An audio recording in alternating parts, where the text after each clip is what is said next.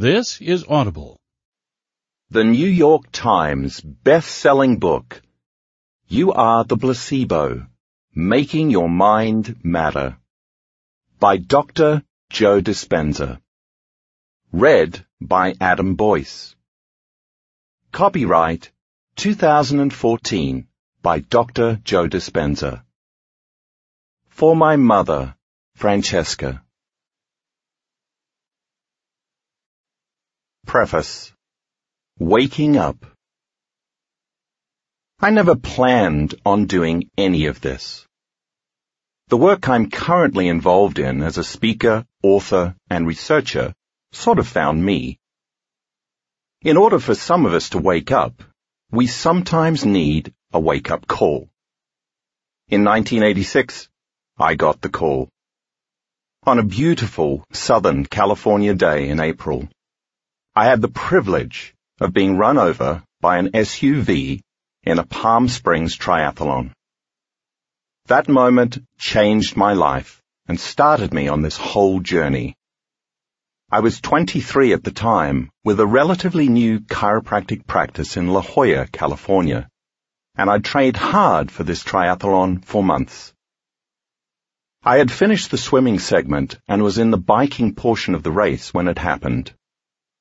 I was coming up to a tricky turn where I knew we'd be merging with traffic.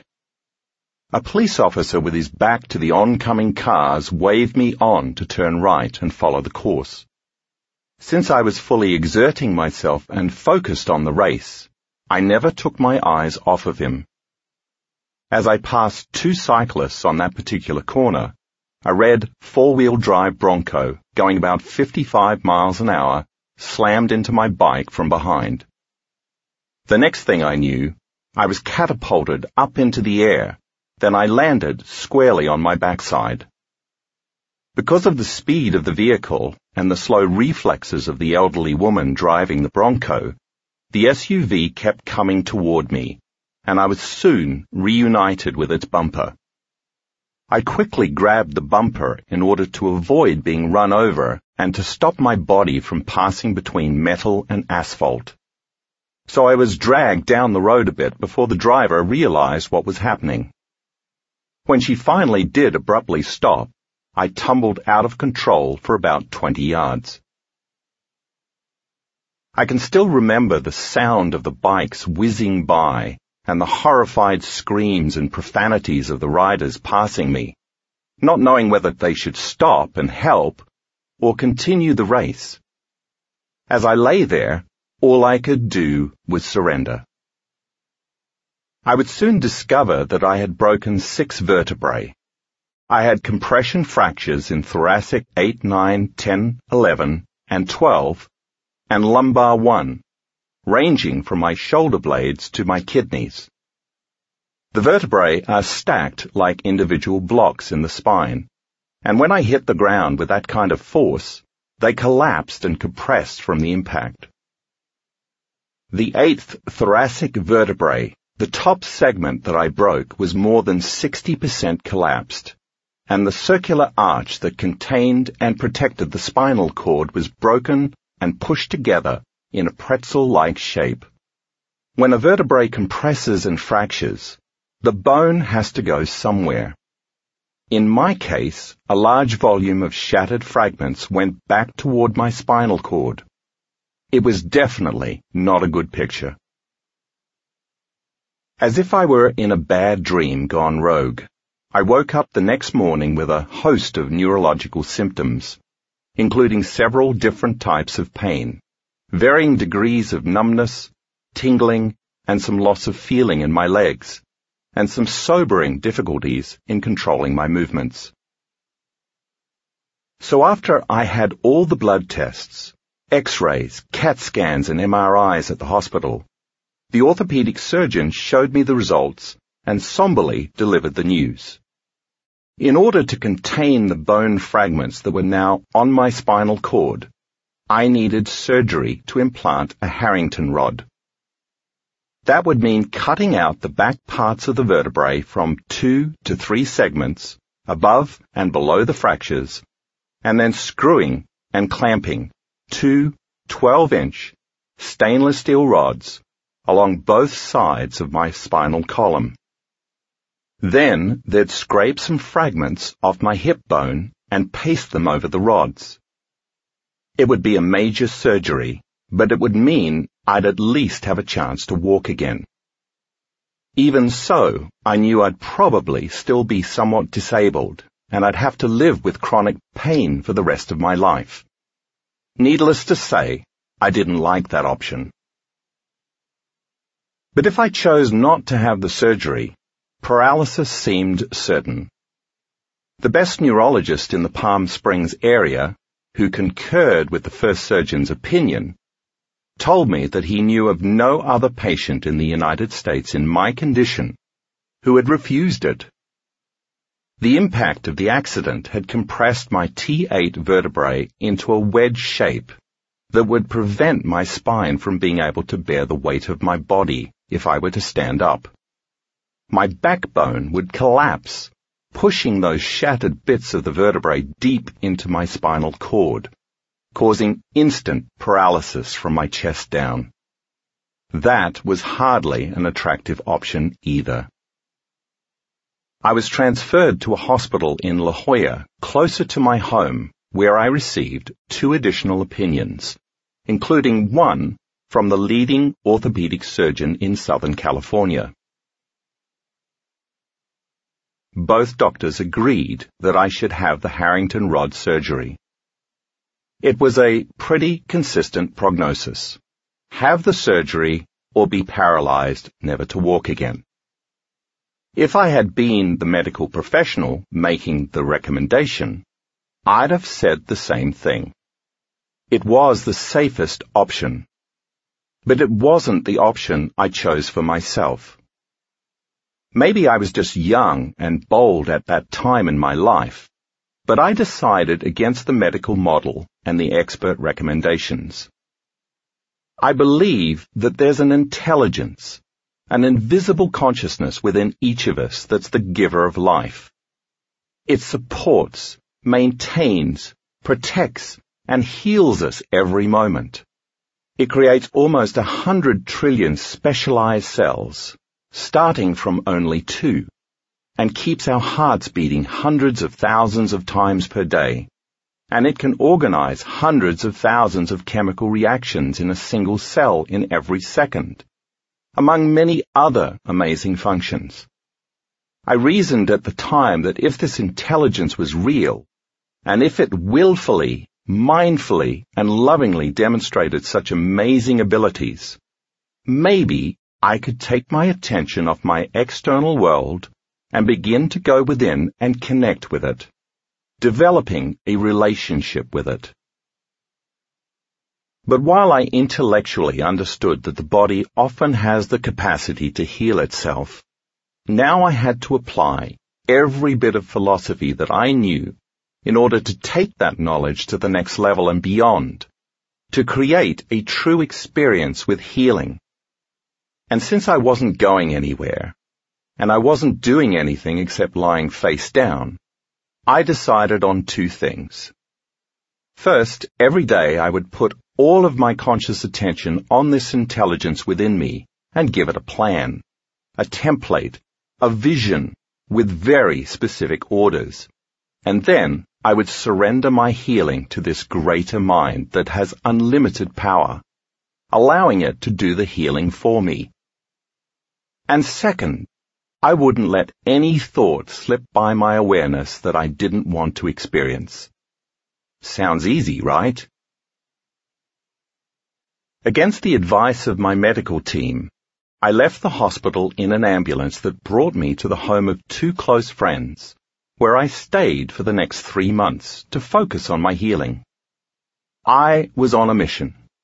I decided that I would begin every day reconstructing my spine, vertebrae, by vertebrae, and I would show this consciousness, if it was paying attention to my efforts, what I wanted.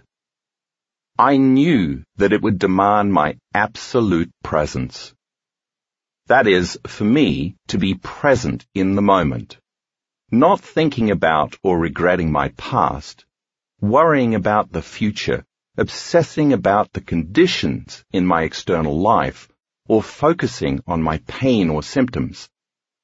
Just as in any relationship we have with anybody, we all know when someone is present or not with us, right? Because consciousness is awareness, awareness is paying attention, and paying attention is being present and noticing. This consciousness would be aware of when I was present and when I wasn't. I would have to be totally present when I interacted with this mind. My presence would have to match its presence. My will would have to match its will. And my mind would have to match its mind. So for two hours twice a day, I went within and began creating a picture of my intended result. A totally healed spine.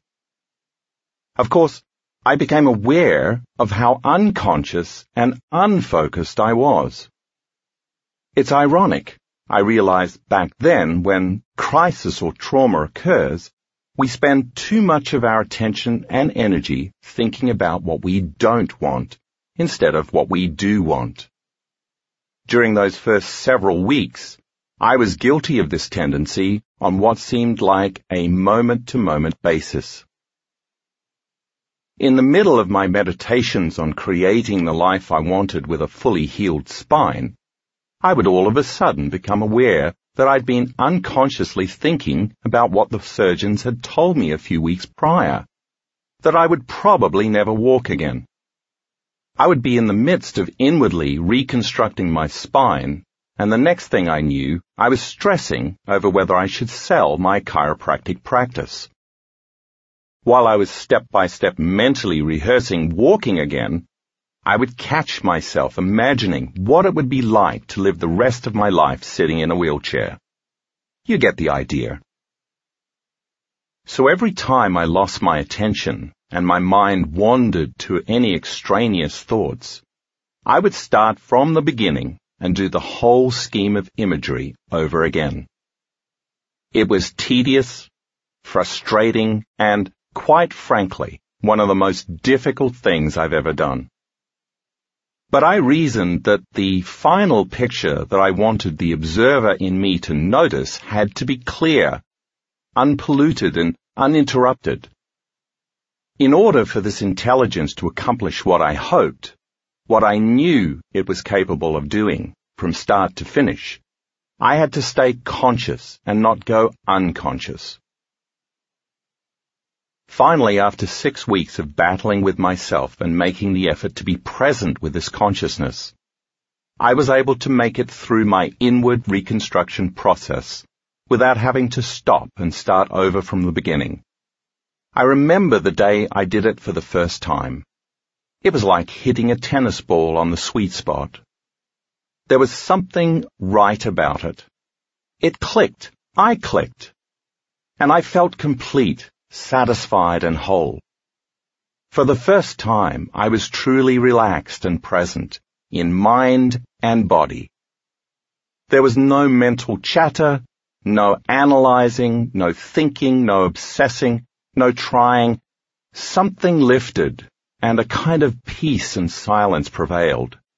It was as if I no longer cared about all of the things I should have been worried about in my past and future. And that realization solidified the journey for me, because right around that time, as I was creating this vision of what I wanted, reconstructing my vertebrae, it started to get easier every day.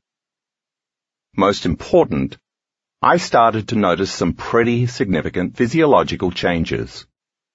It was in that moment that I began to correlate what I was doing inside of me to create this change with what was taking place outside of me, in my body.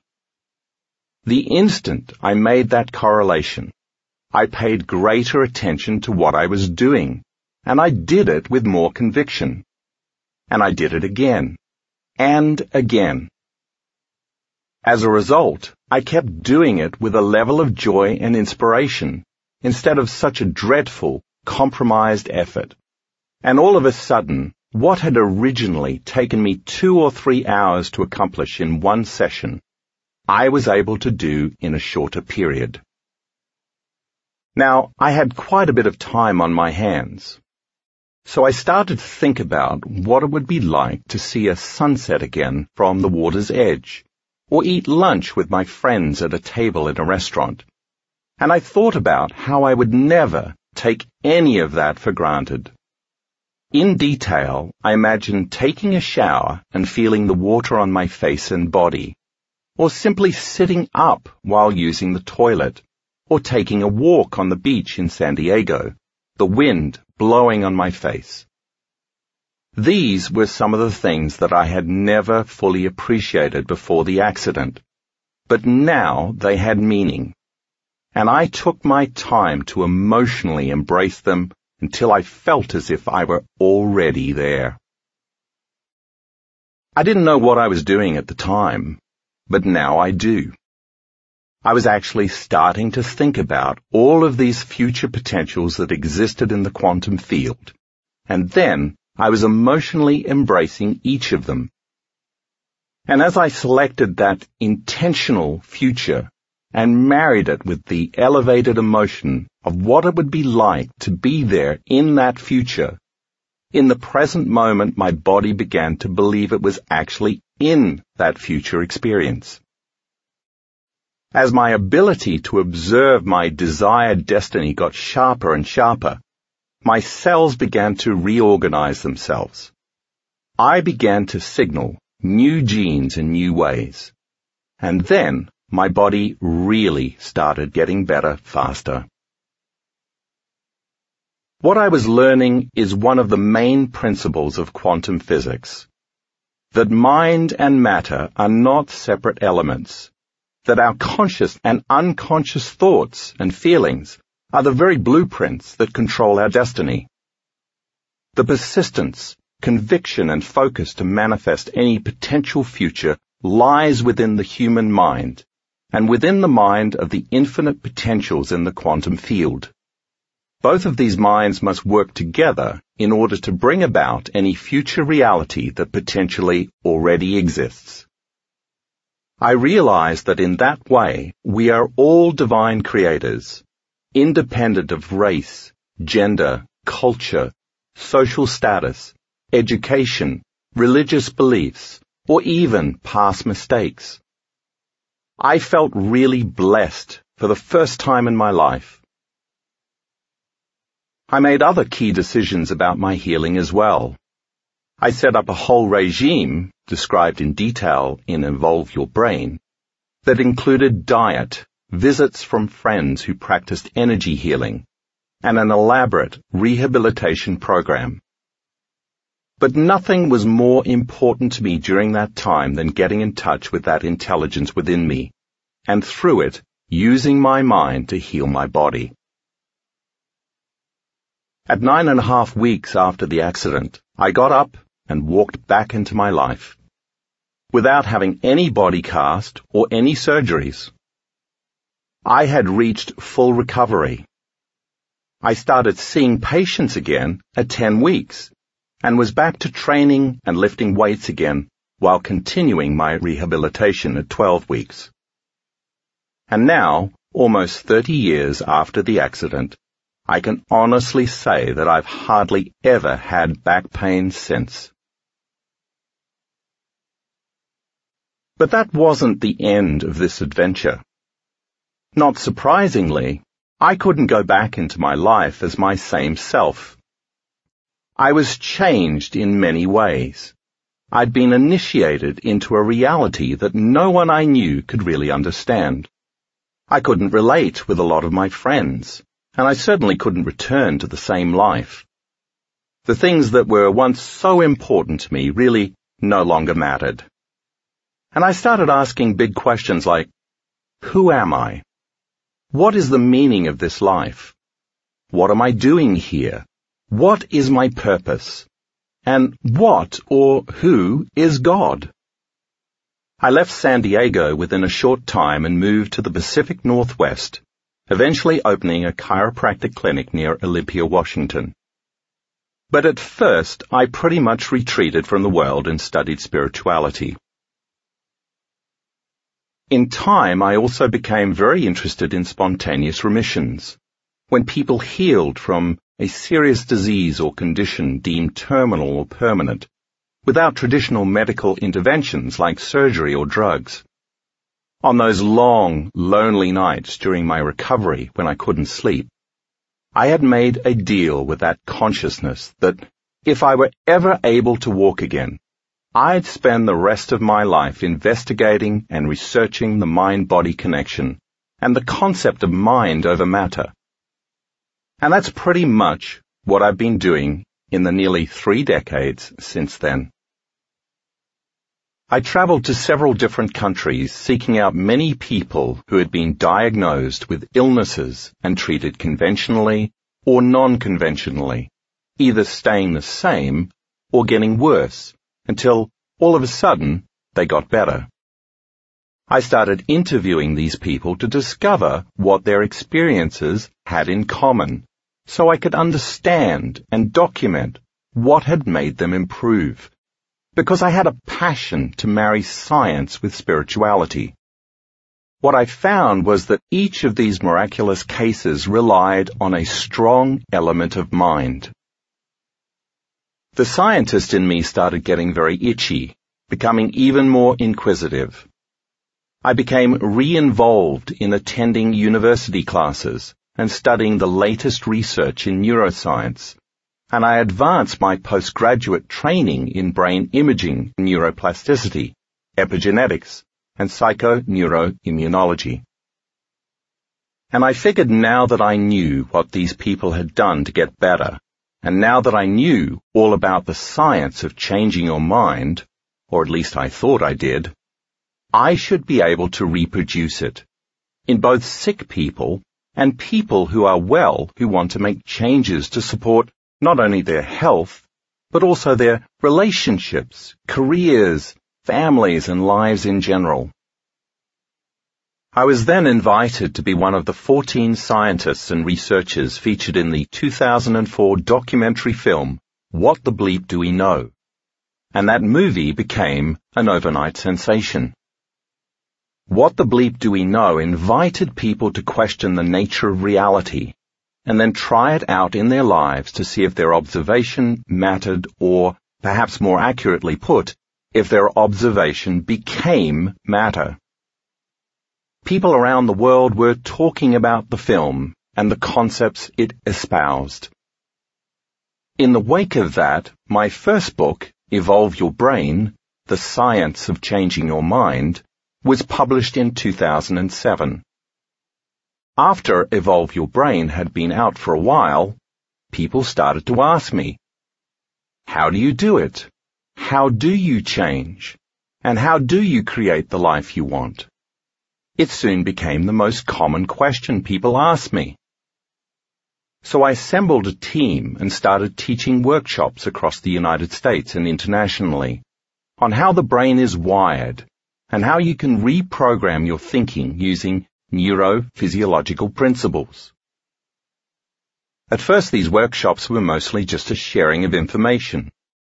But people wanted more so I added meditations to synergize and complement the information, giving participants practical steps to making changes in their minds and bodies, and, as a result, changes in their lives as well. After I taught my introductory workshops in different parts of the world, people would then ask me, what's next? So, I began teaching another level to the introductory workshop after that was completed, more folks asked me if I could teach another level, a more advanced workshop. This continued in most of the places where I presented. I kept thinking that I was done, that I'd taught all I could teach, but people kept asking for more. So I'd learn more myself and then refine the presentations and meditations. A momentum developed and I was getting good feedback people were able to eliminate some of their self-destructive habits and lead happier lives. even though up to this point my associates and I had seen only small changes, nothing really significant, people loved the information and wanted to continue the practice. So I kept going where I was invited. I figured that when the time came that they stopped inviting me, I'd know I was done with this work. About a year and a half after our first workshop, my team and I started receiving several emails from our participants commenting on positive changes they were experiencing from doing the meditations on a consistent basis. A flood of change began to manifest in people's lives, and they were overjoyed. The feedback we received over the next year caught my attention, and that of my staff as well our participants began reporting not only subjective changes in their physical health, but also improvements in objective measurements from their medical tests. Sometimes the tests would even come back totally normal. These people were able to reproduce the exact physical, mental, and emotional changes that I studied, observed, and ultimately wrote about in Evolve Your Brain. This was incredibly exciting for me to witness because I knew that anything that is repeatable verges on becoming a scientific law. It seemed as though many folks were sending us emails starting with the same verbiage. You're not going to believe this. And those changes were now more than coincidence. Then a little later that year, during each of the two events in Seattle, some amazing things began to happen.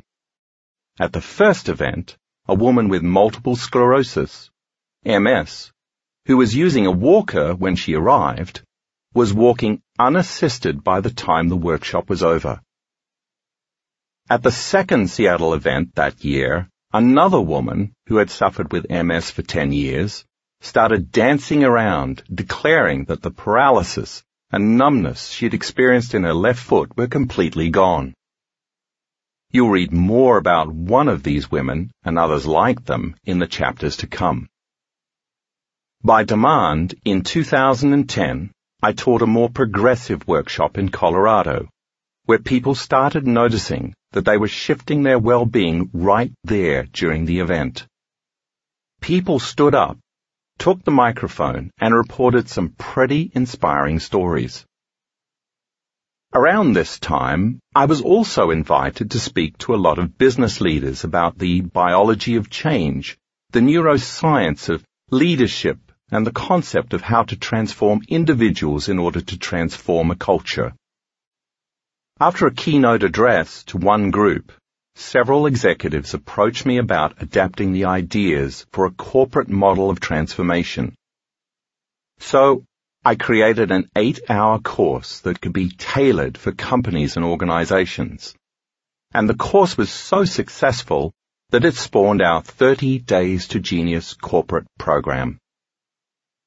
I found myself working with business clients such as Sony Entertainment Network, Gallo Family Vineyards, and telecommunications company WOW, originally called Wide Open West, and many others. This led to offering private coaching for upper management. The demand for our corporate programs became so great that I began training a coaching staff. I now have more than 30 active trainers, including ex-CEOs, corporate consultants, psychotherapists, attorneys, physicians, engineers, and PhD professionals who travel all around teaching this model of transformation to different companies. We now have plans to begin certifying independent coaches in using the model of change with their own clients. Never in my wildest dreams had I ever imagined this type of future for myself. I wrote my second book, Breaking the Habit of Being Yourself, How to Lose Your Mind and Create a New One, published in 2012, to serve as a practical how-to companion to evolve your brain. I not only explained more about the neuroscience of change and epigenetics, but also included a four-week program with step-by-step directions for implementing these changes based on the workshops I was teaching at the time. Then I did another more advanced event in Colorado, where we had seven spontaneous remissions of various conditions. One woman, who was living on lettuce because of severe food allergies, was healed that weekend. Other people were healed of gluten intolerance, celiac disease, a thyroid condition, severe chronic pain, and other conditions. All of a sudden, I started seeing some really significant changes in people's health and in their lives while they retreated from their then current reality in order to create a new one. It was happening right before my eyes. That event in Colorado in 2012 was the turning point in my career because I could finally see that people not only were being helped to change their sense of well-being, but now also were signaling new genes in new ways, right there during the meditations, in real time, in big ways. In order for someone who had been sick for years with a health condition like lupus to become well during a one-hour meditation, something significant must have occurred in the person's mind, as well as her body. I wanted to figure out how to measure these changes while they were happening in the workshops so that we could see exactly what was going on. So in early 2013, I offered a brand new type of event that shot our workshops to a whole new level. For this event, which was in Arizona, I invited a team of researchers, including neuroscientists, technicians and quantum physicists with specialized instruments to join me for a four-day workshop attended by more than 200 participants. The experts used their equipment to measure the ambient electromagnetic field in the workshop room to see if the energy was changing as the workshop progressed. They also measured the field of energy around the participants' bodies and the energy centers of their bodies also called chakras, to see if they were able to influence these centers.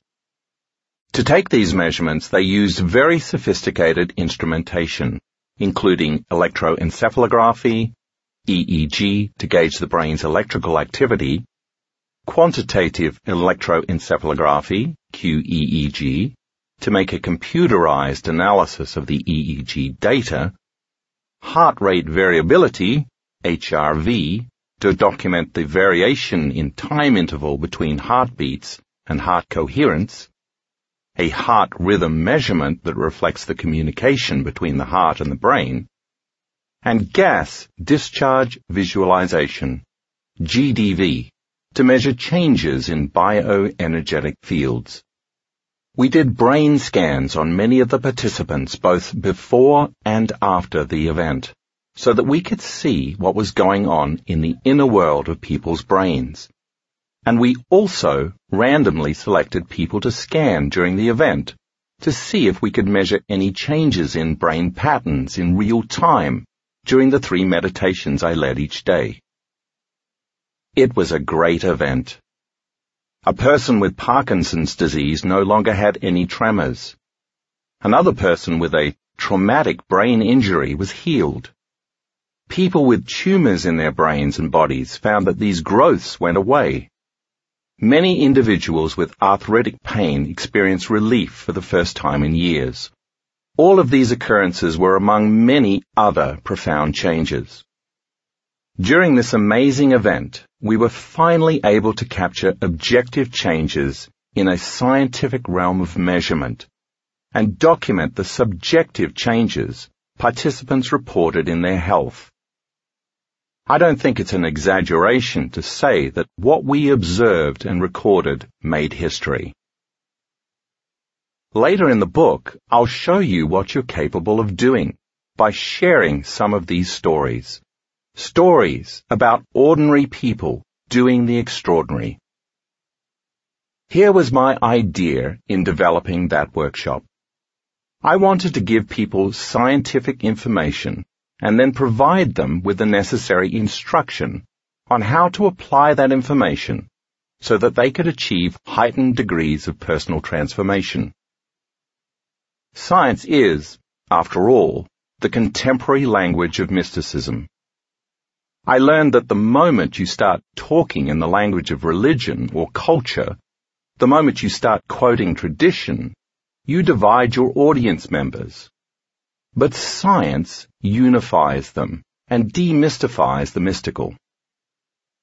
And I discovered that if I could teach people the scientific model of transformation, bringing in a little quantum physics to help them understand the science of possibility, combine it with the latest information in neuroscience, neuroendocrinology, epigenetics, and psychoneuroimmunology, give them the right kind of instruction, and provide the opportunity to apply that information, then they would experience a transformation. And if I could do this in a setting where I could measure the transformation as it was happening, then that measurement of transformation would become more information that I could use to teach the participants about the transformation they had just experienced. And with that information, they could have another transformation, and on it goes, as people begin to close the gap between who they think they are and who they really are divine creators, making it easier for them to keep doing it. I called this concept information to transformation, and it has become my new passion. Now I offer an introductory online intensive and also personally teach about nine or ten three-day progressive workshops a year all around the world, plus one or two five-day advanced workshops, where we have the aforementioned scientists come in with their equipment to measure brain changes, changes in heart function, changes in genetic expression, and energetic changes in real time. The results are nothing short of astounding, and they form the basis of this book. Introduction Making Minds Matter. The incredible results I've seen in the advanced workshops I offer, and all of the scientific data that has come out of that, have led me to the idea of the placebo. How people can take a sugar pill or get a saline injection, and then their belief in something outside of themselves makes them get better. I began to ask myself, what if people begin to believe in themselves instead of something outside of themselves? What if they believe that they can change something inside of them and move themselves to the same state of being as someone who's taking a placebo? Isn't that what our workshop participants have been doing in order to get better? Do people really need a pill or an injection to change their state of being? Can we teach people to accomplish the same thing by teaching them how the placebo really works? After all, the snake handling preacher who drinks strychnine and has no biological effects certainly has changed his state of being, right? You'll read more about this in the first chapter. So if we can then begin to measure what's taking place in the brain and look at all of this information, can we teach people how to do it themselves, without relying on something outside of them? Without a placebo? Can we teach them that they are the placebo? In other words, can we convince them that instead of investing their belief in the known, like a sugar pill or saline injection, they can place their belief in the unknown and make the unknown known? And really, that's what this book is about. Empowering you to realize that you have all of the biological and neurological machinery to do exactly that. My goal is to demystify these concepts with the new science of the way things really are, so that it is within the reach of more people to change their internal states in order to create positive changes in their health and in their external world. If that sounds too amazing to be true, then, as I've said, toward the end of the book, you'll see some of the research compiled from our workshops to show you exactly how it's possible. I want to take just a moment to talk about a few things that this book is not about, to clear up any potential misconceptions right from the start. For one, you won't read here about the ethics of using placebos in medical treatment. There's much debate about the moral correctness of treating a patient who isn't part of a medical trial with an inert substance. While a discussion about whether the end justifies such means may well be worthwhile in a broader conversation about placebos, that issue is completely separate from the message this book aims to deliver.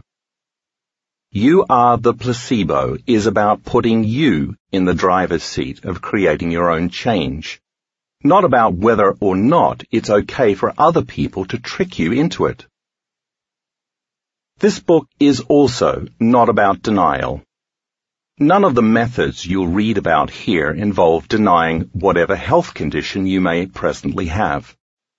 Much to the contrary, this book is about transforming illness and disease. My interest is in measuring the changes people make when they move from sickness to health. Instead of being about rejecting reality, you are the placebo is about projecting what's possible when you step into a new reality. You'll discover that honest feedback in the form of medical tests will inform you if what you're doing is working. Once you see the effects you've created, you can pay attention to what you did to arrive at that end and do it again. And if what you're doing isn't working, then it's time to change until it is. That's combining science and spirituality. Denial, on the other hand, occurs when you're not looking at the reality of what's happening within and around you. This book also won't question the efficacy of the various healing modalities. Many different modalities exist, and many of them work quite well. All of them have some type of measurable beneficial effect in at least some people. But a complete cataloguing of these methods isn't what I want to focus on in this book. My purpose here is to introduce you to the particular modality that has most captured my attention. Healing yourself through thought alone. I encourage you to continue using any and all healing modalities that work for you, be they prescription drugs, surgery, acupuncture, chiropractic, biofeedback, therapeutic massage, nutritional supplements, yoga, reflexology, energy medicine, sound therapy, and so on. You are the placebo is not about rejecting anything except your own self-imposed limitations. You are the placebo is divided into two parts.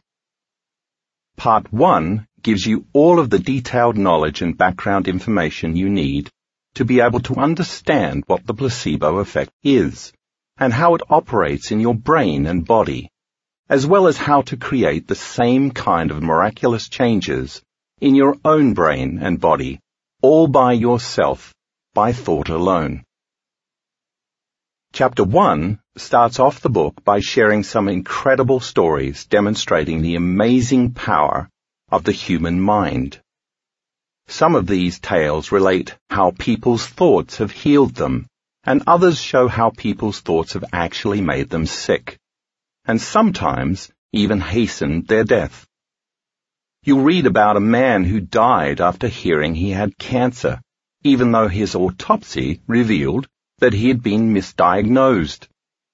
A woman plagued by depression for decades who improved dramatically during an antidepressant drug trial, despite the fact that she was in the group receiving a placebo.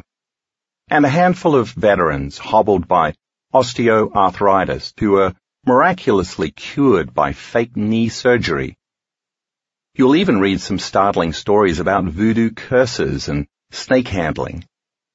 My purpose in sharing these dramatic stories is to show the wide range of what the human mind is capable of doing, all on its own, without any help from modern medicine. And hopefully, it will lead you to the question, how is that possible? Chapter 2 gives a brief history of the placebo, tracing accounts of related scientific discoveries from the 1770s. When a Viennese doctor used magnets to induce what he thought were therapeutic convulsions, all the way through the modern day as neuroscientists solve exciting mysteries about the intricacies of how the mind works You'll meet a doctor who developed techniques of hypnotism after arriving late for an appointment only to find his waiting patient mesmerized by a lamp flame. A World War II surgeon who successfully used saline injections as an analgesic on wounded soldiers when he ran out of morphine, and early psychoneuroimmunology researchers in Japan who switched poison ivy leaves with harmless leaves and found that their test group reacted more to what they were told they were experiencing than to what they actually did experience. You'll also read about how Norman Cousins laughed himself to health, how Harvard researcher Herbert Benson, MD, was able to reduce cardiac patients' risk factors for heart disease by figuring out how transcendental meditation worked, and how Italian neuroscientist Fabrizio Benedetti, MD, PhD, primed subjects who had been given a drug and then switched the drug for a placebo and watched the brain continue to signal the production of the same neurochemicals the drug produced without interruption. And you'll also read a striking new study that's a real game changer. It shows that irritable bowel syndrome, IBS, patients were able to dramatically improve their symptoms by taking placebos, even though they knew full well that the medication they were given was a placebo, not an active drug. Chapter 3 will take you through the physiology of what happens in your brain when the placebo effect is operating. You'll read that in one sense the placebo works because you can embrace or entertain a new thought that you can be well and then use it to replace the thought that you'll always be sick. That means you can change your thinking from unconsciously predicting that your future is your same familiar past to beginning to anticipate and expect a new potential outcome. If you agree with this idea, then it means that you'll have to examine how you think, what the mind is, and how these things affect the body. I'll explain how as long as you're thinking the same thoughts, they'll lead to the same choices, which cause the same behaviors, which create the same experiences, which produce the same emotions, which in turn drive the same thoughts, so that neurochemically you stay the same. In effect, you're reminding yourself of who you think you are. But hold on. You're not hardwired to be the same way for the rest of your life. I'll then explain the concept of neuroplasticity and how we now know that the brain is capable of changing throughout our lives, creating new neural pathways and new connections.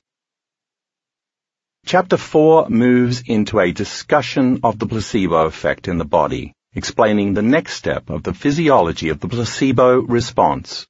It starts out telling the story of a group of elderly men who attended a week-long retreat set up by Harvard researchers who asked the men to pretend they were 20 years younger. By the end of the week, the men had made numerous, measurable, physiological changes, all turning back the clock on their bodies, and you'll learn the secret behind how they did it. To explain that, the chapter also discusses what genes are and how they are signaled in the body. You'll learn how the relatively new and exciting science of epigenetics has basically torched the old school idea that your genes are your destiny by teaching us that the mind truly can instruct new genes to behave in new ways. You'll discover how the body has elaborate mechanisms for turning some genes on and others off which means that you're not doomed to express whatever genes you've inherited. This means that you can learn how to change your neural wiring to select new genes and create real physical changes. You'll also read about how our bodies access stem cells, the physical matter that's behind many placebo effect miracles, to make new, healthy cells in areas that have been damaged. Chapter 5 ties the previous two chapters together, explaining how thoughts change your brain and your body. It begins by asking the question, if your environment changes and you then signal new genes in new ways, is it possible to signal the new gene ahead of the changing of the actual environment? I'll then explain how you can use a technique called mental rehearsal to combine a clear intention with an elevated emotion to give the body a sampling of the future experience in order to experience the new future event in the present moment. The key is making your inner thoughts more real than your outer environment, because then the brain won't know the difference between the two and will change to look as if the event has taken place. If you're able to do this successfully enough times, you'll transform your body and begin to activate new genes in new ways, producing epigenetic changes. Just as though the imagined future event were real. And then you can walk right into that new reality and become the placebo. This chapter not only outlines the science behind how this happens, but also includes stories of many public figures from different walks of life who have used this technique whether or not they were fully aware of what they were doing at the time, to make their wildest dreams come true. Chapter 6, which concentrates on the concept of suggestibility, begins with a fascinating but chilling story of how a team of researchers set out to test whether a regular, law-abiding, mentally healthy person who was highly suggestible to hypnosis could be programmed to do something he or she would normally deem unthinkable. Shoot a stranger with the intent to kill. You'll see that people have differing degrees of suggestibility, and the more suggestible you are, the better able you are to gain access to your subconscious mind. This is key to understanding the placebo effect, because the conscious mind is only 5% of who we are. The remaining 95% is a set of subconscious program states in which the body has become the mind. You'll learn that you must get beyond the analytic mind and enter into the operating system of your subconscious programs if you want your new thoughts to result in new outcomes and change your genetic destiny as well as learn how meditation is a powerful tool for doing just that. The chapter ends with a brief discussion of different brainwave states and which are the most conducive to your becoming more suggestible. Chapter 7 is all about how attitudes, beliefs and perceptions change your state of being and create your personality. Your personal reality. And how you can shift them to create a new reality you'll read about the power that unconscious beliefs exert and have a chance to identify some of those beliefs you've been harboring without realizing it. You'll also read about how the environment and your associative memories can sabotage your ability to change your beliefs. I'll explain more fully that in order for you to change your beliefs and perceptions, you must combine a clear intention with an elevated emotion that conditions your body to believe that the future potential that you've selected from the quantum field has already happened. The elevated emotion is vital because only when your choice carries an amplitude of energy that's greater than the hardwired programs in your brain and the emotional addiction in your body will you be able to change your brain's circuitry and your body's genetic expression as well as recondition your body to a new mind, erasing any trace of the old neurocircuitry and conditioning. In chapter 8, I'll introduce you to the quantum universe, the unpredictable world of the matter and energy that make up the atoms and molecules of everything in the universe, which turn out to be really more energy, which looks like empty space, than solid matter. The quantum model, which states that all possibilities exist in this present moment, is your key to using the placebo effect for healing, because it gives you permission to choose a new future for yourself and actually Observe it into reality. You'll then understand just how possible it really is to cross the river of change and make the unknown known. Chapter 9 introduces you to three people from my workshops who have reported some truly remarkable results from using these same techniques to change their health for the better. First you'll meet Laurie, who at age 19 was diagnosed with a rare degenerative bone disease that her doctors told her was incurable. Although the bones in Laurie's left leg and hip suffered 12 major fractures over several decades, leaving her dependent on crutches for getting around, today she walks perfectly normally without even needing a cane. Her x-rays show no evidence of any fractures in her bones. Then I'll introduce you to Candace, who was diagnosed with Hashimoto's disease, a serious thyroid condition with a host of complications, during a time in her life when she was resentful and full of rage. Candace's doctor told her that she'd have to take medication for the rest of her life, but she proved him wrong after she eventually was able to turn her condition around. Today, Candace is totally in love with a brand new life and takes no medication for her thyroid, which blood tests show is completely normal. Finally, you'll meet Joanne, the woman mentioned in the preface, a mother of five who was a successful businesswoman and entrepreneur, who many considered a superwoman, before she collapsed quite suddenly and was diagnosed with an advanced form of multiple sclerosis. Joanne's condition went downhill quickly, and she was eventually unable to move her legs. When she first came to my workshops, she made only small changes, until one day when the woman who hadn't moved her legs in years walked around the room, completely unassisted, after just one hour long meditation. Chapter 10 shares more remarkable stories from workshop participants, along with the brain scans that go with them you'll meet Michelle, who completely healed herself of Parkinson's disease, and John, a paraplegic who stood up from his wheelchair after a meditation.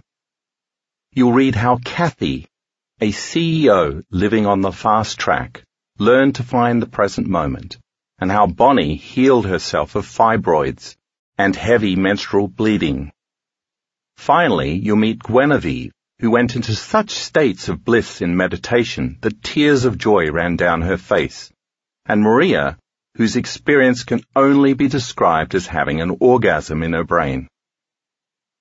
I'll show you the data my team of scientists collected from these people's brain scans so that you can see the changes we witnessed in real time during the workshops. The best part of all of this data is that it proves you don't have to be a monk or nun, a scholar, a scientist, or a spiritual leader to accomplish similar feats. You don't need a PhD or a medical degree. The folks in this book are ordinary people like you. After reading this chapter, you'll understand that what these people did is not magic, or even all that miraculous. They simply learned and applied teachable skills and if you practice the same skills, you'll be able to make similar changes. Part 2 of the book is all about meditation. It includes chapter 11, which outlines some simple preparation steps for meditation and goes over specific techniques you'll find helpful. And chapter 12, which gives you step-by-step instructions for using the meditation techniques I teach in my workshops the very same techniques that participants used to produce the remarkable results you'll have read about earlier in the book. I'm happy to say that although we don't have all of the answers yet about harnessing the power of the placebo, all sorts of people are actually using these ideas right now to make extraordinary changes in their lives. The kinds of changes that many others consider practically impossible. The techniques I share in this book need not be limited to healing a physical condition. They can also be applied to improving any aspect of your life. My hope is that this book will inspire you to try these techniques too and to make possible in your life the same kind of seemingly impossible changes. Author's note. While the stories of the individuals in my workshops who experienced healing are true, their names and certain identifying details have been changed in this book to protect their privacy. Part 1. Information Chapter 1 Is it possible? Sam Londe, a retired shoe salesman living outside of St. Louis in the early 1970s, began to have difficulty swallowing. He eventually went to see a doctor, who discovered that Londe had metastatic esophageal cancer. In those days, metastatic esophageal cancer was considered incurable. No one had ever survived it. It was a death sentence and Londe's doctor delivered the news in an appropriately somber tone. To give Londe as much time as possible, the doctor recommended surgery to remove the cancerous tissue in the esophagus and in the stomach, where the cancer had spread. Trusting the doctor, Londe agreed and had the surgery. He came through as well as could be expected, but things soon went from bad to worse. A scan of Londe's liver revealed still more bad news. Extensive cancer throughout the liver's entire left lobe. The doctor told Londe that sadly, at best, he had only months to live. So Londe and his new wife, both in their 70s, arranged to move 300 miles to Nashville, where Londe's wife had family. Soon after the move to Tennessee, Londe was admitted to the hospital and assigned to internist Clifton Meador. The first time Dr. Meador walked into Londe's room, he found a small, unshaven man curled up underneath a mound of covers, looking nearly dead. Londe was gruff and uncommunicative, and the nurses explained that he'd been like that since his admission a few days before. While Londe had high blood glucose levels due to diabetes, the rest of his blood chemistry was fairly normal, except for slightly higher levels of liver enzymes, which was to be expected of someone with liver cancer. Further medical examination showed nothing more amiss, a blessing considering the patient's desperate condition. Under his new doctor's orders, Londe begrudgingly received physical therapy, a fortified liquid diet, and lots of nursing care and attention. After a few days, he grew a little stronger, and his grumpiness started to subside. He began talking to Dr. Meador about his life. Londe had been married before, and he and his first wife had been true soulmates.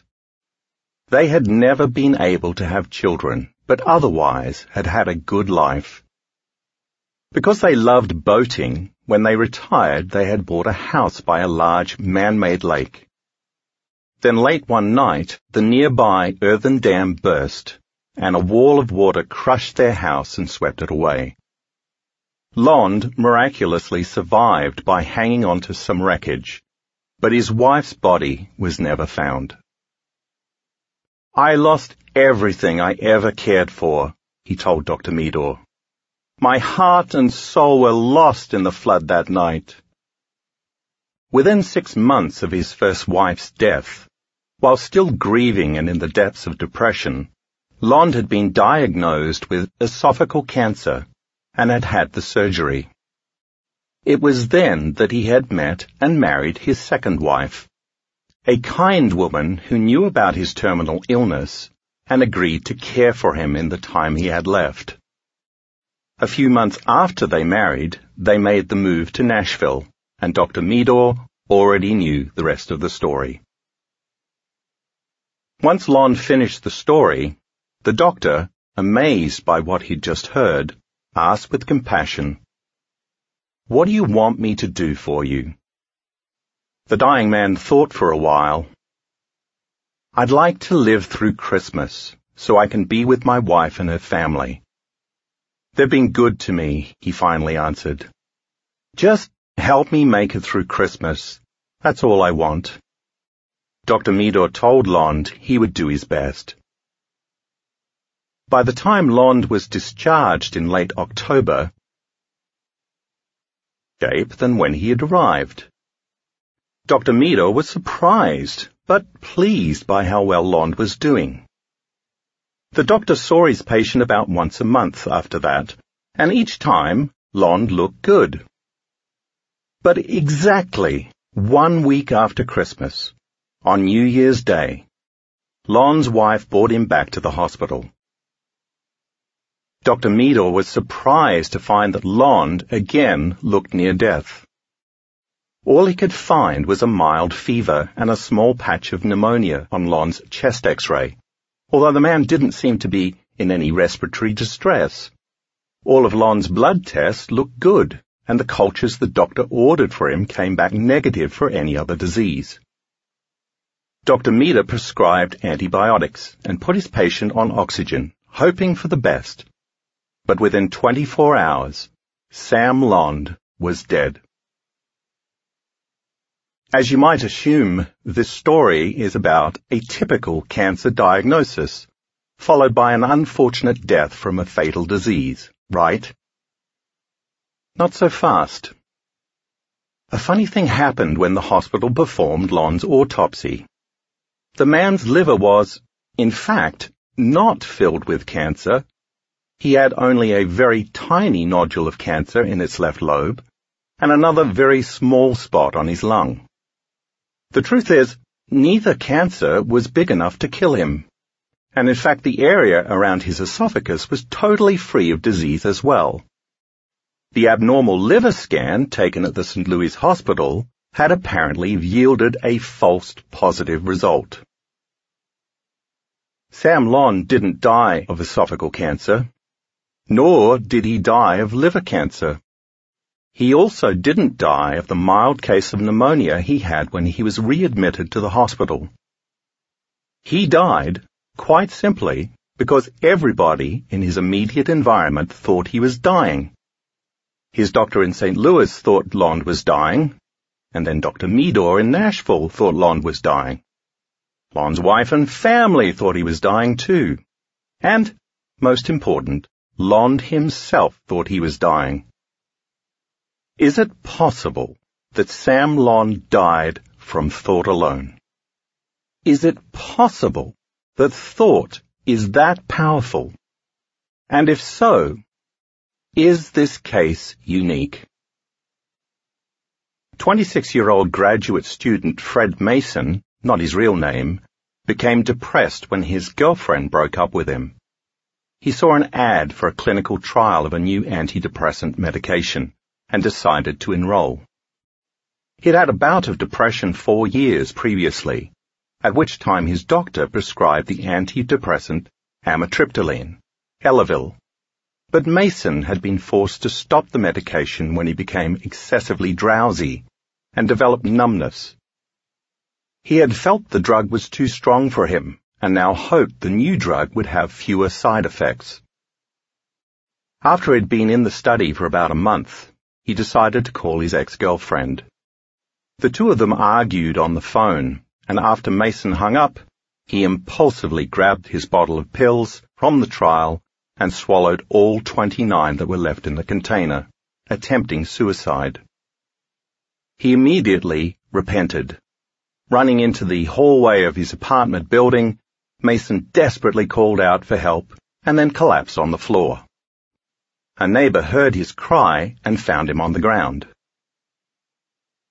Writhing, he told his neighbor he'd made a terrible mistake, that he had taken all his pills but didn't really want to die. When he asked the neighbor to take him to the hospital, she agreed. When Mason got to the emergency room, he was pale and sweating, and his blood pressure was 80 over 40, with a pulse rate of 140. Breathing rapidly, he kept repeating, I don't want to die. When the doctors examined him, they found nothing wrong other than his low blood pressure, rapid pulse and rapid breathing. Even so, he seemed lethargic and his speech was slurred. The medical team inserted an IV and hooked it up to a saline drip, took samples of Mason's blood and urine, and asked what drug he'd taken. Mason couldn't remember the name. He told the doctors it was an experimental antidepressant drug that was part of a trial. He then handed them the empty bottle, which indeed had information about the clinical trial printed on the label, although not the name of the drug. There was nothing to do but wait for the lab results, monitor his vital signs to make sure he didn't take a turn for the worse, and hope that the hospital staff could contact the researchers who were conducting the trial. Four hours later, after the results of the lab tests came back totally normal, a physician who had been part of the clinical drug trial arrived. Checking the code on the label of Mason's empty pill bottle, the researcher looked into the records for the trial. He announced that Mason had actually been taking a placebo, and that the pills he had swallowed contained no drugs at all. Miraculously, Mason's blood pressure and pulse returned to normal within a few minutes. And as if by magic, he was no longer excessively drowsy either. Mason had fallen victim to the nocebo, a harmless substance that, thanks to strong expectations, causes harmful effects. Is it really possible that Mason's symptoms had been brought on solely because that's what he'd expected to happen from swallowing a huge handful of antidepressants? Could Mason's mind, as in the case of Sam Londe, have taken control of his body, driven by expectations of what seemed to be the most probable future scenario, to the extent that he made that scenario real? Could that happen, even if that meant his mind would have to take control of functions not normally under conscious control? And if that were possible, could it also be true that if our thoughts can make us sick, we also have the ability to use our thoughts to make us well? Janis Schonfeld, a 46-year-old interior designer living in California, had suffered with depression since she was a teenager. She had never sought help with the condition until she saw a newspaper ad in 1997. The UCLA Neuropsychiatric Institute was looking for volunteer subjects for a drug trial to test a new antidepressant called venlafaxine, Effexor. Schonfeld, whose depression had escalated to the point where the wife and mother had actually entertained thoughts of suicide, jumped at the chance to be part of the trial. When Schonfeld arrived at the Institute for the first time, a technician hooked her up to an electroencephalograph, EEG, to monitor and record her brainwave activity for about 45 minutes. And not long after that, Schonfeld left with a bottle of pills from the hospital pharmacy. She knew that roughly half the group of 51 subjects would be getting the drug and half would receive a placebo, although neither she nor the doctors conducting the study had any idea which group she had been randomly assigned to. In fact, no one would know until the study was over. But at the time, that hardly mattered to Schonfeld. She was excited and hopeful that after decades of battling clinical depression, a condition that would cause her to sometimes suddenly burst into tears for no apparent reason, she might finally be getting help. Schonfeld agreed to return every week for the entire eight weeks of the study. On each occasion, she had answered questions about how she was feeling, and several times she sat through yet another EEG. Not long after she started taking her pills, Schonfeld began feeling dramatically better for the first time in her life. Ironically, she also felt nauseated. But that was good news because she knew that nausea was one of the common side effects of the drug being tested. She thought that she surely must have gotten the active drug if her depression was lifting and she was also experiencing side effects. Even the nurse she spoke to when she returned every week was convinced Schonfeld must be getting the real thing because of the changes she was experiencing. Finally, at the end of the eight-week study, one of the researchers revealed the shocking truth. Schonfeld, who was no longer suicidal and felt like a new person after taking the pills, had actually been in the placebo group. Schonfeld was flawed. She was sure the doctor had made a mistake. She simply didn't believe that she could have felt so much better after so many years of suffocating depression simply from taking a bottle of sugar pills. And she'd even gotten the side effects. There must have been a mix-up. She asked the doctor to check the records again. He laughed good-naturedly as he assured her that the bottle she had taken home with her, the bottle that had given Schonfeld her life back, indeed contained nothing but placebo pills. As she sat there in shock, the doctor insisted that just because she hadn't been getting any real medication, it didn't mean that she had been imagining her depression or her improvement.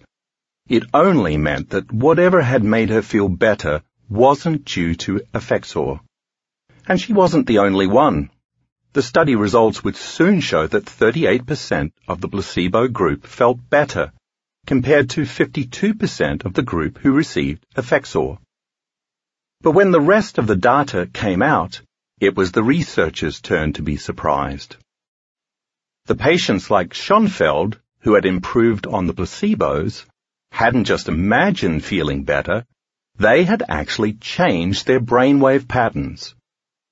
The EEG recordings taken so faithfully over the course of the study showed a significant increase in activity in the prefrontal cortex, which in depressed patients typically has very low activity. Thus the placebo effect was not only altering Schonfeld's mind, but also bringing about real physical changes in her biology. In other words, it wasn't just in her mind, it was in her brain. She wasn't just feeling well, she was well. Schonfeld literally had a different brain by the end of the study, without taking any drug or doing anything differently. It was her mind that had changed her body. More than a dozen years later, Schonfeld still felt much improved. How is it possible that a sugar pill could not only lift the symptoms of deep-seated depression, but also cause bona fide side effects like nausea? And what does it mean that the same inert substance actually has the power to change how brain waves fire? increasing activity in the very part of the brain most affected by depression. Can the subjective mind really create those kinds of measurable, objective, physiological changes? What's going on in the mind and in the body that would allow a placebo to so perfectly mimic a real drug in this way?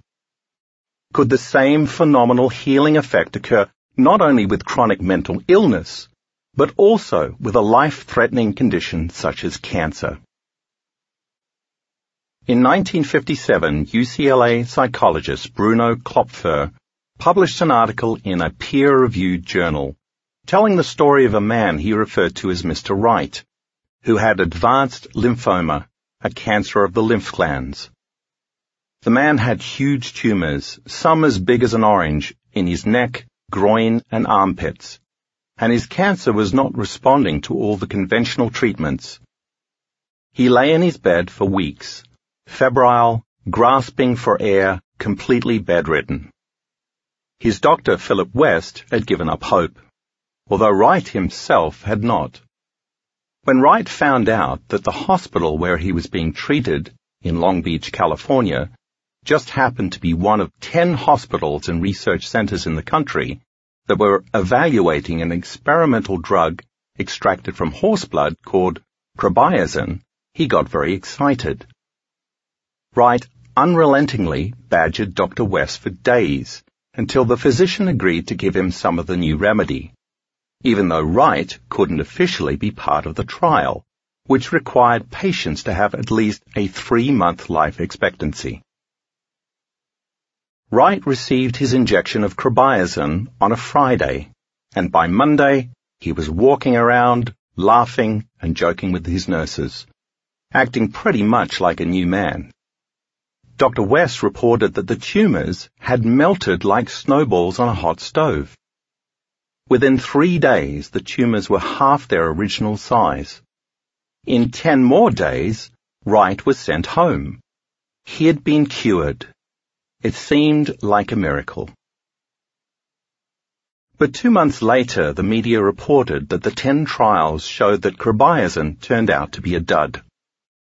Once Wright read the news, became fully conscious of the results, and embraced the thought that the drug was useless, he relapsed immediately, with his tumours soon returning. Dr. West suspected that Wright's initial positive response was due to the placebo effect, and knowing that his patient was terminal, he figured he had little to lose, and Wright had everything to gain by testing out his theory.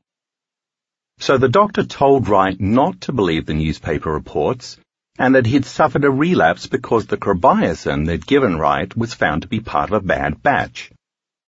What Dr. West called a new, super refined, double strength version of the drug was on its way to the hospital, and Wright could have it as soon as it arrived.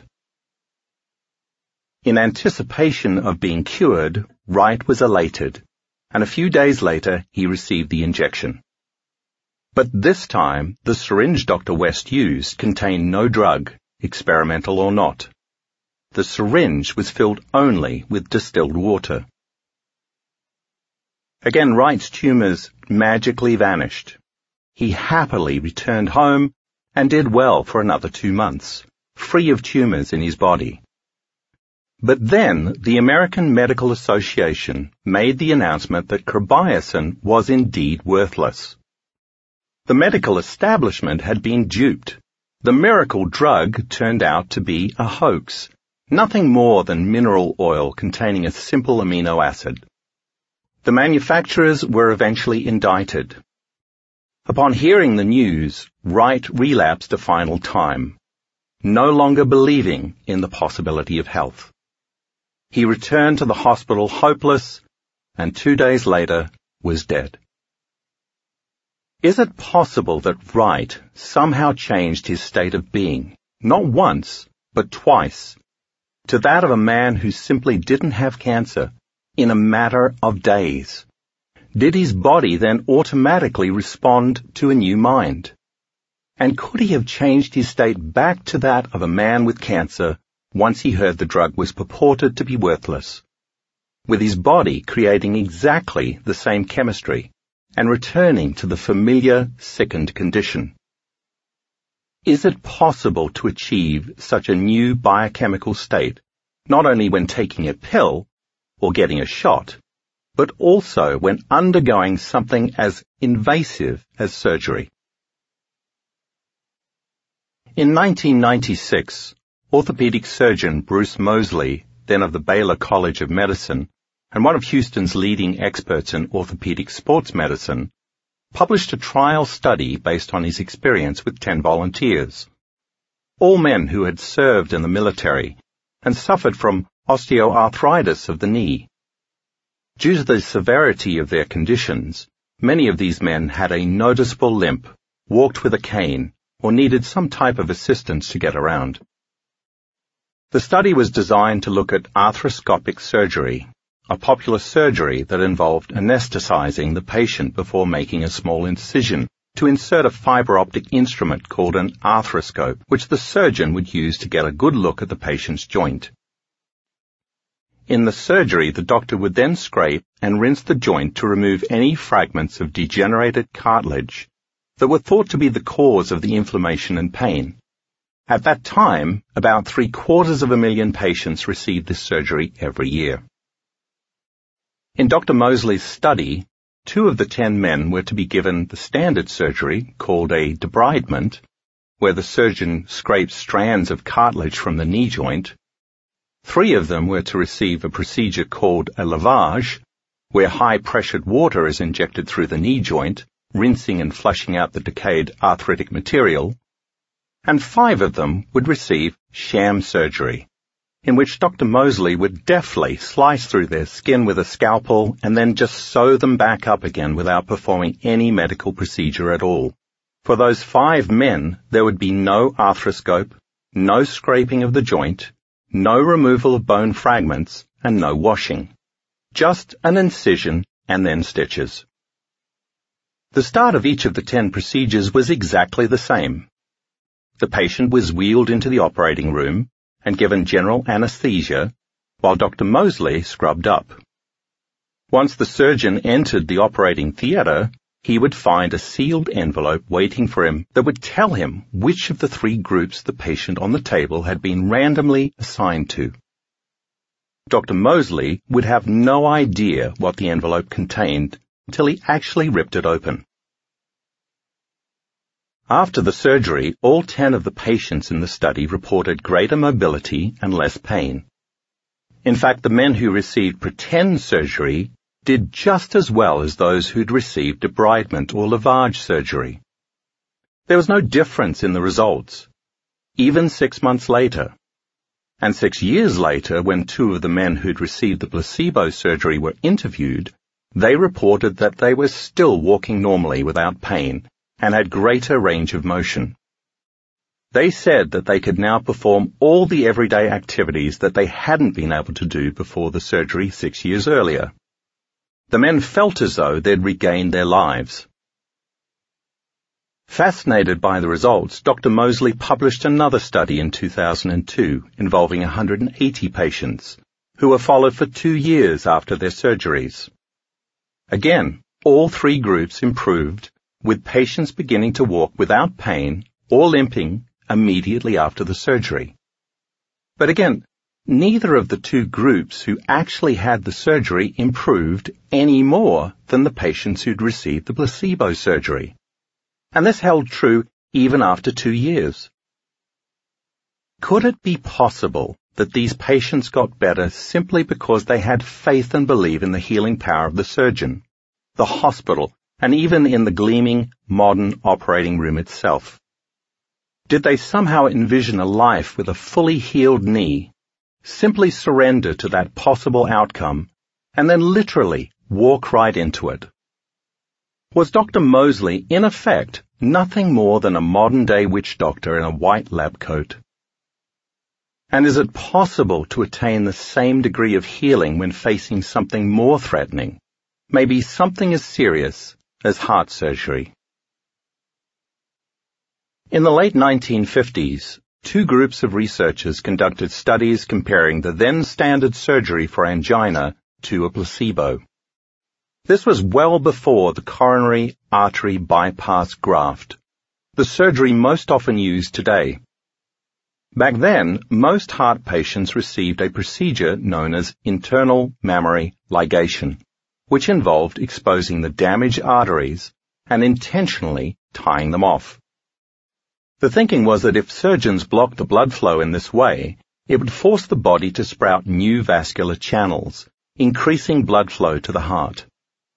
The surgery was extremely successful for the huge majority of patients who had it, although doctors had no solid proof that any new blood vessels were ever actually created hence the motivation for the two studies.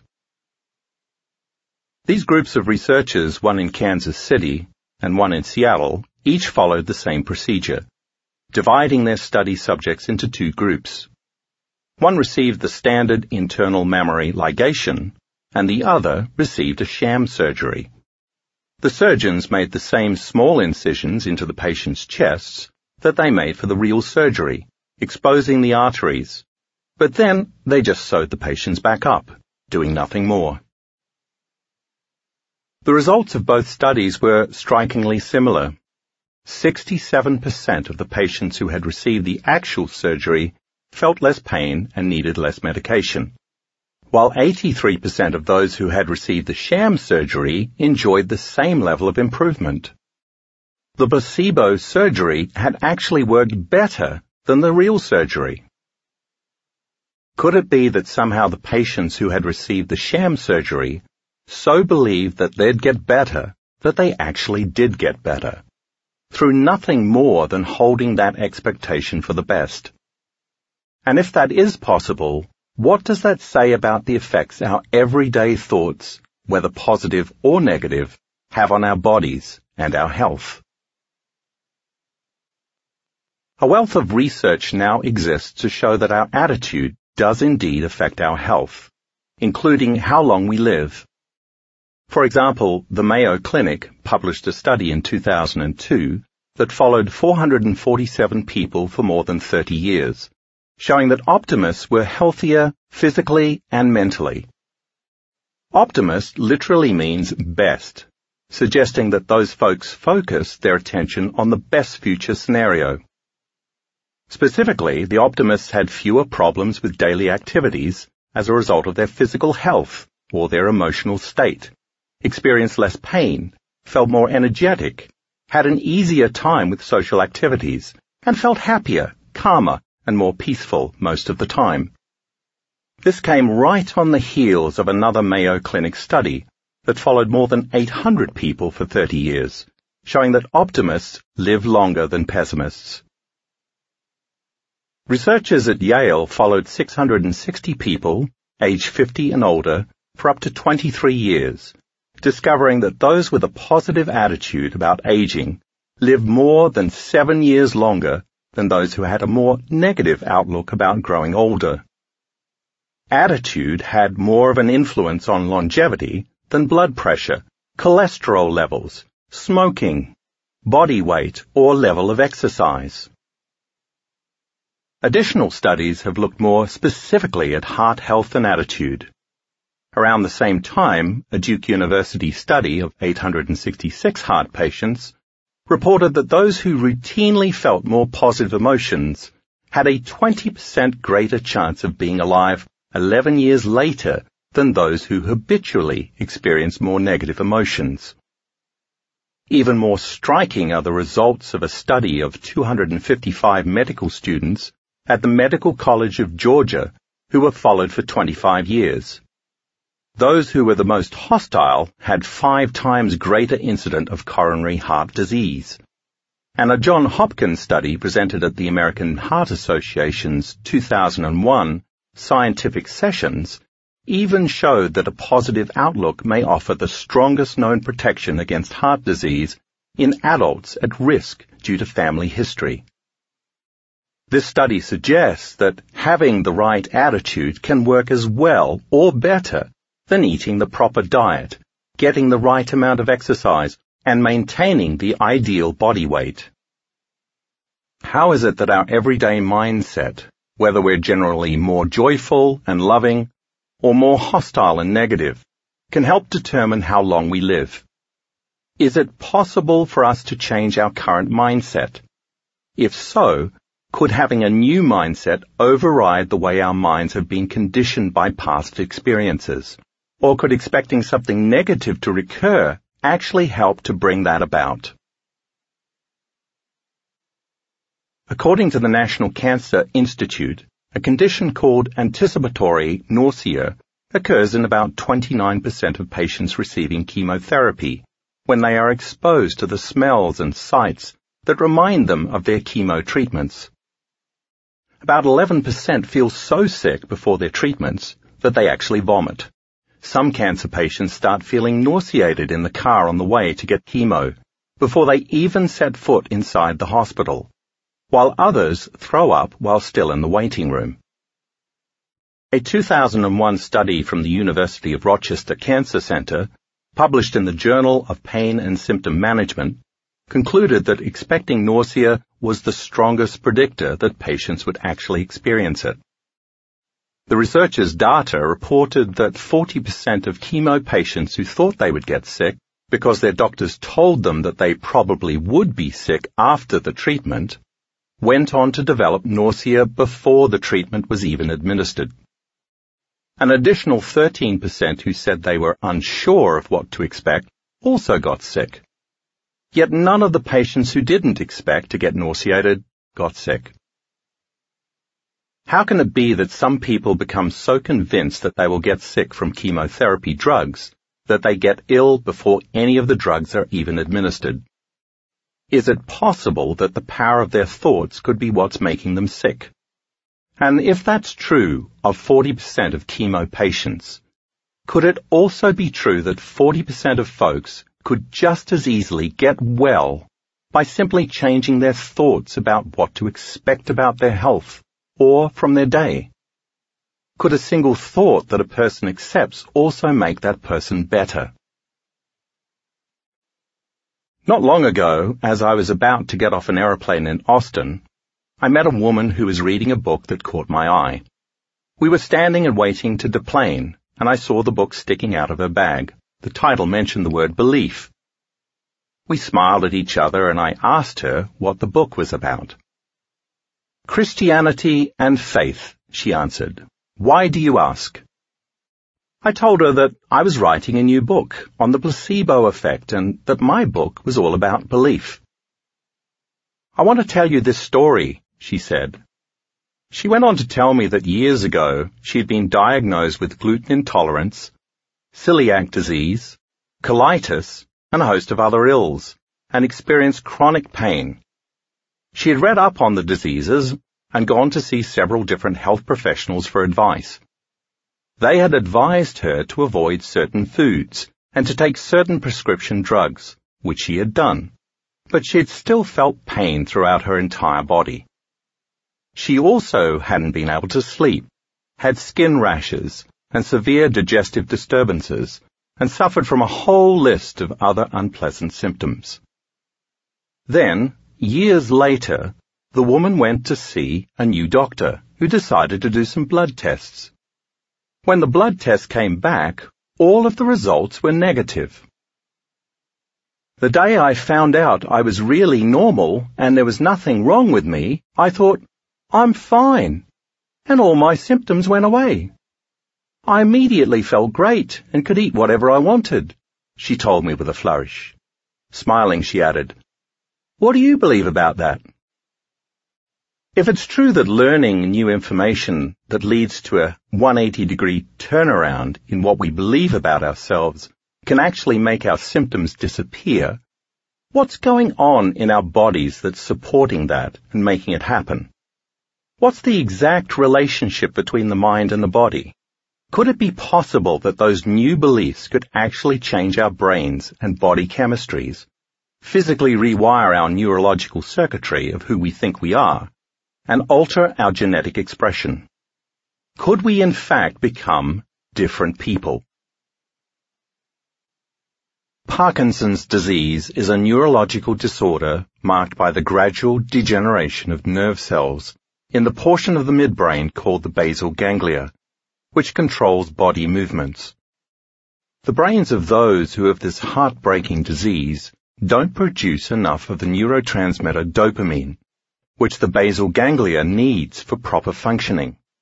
Early symptoms of Parkinson's, which is currently considered incurable, include motor issues such as muscle rigidity, tremors, and changes in gait and speech patterns that override voluntary control.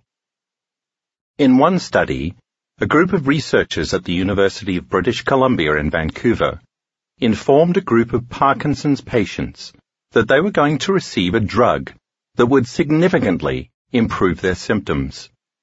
In reality, the patients received a placebo, nothing more than a saline injection. Even so, half of them who had no drug intervention, in fact, had much better motor control after receiving the injection.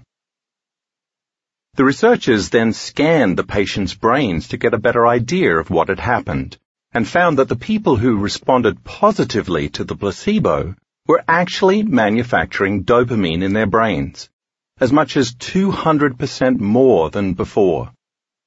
To get an equivalent effect with a drug, you'd have to administer roughly a full dose of amphetamine, a mood-elevating drug that also increases dopamine.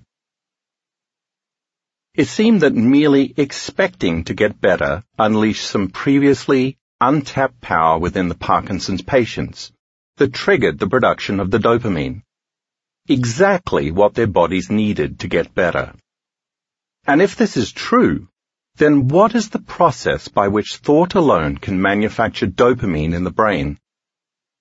Might such a new internal state, brought on by the combination of clear intention and heightened emotional state, actually make us invincible in certain situations by activating our own inner storehouse of pharmaceuticals and overriding the genetic circumstances of disease that we once considered outside of our conscious control.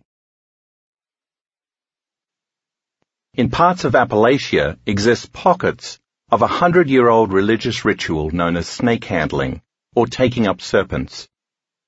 While West Virginia is the only state where it's still legal, that doesn't stop the faithful, and local police in other states are known to turn a blind eye to the practice. In these small and modest churches, as congregations gather for the worship service, the preacher enters carrying one or more briefcase-shaped locked wooden boxes with hinged, clear plastic doors perforated with air holes, and places the boxes carefully on the platform at the front of the sanctuary or meeting room near the pulpit. Before long, the music starts, a high energy blend of country and western and bluegrass melodies with deeply religious lyrics about salvation and the love of Jesus. Live musicians wail away on keyboards, electric guitars, and even drum sets that any teenage band would envy, while the parishioners shake tambourines as the Spirit moves them. As the energy builds, the preacher might light a flame in a container on top of the pulpit and hold his hand in the fire, allowing the flames to lick his outstretched palm before he picks up the container to sweep the fire slowly over his bare forearms. He's just getting warmed up. The congregants soon begin swaying and laying hands on one another, speaking in tongues and jumping up and down, dancing to the music in praise of their Saviour. They are overcome with the Spirit, what they call being anointed, then it's time for the preacher to flip open one of the locked boxes, reach a hand in, and pull out a deadly snake. Usually a rattlesnake, cottonmouth, or copperhead. He too is dancing and working up quite a sweat as he holds the live serpent around its middle so that the snake's head is frighteningly close to the preacher's own head and throat. He might hold the snake high in the air before bringing it back down closer to his body, dancing all the while, as the snake winds its lower half around his arm and gyrates its upper half in the air in whatever manner it pleases. The preacher might then get a second or even a third snake from additional wooden cases, and the congregants, men and women alike, might join him in handling the serpents as they feel the anointing coming over them. In some services, the preacher might even ingest a poison like strychnine from a simple drinking glass without suffering any ill effects. Although the snake handlers do sometimes get bitten, considering the thousands of services where feverish believers have reached into those hinged wooden boxes without a trace of doubt or fear, it doesn't happen often. And even when it does, they don't always die even though they don't rush to the hospital, preferring instead to have the congregation gather around them in prayer. Why are these people not bitten more often? And why aren't there more deaths when they do get bitten? How can they get into a state of mind where they are not afraid of such venomous creatures, whose bite is known to be deadly? And how can that state of mind protect them? Then there are displays of extreme strength in emergency situations, known as hysterical strength. In April 2013, for example, 16-year-old Hannah Smith and her 14-year-old sister Haley of Lebanon, Oregon, lifted a 3,000-pound tractor to free their father, Jeff Smith, who was trapped underneath. And what about firewalkers?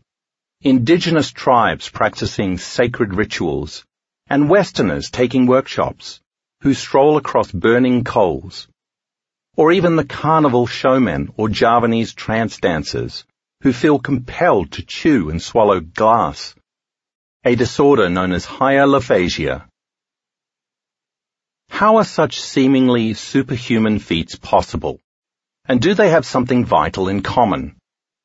Could it be that at the height of their uncompromising belief, these people are somehow changing their bodies such that they become immune to their environments? And can the same rock-solid belief that empowers snake handlers and firewalkers also go the other way, causing us to harm ourselves and even die without our having any awareness of what we're doing? In 1938, a 60-year-old man in rural Tennessee spent four months getting sicker and sicker before his wife brought him to a 15-bed hospital at the edge of town. By this time, Vance Vanders, not his real name, had lost more than 50 pounds and appeared to be near death. The doctor, Drayton Doherty, suspected that Vanders was suffering from tuberculosis, or possibly cancer, but repeated tests and x-rays came up negative. Dr. Doherty's physical examination showed nothing that could be causing Vanders distress. Vanders refused to eat, so he was given a feeding tube, but he stubbornly vomited whatever was put down the tube. He continued to get worse, repeating the conviction that he was going to die, and eventually he was barely able to talk. The end seemed near, although Dr. Doherty still had no idea what the man's affliction was.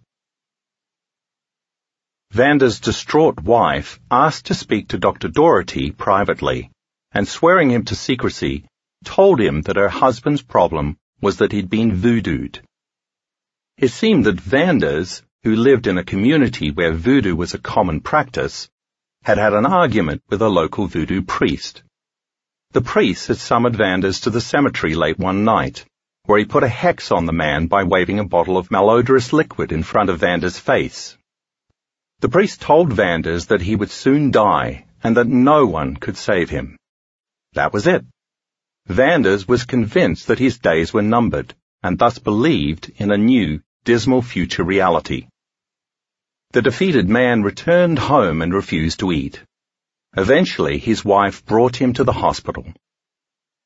After Dr. Doherty had heard the whole story, he came up with a rather unorthodox plan for treating his patient. In the morning, he summoned Vander's family to his bedside and told them that he was now certain that he knew how to cure the sick man. The family listened intently as Dr. Doherty spun the following fabricated tale. He said that on the previous night, he had gone to the cemetery where he had tricked the voodoo priest into meeting with him and divulging how he had voodooed Vanders. It hadn't been easy, Dr. Doherty said. The priest had understandably not wanted to cooperate, although he finally relented once Dr. Doherty had pinned him against a tree and choked him. Dr. Doherty said that the priest had told him that he had rubbed some lizard eggs into Vander's skin, and that the eggs had found their way to Vander's stomach, where they'd hatched. Most of the lizards had died, but a large one had survived and was now eating Vander's body from the inside out. The doctor announced that all he had to do was remove the lizard from Vander's body, and the man would be cured. He then called for the nurse, who dutifully brought a large syringe filled with what Dr. Doherty claimed was a powerful medicine. In truth, the syringe was filled with a drug that induced vomiting. Dr. Doherty carefully inspected the syringe to make sure it was working right, and then ceremoniously injected his frightened patient with the fluid. In a grand gesture, he left the room, not saying another word to the stunned family. It wasn't long before the patient began to vomit. The nurse provided a basin, and Vanders heaved, wailed, and retched for a time. At a point that Dr. Doherty judged to be near the end of vomiting, he confidently strode back into the room. Nearing the bedside, he reached into his black doctor's bag and scooped up a green lizard, hiding it in his palm beyond anyone's notice. Then just as Vanders vomited again, Dr. Doherty slipped the reptile into the basin. Look, Vance, he immediately cried out with all the drama he could muster. Look what has come out of you. You are now cured. The voodoo curse is lifted. The room was buzzing. Some family members fell to the floor moaning. Vanders himself jumped back away from the basin in a wide-eyed daze. Within a few minutes he'd fallen into a deep sleep that lasted more than 12 hours. When Vanders finally awoke, he was very hungry and eagerly consumed so much food that the doctor feared his stomach would burst. Within a week, the patient had regained all his weight and strength. He left the hospital a well man and lived at least another 10 years. Is it possible that a man could just curl up and die simply because he thought he'd been hexed? Does the contemporary witch doctor, adorned with a stethoscope and holding a prescription pad, speak with the same conviction for us as the voodoo priest did for Vanders? And is our belief the same? And if it's indeed true that a person could on one level just decide to die, then could it also be true that a person with a terminal disease could make the decision to live? Can someone permanently change his or her internal state, dropping his or her identity as a cancer or arthritis victim, or a heart patient, or a person with Parkinson's, and simply walk into a healthy body, just as easily as shedding one set of clothes and donning another. In the upcoming chapters, we'll explore what's really possible and how that applies to you. Chapter 2 A Brief History of the Placebo as the saying goes, desperate times call for desperate measures. When Harvard-educated American surgeon Henry Beecher was serving in World War II, he ran out of morphine. Near the end of the war, morphine was in short supply in military field hospitals, so this situation wasn't uncommon. At the time, Beecher was about to operate on a badly wounded soldier. He was afraid that without a painkiller, the soldier might go into fatal cardiovascular shock. What happened next astounded him. Without skipping a beat, one of the nurses filled a syringe with saline and gave the soldier a shot, just as if she were injecting him with morphine. The soldier calmed down right away. He reacted as though he'd actually received the drug, even though all he'd received was a squirt of salt water. Beecher went ahead with the operation, cutting into the soldier's flesh, making what repairs were necessary, and sewing him back up, all without anesthesia. The soldier felt little pain and did not go into shock. How could it be, Beecher wondered, that salt water could stand in for morphine? After that stunning success, whenever the field hospital ran out of morphine, Beecher did the same thing again injected saline, just as if he were injecting morphine. The experience convinced him of the power of placebos, and when he returned to the United States after the war, he began to study the phenomenon. In 1955, Beecher made history when he authored a clinical review of 15 studies published by the Journal of the American Medical Association that not only discussed the huge significance of placebos, but also called for a new model of medical research that would randomly assign subjects to receive active medications or placebos, what we now refer to as randomized controlled trials, so that this powerful placebo effect wouldn't distort results. The idea that we can alter physical reality through thought, belief, and expectation alone, whether we are fully aware of what we're doing or not, certainly didn't start in that World War II field hospital. The Bible is filled with stories of miraculous healings, and even in modern times, people regularly flock to places such as Lourdes in southern France, where a 14-year-old peasant girl named Bernadette had a vision of the Virgin Mary in 1858, leaving behind their crutches, braces, and wheelchairs as proof that they'd been healed. Similar miracles have also been reported in Fatima, Portugal, where three shepherd children saw an apparition of the Virgin Mary in 1917, and in connection with a travelling statue of Mary carved for the 30th anniversary of the apparition. The statue was based on the description given by the oldest of the three children, who by then had become a nun, and it was blessed by Pope Pius XII before it was sent travelling around the world. Faith healing is certainly not confined to the Christian tradition. The late Indian guru Sathya Sai Baba, widely considered by his followers to be an avatar, a manifestation of a deity, was known to manifest holy ash called vibhuti from the palms of his hands. This fine grey ash has been said to have the power to heal many physical, mental, and spiritual ills when either eaten or applied to the skin as a paste. Tibetan lamas are also said to have healing powers, using their breath to heal by blowing on the sick. Even French and English kings reigning between the 4th and 9th centuries used the laying on of hands to cure their subjects. King Charles II of England was known to be particularly adept at this, performing the practice about a hundred thousand times. What is it that causes such so-called miraculous events? Whether the instrument of healing is faith in a deity alone, or belief in the extraordinary powers of a person, an object, or even a place deemed sacred or holy. What is the process by which faith and belief can bring about such profound effects? Might how we assign meaning to ritual, whether that ritual is saying the rosary, rubbing a pinch of holy ash onto our skin, or taking a new miracle drug prescribed by a trusted physician, play a role in the placebo phenomenon. What if the internal state of mind of the people who receive these cures was influenced or altered by the conditions in their external environment, a person, place, or thing at the proper time, to such a degree that their new state of mind could actually affect real physical changes?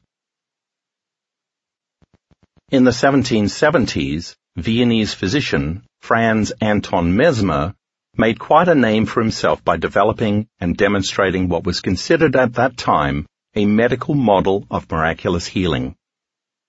Expanding on an idea of Sir Isaac Newton's about the effect of planetary gravitation on the human body, Mesmer came to believe that the body contained an invisible fluid that could be manipulated to heal people using a force he called animal magnetism. His technique involved asking his patients to look deeply into his eyes before moving magnets over their bodies to direct and balance this magnetic fluid. Later, he found that he could wave his hands without the magnets to produce the same effect.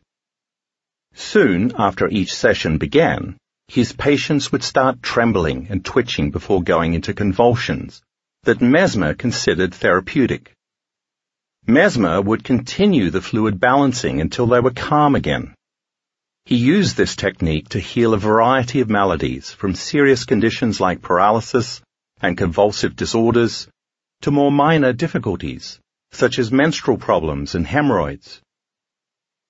In what became his most famous case, Mesmer partially cured teenage concert pianist Maria Theresa von Paradis, of hysterical blindness, a psychosomatic condition she'd had since about the age of three. She stayed in Mesmer's home for weeks as he worked with her, and finally helped her to be able to perceive motion, and even distinguish color. But her parents were less than overjoyed by her progress, because they stood to lose a royal pension if their daughter was cured. In addition, as her sight returned, her piano playing deteriorated because she now was able to watch her fingers on the keyboard. Rumors, never substantiated, began circulating that Mesmer's relationship to the pianist was improper. Her parents forcibly removed her from Mesmer's house. Her blindness returned, and Mesmer's reputation diminished considerably. Amand Marie Jacques de Chastenet, a French aristocrat known as the Marquis de Puységur, observed Mesmer and took his ideas to the next level. Puységur would induce a deep state that he called magnetic somnambulism, similar to sleepwalking, in which his subjects had access to deep thoughts and even intuitions about their health and that of others. In this state, they were extremely suggestible and would follow instructions, although they had no memory of what happened once they came out of it. Whereas Mesmer thought that the power was in the practitioner over the subject, Puységur believed that the power was in the thought of the subject, directed by the practitioner over his or her own body. This was perhaps one of the first therapeutic attempts to explore the mind-body relationship. In the 1800s, Scottish surgeon James Braid took the idea of mesmerism still further, developing a concept he called neurohypnotism, what we now call hypnotism. Braid became intrigued by the idea when one day he arrived late for an appointment, only to find his waiting patient calmly staring in intense fascination at the flickering flame of an oil lamp. Braid found the patient to be in an extremely suggestible state as long as his attention remained so locked, thereby fatiguing certain parts of his brain. After many experiments, Braid learned to get his subjects to concentrate on a single idea while staring at an object, which put them into a similar trance that he felt he could use to cure their disorders, including chronic rheumatoid arthritis, sensory impairment, and the various complications of spinal injuries and stroke. Braid's book Neurypnology details many of his successes, including the story of how he cured both a 33-year-old woman whose legs were paralyzed and a 54-year-old woman with a skin disorder and severe headaches. Then esteemed French neurologist Jean-Martin Charcot weighed in on Braid's work, claiming that the ability to go into such a trance was possible only in those suffering from the condition of hysteria which he considered an inherited neurological disorder that was irreversible. He used hypnosis not to cure patients, but to study their symptoms.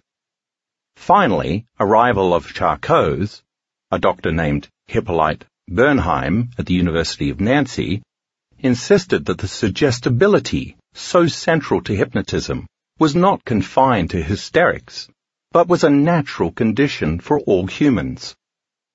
He implanted ideas in subjects, telling them that when they awoke from their trance, they would feel better and their symptoms would disappear. Thus he used the power of suggestion as a therapeutic tool. Bernheim's work continued into the early 1900s. Although each of these early explorers of suggestibility had a slightly different focus and technique, they were all able to help hundreds and hundreds of people heal a wide variety of physical and mental problems by changing their minds about their maladies and about how those illnesses were expressed in their bodies. During the first two world wars, military doctors, most notably army psychiatrist Benjamin Simon, used the concept of hypnotic suggestibility, which I'll discuss further later, to help returning soldiers who suffered from the trauma that was first labeled shell shock, but is now known as post-traumatic stress disorder, PTSD. These veterans had suffered through such horrible war experiences that many of them numbed themselves to their emotions as a form of self-preservation, developed amnesia surrounding the horrific events, or worse, kept reliving their experiences in flashbacks all of which can cause stress-induced physical illness. Simon and his colleagues found hypnosis extremely useful for helping the veterans face their traumas and cope with them so that they wouldn't have to resurface as anxiety and physical ailments, including nausea, high blood pressure, and other cardiovascular disorders, and even suppressed immunity. Like those practitioners in the century before them, Army doctors employing hypnosis helped their patients alter their pattern of thinking in order to get well and reclaim their mental and physical health. These hypnosis techniques were so successful that civilian doctors also became interested in using suggestibility. Although many did so not by putting their patients into a trance, but by occasionally giving them sugar pills and other placebos, and telling them that these drugs would make them better. The patients often did get better, responding to suggestibility in the same way that Beecher's wounded soldiers responded to the belief that they were receiving shots of morphine. This was, in fact, Beecher's era, and after he wrote his groundbreaking 1955 review calling for the use of randomized controlled trials with placebos for testing drugs, the placebo became a serious part of medical research. Beecher's point was well taken Initially, researchers expected that a study's control group, the group taking the placebo, would remain neutral so that comparisons between the control group and the group taking the active treatment would show how well the active treatment worked. But in so many studies, the control group was indeed getting better. Not just on their own, but because of their expectation and belief that they might be taking a drug or receiving a treatment that would help them. The placebo itself might have been inert, but its effect was certainly not, and these beliefs and expectations were proving to be extremely powerful. So somehow that effect had to be teased out from the data if that data was to have any real meaning. To that end, and heeding Beecher's petition, researchers began making the randomized, double-blind trial the norm, randomly assigning subjects to either the active or the placebo group, and making sure none of the subjects or any of the researchers themselves knew who was taking the real drug and who was taking the placebo. This way, the placebo effect would be equally active in each group, and any possibility that the researchers might treat subjects differently according to what group they were in, would be eliminated. These days studies are sometimes even triple blind, meaning not only are the participants and researchers who are conducting the trial in the dark about who's taking what until the end of the study, but the statisticians analyzing the data also don't know until their job is done. Of course, there's always a flip side. While suggestibility was garnering more attention because of its ability to heal, it also became apparent that the same phenomenon could be used to harm. Such practices as hexes and voodoo curses illustrated the negative side of suggestibility. In the 1940s, Harvard's physiologist Walter Bradford Cannon, who had in 1932 coined the term fight or flight, studied the ultimate nocebo response, a phenomenon that he called voodoo death. Cannon examined a number of anecdotal reports of people with strong cultural beliefs in the power of witch doctors or voodoo priests suddenly falling ill and dying, despite no apparent injury or evidence of poison or infection, after ending up on the receiving end of a hex or curse. His research laid the groundwork for much of what we know today about how physiological response systems enable emotions, fear in particular, to create illness. The victim's belief in the power of the curse itself to kill him was only part of the psychological soup that brought about his ultimate demise, Cannon said. Another factor was the effect of being socially ostracized and rejected, even by the victim's own family. Such people quickly became the walking dead. Harmful effects from harmless sources aren't restricted to voodoo, of course. Scientists in the 1960s coined the term nocebo, Latin for I shall harm, as opposed to I shall please, the Latin translation of placebo, referring to an inert substance that causes a harmful effect simply because someone believes or expects it will harm her. The nocebo effect commonly pops up in drug studies when subjects who are taking placebos either just expect that there will be side effects to the drug being tested, or when the subjects are specifically warned of potential side effects.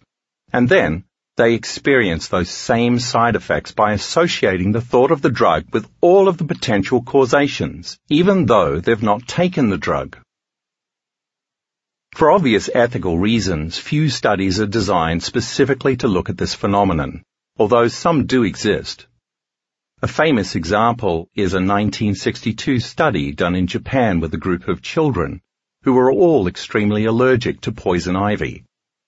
Researchers rubbed one forearm of each child with a poison ivy leaf, but told them that the leaf was harmless. As a control, they rubbed the child's other forearm with a harmless leaf that they claimed was poison ivy. All of the children developed a rash on the arm rubbed with the harmless leaf that was thought to be poison ivy. And 11 of the 13 children developed no rash at all where the poison ivy had actually touched them. This was an astounding finding. How could children who were highly allergic to poison ivy not get a rash when exposed to it? And how could they develop a rash from a totally benign leaf? The new thought that the leaf wouldn't hurt them overrode their memory and belief that they were allergic to it rendering real poison ivy harmless. And the reverse was true in the second part of the experiment. A harmless leaf was made toxic by thought alone. In both cases, it seemed as if the children's bodies instantaneously responded to a new mind. In this instance, we could say that the children were somehow freed from the future expectation of a physical reaction to the toxic leaf based on their past experiences of being allergic. In effect, they somehow transcended a predictable line of time. This also suggests that by some means, they became greater than the conditions in their environment, the poison ivy leaf. Finally, the children were able to alter and control their physiology by simply changing a thought. This astonishing evidence that thought in the form of expectation could have a greater effect on the body than the real physical environment helped to usher in a new era of scientific study called psychoneuroimmunology, the effect of thoughts and emotions on the immune system, an important segment of the mind-body connection. Another notable nocebo study from the 60s looked at people with asthma Researchers gave 40 asthma patients inhalers containing nothing but water vapor, although they told the subjects that the inhalers contain an allergen or irritant. 19 of them, 48%, experienced asthmatic symptoms, such as restriction of their airways, with 12, 30% of the group, suffering full-blown asthmatic attacks. Researchers then gave the subjects inhalers said to contain medicine that would relieve their symptoms. And in each case, their airways did indeed open back up. Although again, the inhalers contained only water vapor. In both situations, bringing on the asthma symptoms and then dramatically reversing them, the patients were responding to suggestion alone the thought planted in their minds by the researchers, which played out exactly as they expected. They were harmed when they thought they'd inhaled something harmful, and they got better when they thought they were receiving medicine. And these thoughts were greater than their environment, greater than reality. We could say that their thoughts created a brand new reality. What does this say about the beliefs we hold and the thoughts we think every day? Are we more susceptible to catching the flu because all winter long, everywhere we look, we see articles about flu season and signs about flu shot availability, all of which reminds us that if we don't get a flu shot, we'll get sick.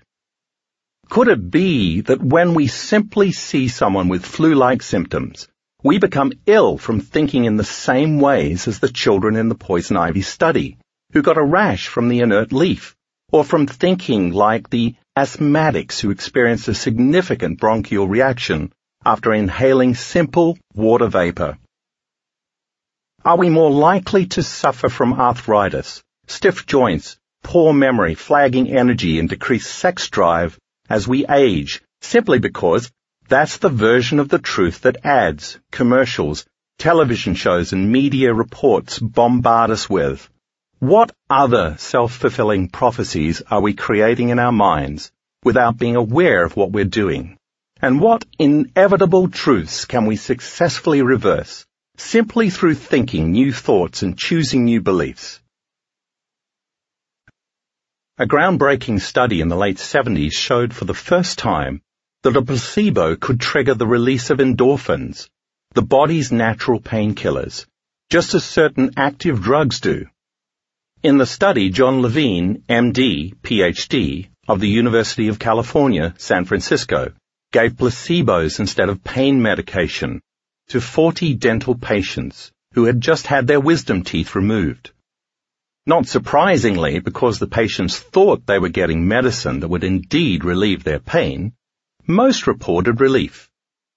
But then the researchers gave the patients an antidote to morphine called naloxone, which chemically blocks the receptor sites for both morphine and endorphins, endogenous morphine, in the brain.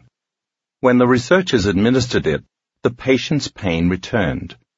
This proved that by taking the placebos, the patients had been creating their own endorphins, their own natural pain relievers. It was a milestone in placebo research because it meant that the relief the study subjects experienced wasn't all in their minds. It was in their minds and their bodies, in their state of being. If the human body can act like its own pharmacy producing its own pain drugs, then might it not also be true that it's fully capable of dispensing other natural drugs when they're needed from the infinite blend of chemicals and healing compounds it houses? Drugs that act just like the ones doctors prescribe, or maybe even better than the drugs doctors prescribe. Another study in the 70s, this one by psychologist Robert Ader, PhD, at the University of Rochester, added a fascinating new dimension to the placebo discussion. The element of conditioning.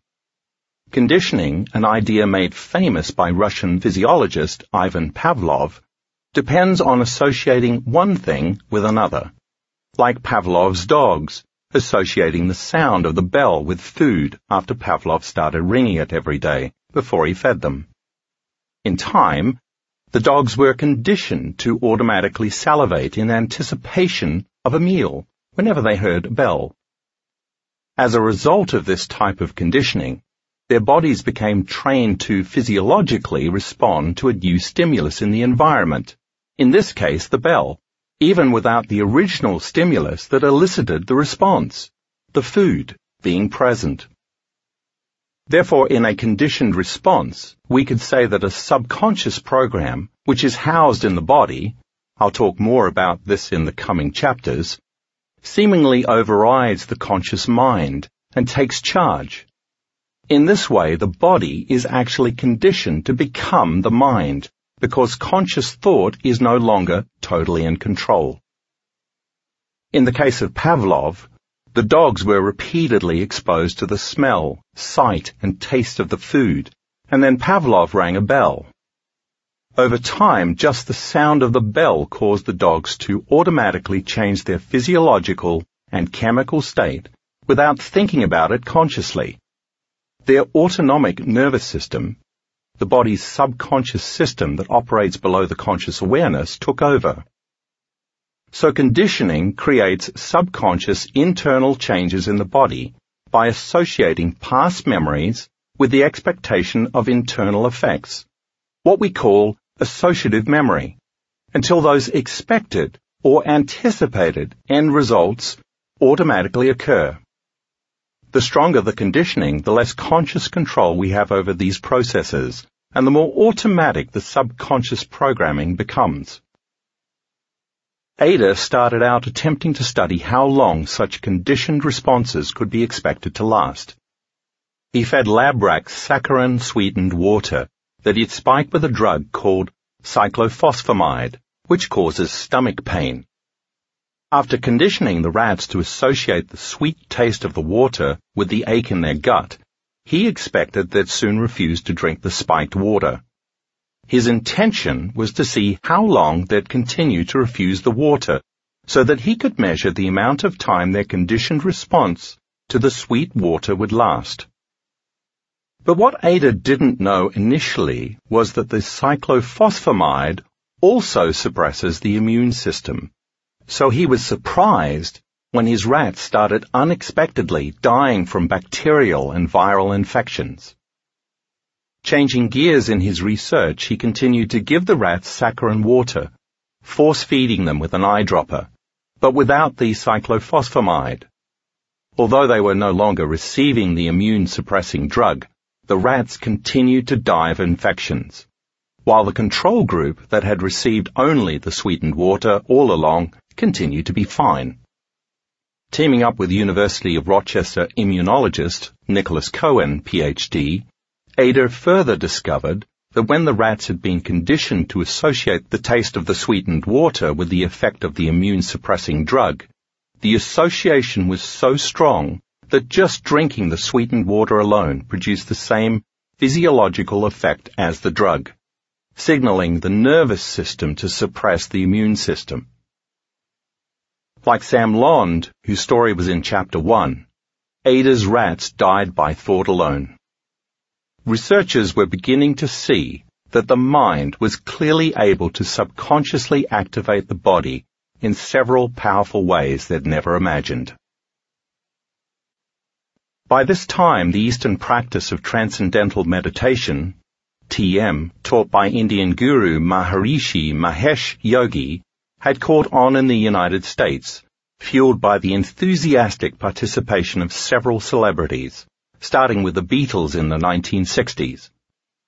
The goal of this technique, which involves quieting the mind and repeating a mantra during a 20-minute meditation session performed twice a day, is spiritual enlightenment.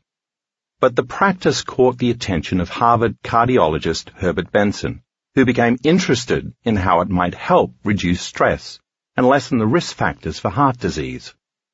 Demystifying the process, Benson developed a similar technique, which he called the relaxation response, described in his 1975 book by the same title.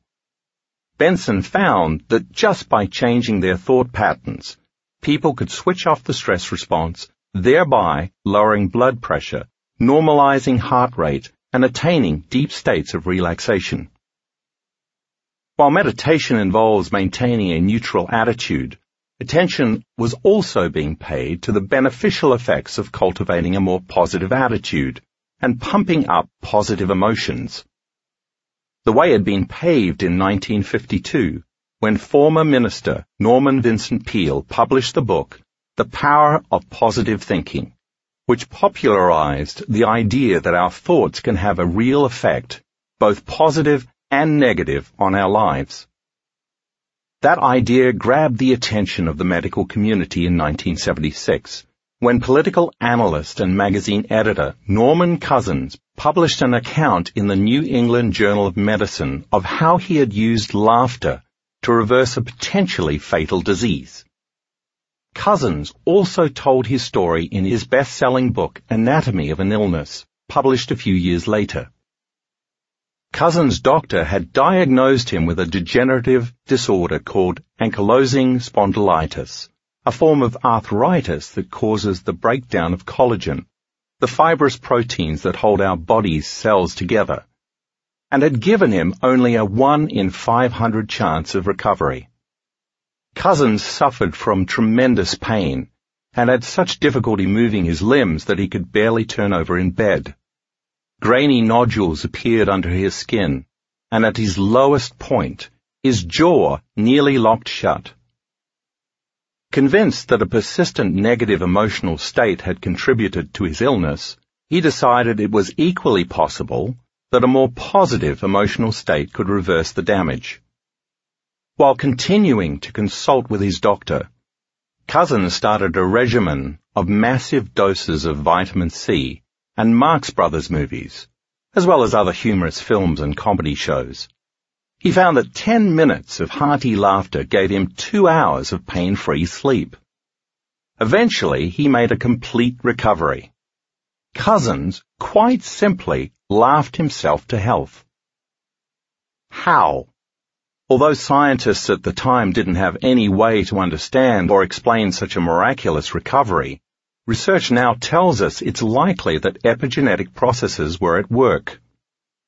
Cousin's shift of attitude changed his body chemistry, which altered his internal state, enabling him to program new genes in new ways. He simply downregulated, or turned off, the genes that were causing his illness, and upregulated, or turned on, the genes responsible for his recovery. I'll go into more detail about turning genes on and off in the coming chapters. Many years later, research by Keiko Hayashi, PhD, of the University of Tsukuba in Japan, showed the same thing. In Hayashi's study, diabetic patients watching an hour-long comedy program upregulated a total of 39 genes. 14 of which were related to natural killer cell activity. While none of these genes were directly involved in blood glucose regulation, the patient's blood glucose levels were better controlled than after they had listened to a diabetic health lecture on a different day. Researchers surmise that laughter influences many genes involved with immune response, which in turn contributed to the improved glucose control. The elevated emotion, triggered by the patient's brains, turned on the genetic variations which activated the natural killer cells and also somehow improved their glucose response, probably in addition to many other beneficial effects. As Cousins said of placebos back in 1979, the process works not because of any magic in the tablet, but because the human body is its own best apothecary, and because the most successful prescriptions are filled by the body itself. Inspired by Cousin's experience, and with alternative and mind-body medicine now in full swing, Yale University surgeon Bernie Siegel started to look at why some of his cancer patients with poor odds survived, while others with better odds died. Siegel's work defined cancer survivors largely as those who had a feisty, fighting spirit, and he concluded that there were no incurable diseases, only incurable patients. Siegel also began writing about hope as a powerful force for healing and about unconditional love with the natural pharmacy of elixirs it provides as the most powerful stimulant of the immune system. The profusion of new antidepressants that appeared around the late 1980s and into the 90s would next ignite a controversy that would ultimately, although not immediately, increase respect for the power of placebos.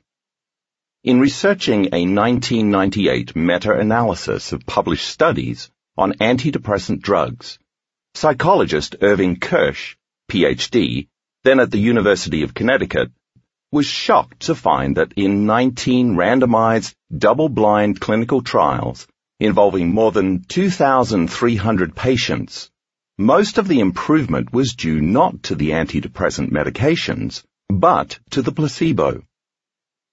Kirsch then used the Freedom of Information Act to gain access to the data from the drug manufacturer's unpublished clinical trials, which by law had to be reported to the Food and Drug Administration. Kirsch and his colleagues did a second meta-analysis, this time on the 35 clinical trials conducted for four of the six most widely prescribed antidepressants approved between 1987 and 1999. Now looking at data from more than 5,000 patients, the researchers found again that placebos work just as well as the popular antidepressant drugs Prozac, Effexor, Serzone, and Paxil, a whopping 81% of the time. In most of the remaining cases where the drug did perform better, the benefit was so small that it wasn't statistically significant. Only with severely depressed patients were the prescription drugs clearly better than placebo. Not surprisingly, Kirsch's study caused quite an uproar, although many researchers seemed quite willing to throw the placebo baby out with the bathwater. While most of the fracas focused on the fact that these drugs weren't any better than the placebo, that patients in the trials did, in fact, get better on antidepressants. The drugs did work, but the patients taking placebos got better too. Instead of seeing Kirsch's work as proof that antidepressants failed, some researchers chose to see the glass as half full and pointed to the data as proof that placebos succeeded. After all, the trials provided stunning proof that thinking that you can get better from depression can actually heal depression just as well as taking a drug.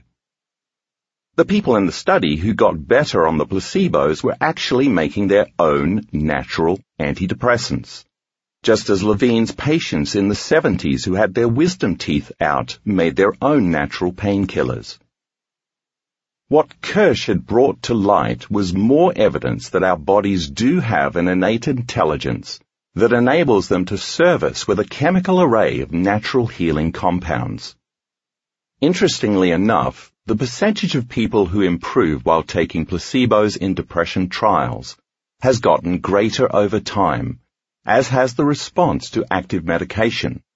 Some researchers have suggested that this is because the public has greater expectations for the antidepressant drugs, which in turn makes the placebos more effective in these blind trials.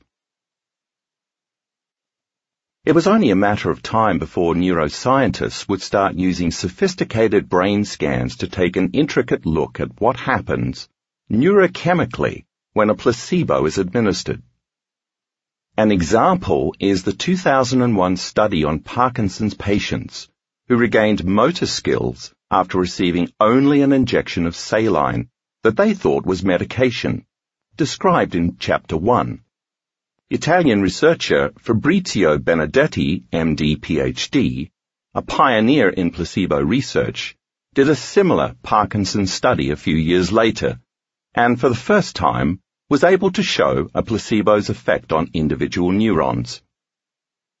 His studies explored not only the neurobiology of expectation, as with Parkinson's patients, but also the neurobiology at work with classical conditioning, what Ader had been able to glimpse years previously with his nauseated lab rats.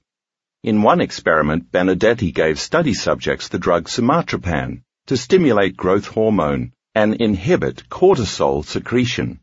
And then without the patient's knowledge, he replaced the drug with a placebo. He found that the patient's brain scans continued to light up in the same places as when they were getting the sumatriptan. This was proof that the brain was indeed producing the same substance, in this case, growth hormone, on its own. The same was seen to be true for other drug placebo combinations as well. The chemicals made in the brain closely tracked those that the subjects initially received via drugs that were given to treat immune system disorders, motor disorders, and depression. In fact, Benedetti even showed that placebos cause the same side effects as the drugs. For example, in one placebo study using narcotics, the subjects suffered the same side effects of slow and shallow breathing when taking the placebo because the placebo effect so closely mimicked the physiological effect of the drug. If the truth be told, our bodies are indeed capable of creating a host of biological chemicals that can heal, protect us from pain, help us sleep deeply, enhance our immune systems, make us feel pleasure, and even encourage us to fall in love. Reason this for a moment. If a particular gene was already expressed so that we made those specific chemicals at one point in our lives, but then we stopped making them because of some type of stress or illness that turned off that gene, maybe it's possible for us to turn the gene back on again, because our bodies already know how to do that from previous experience. Stay tuned for research to prove this. So let's begin to look at how this happens. The neurological research shows something truly remarkable. If a person keeps taking the same substance, his or her brain keeps firing the same circuits in the same way, in effect memorizing what the substance does.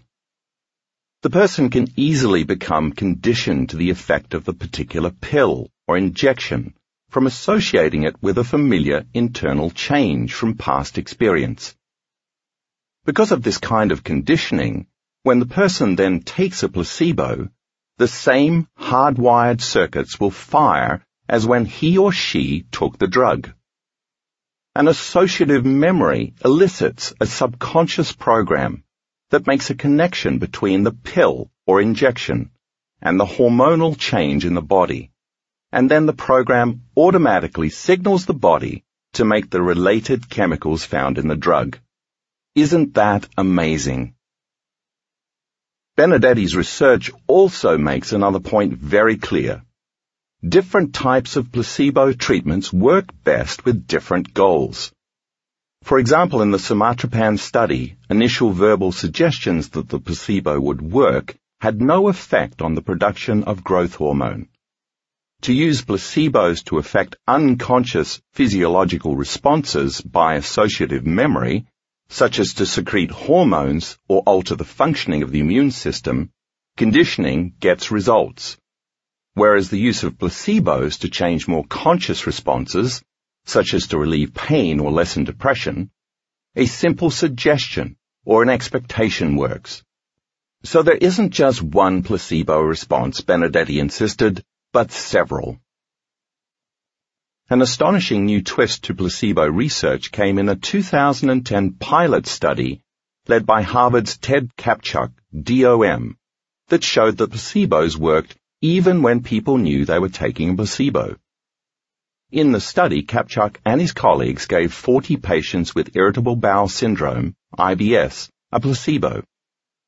Each patient received a bottle clearly labeled placebo pills and was told it contained placebo pills made of an inert substance, like sugar pills, that have been shown in clinical studies to produce significant improvement in IBS symptoms through mind-body self-healing processes.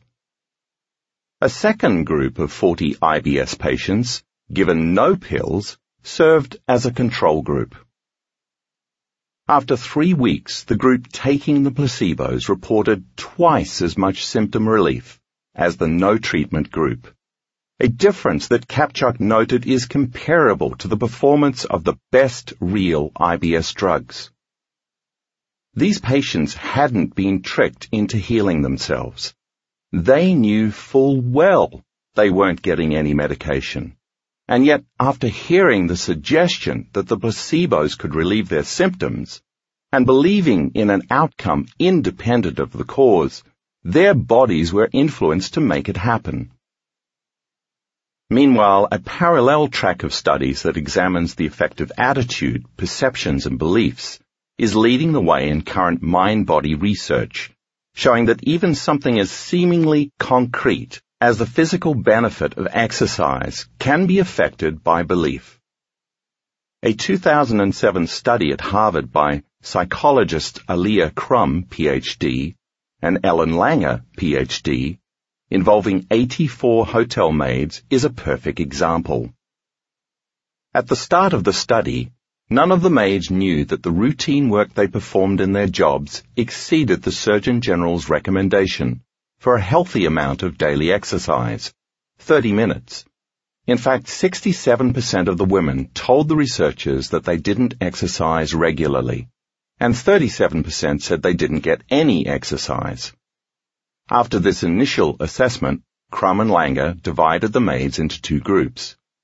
They explained to the first group how their activity related to the number of calories they burned, and told the maids that just by doing their jobs, they got more than enough exercise.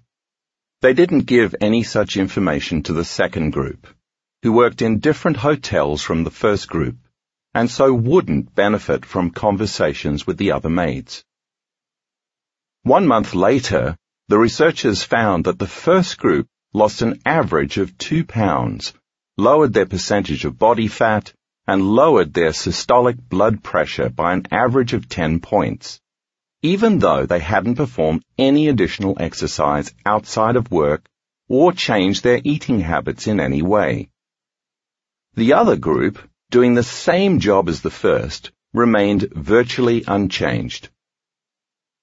This echoed similar research done earlier in Quebec, where a group of 48 young adults participated in a 10-week aerobic exercise program, attending three 90-minute exercise sessions per week.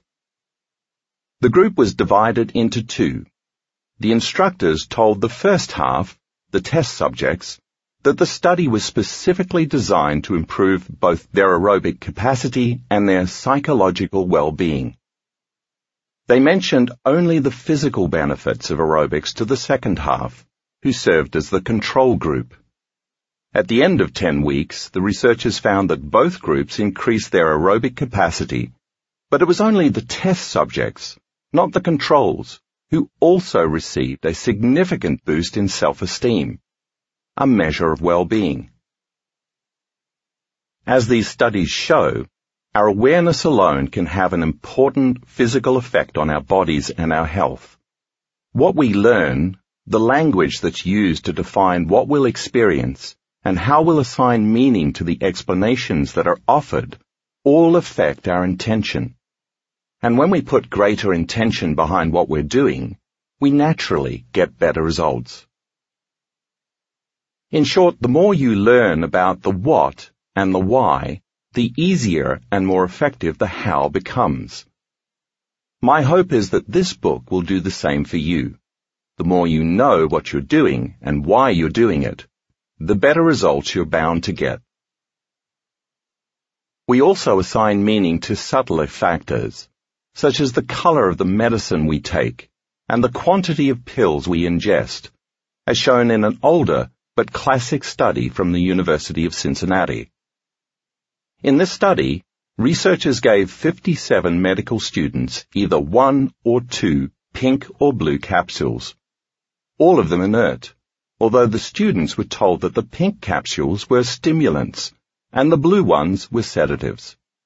The researchers reported two capsules produced more noticeable changes than one, and blue capsules were associated with more sedative effects than pink capsules.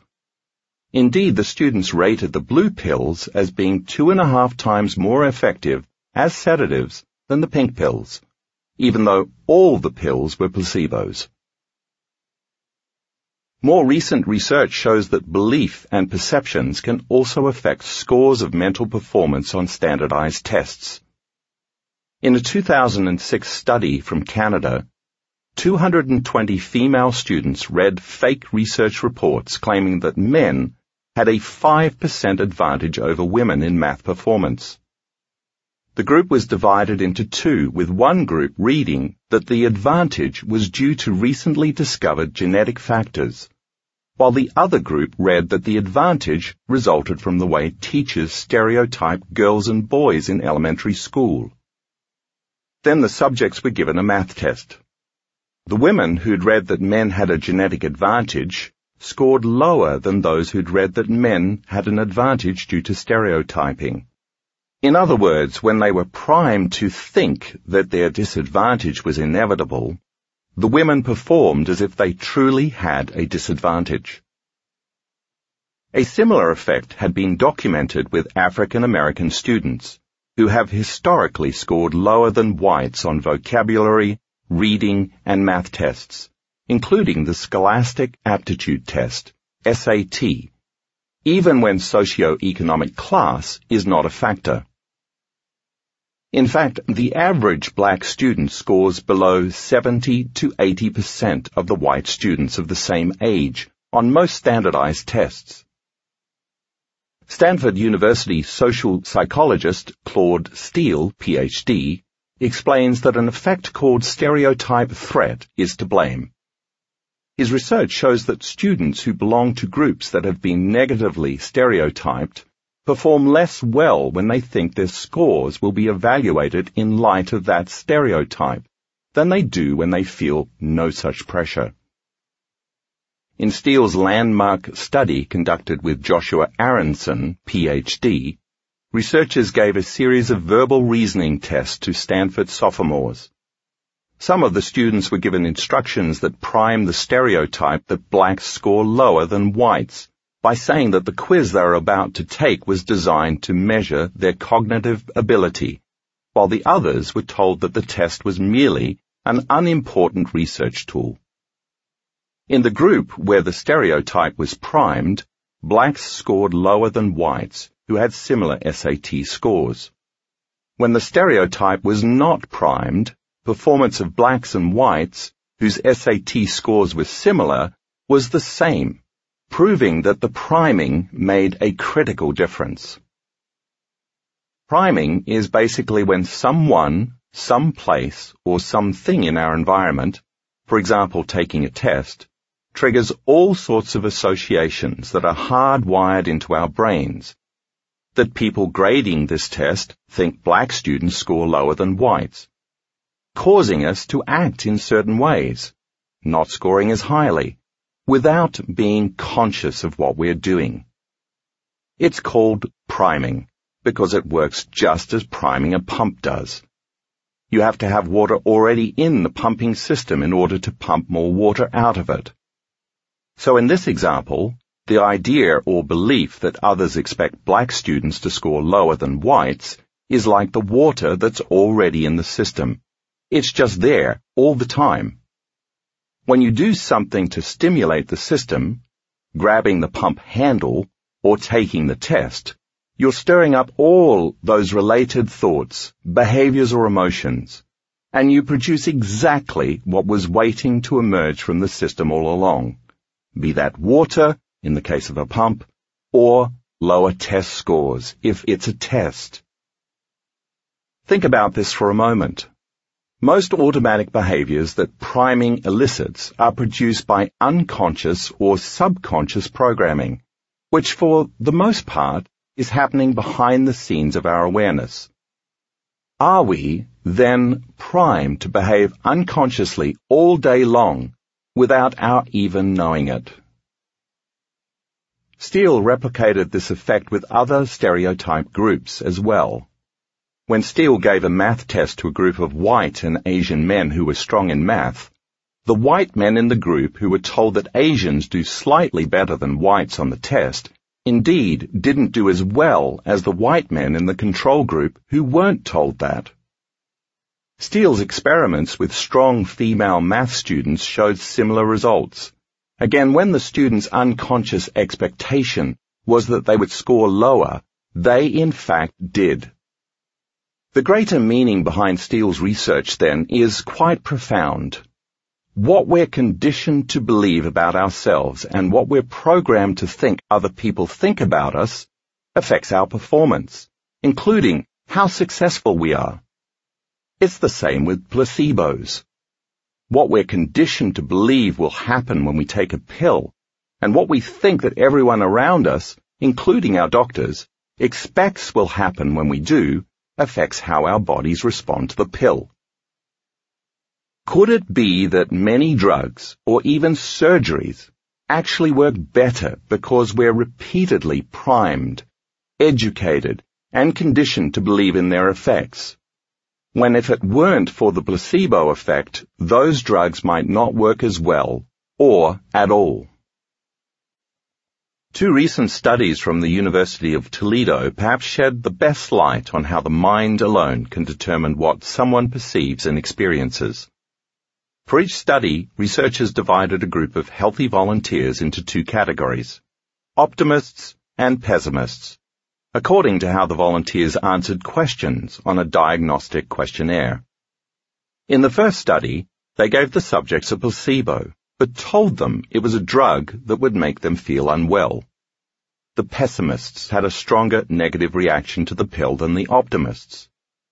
In the second study, the researchers gave the subjects a placebo as well, but told them it would help them sleep better. The optimists reported much better sleep than the pessimists. So the optimists were more likely to respond positively to a suggestion that something would make them feel better because they were primed to hope for the best future scenario. and the pessimists were more likely to respond negatively to suggestion that something would make them feel worse because they consciously or unconsciously expected the worst potential outcome. It's as if the optimists were unconsciously making the specific chemicals to help them sleep, while the pessimists were unconsciously making a pharmacy of substances that made them feel unwell. In other words, in exactly the same environment, those with a positive mindset tend to create positive situations, while those with a negative mindset tend to create negative situations. This is the miracle of our own free-willed, individual, biological engineering.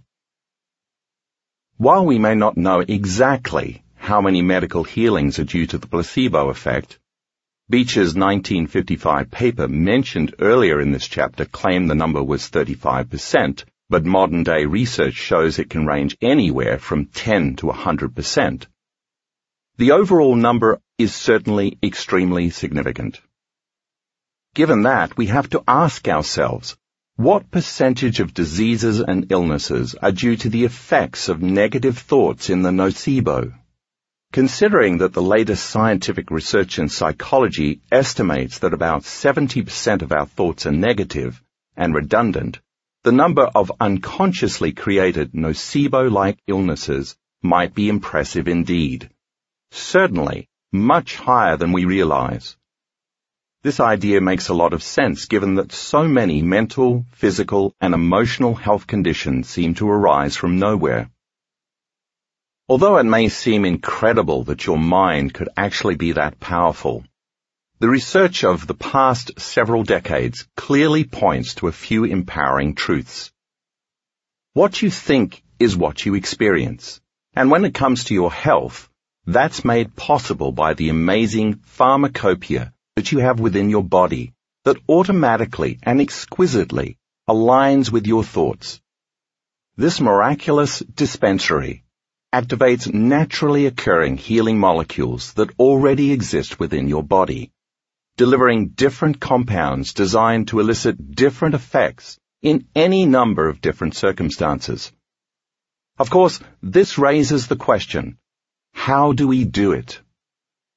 The chapters that follow will explain how this all unfolds on a biological level, and thus how you can apply this innate ability to consciously and intentionally create the health and the life that you want to experience. Chapter 3 The Placebo Effect in the Brain If you read my previous book, Breaking the Habit of Being Yourself, you'll find that this chapter reviews much of that material. If you feel that you already have a good command of that information, you may choose to either skip this chapter completely or skim it to brush up on those concepts as needed.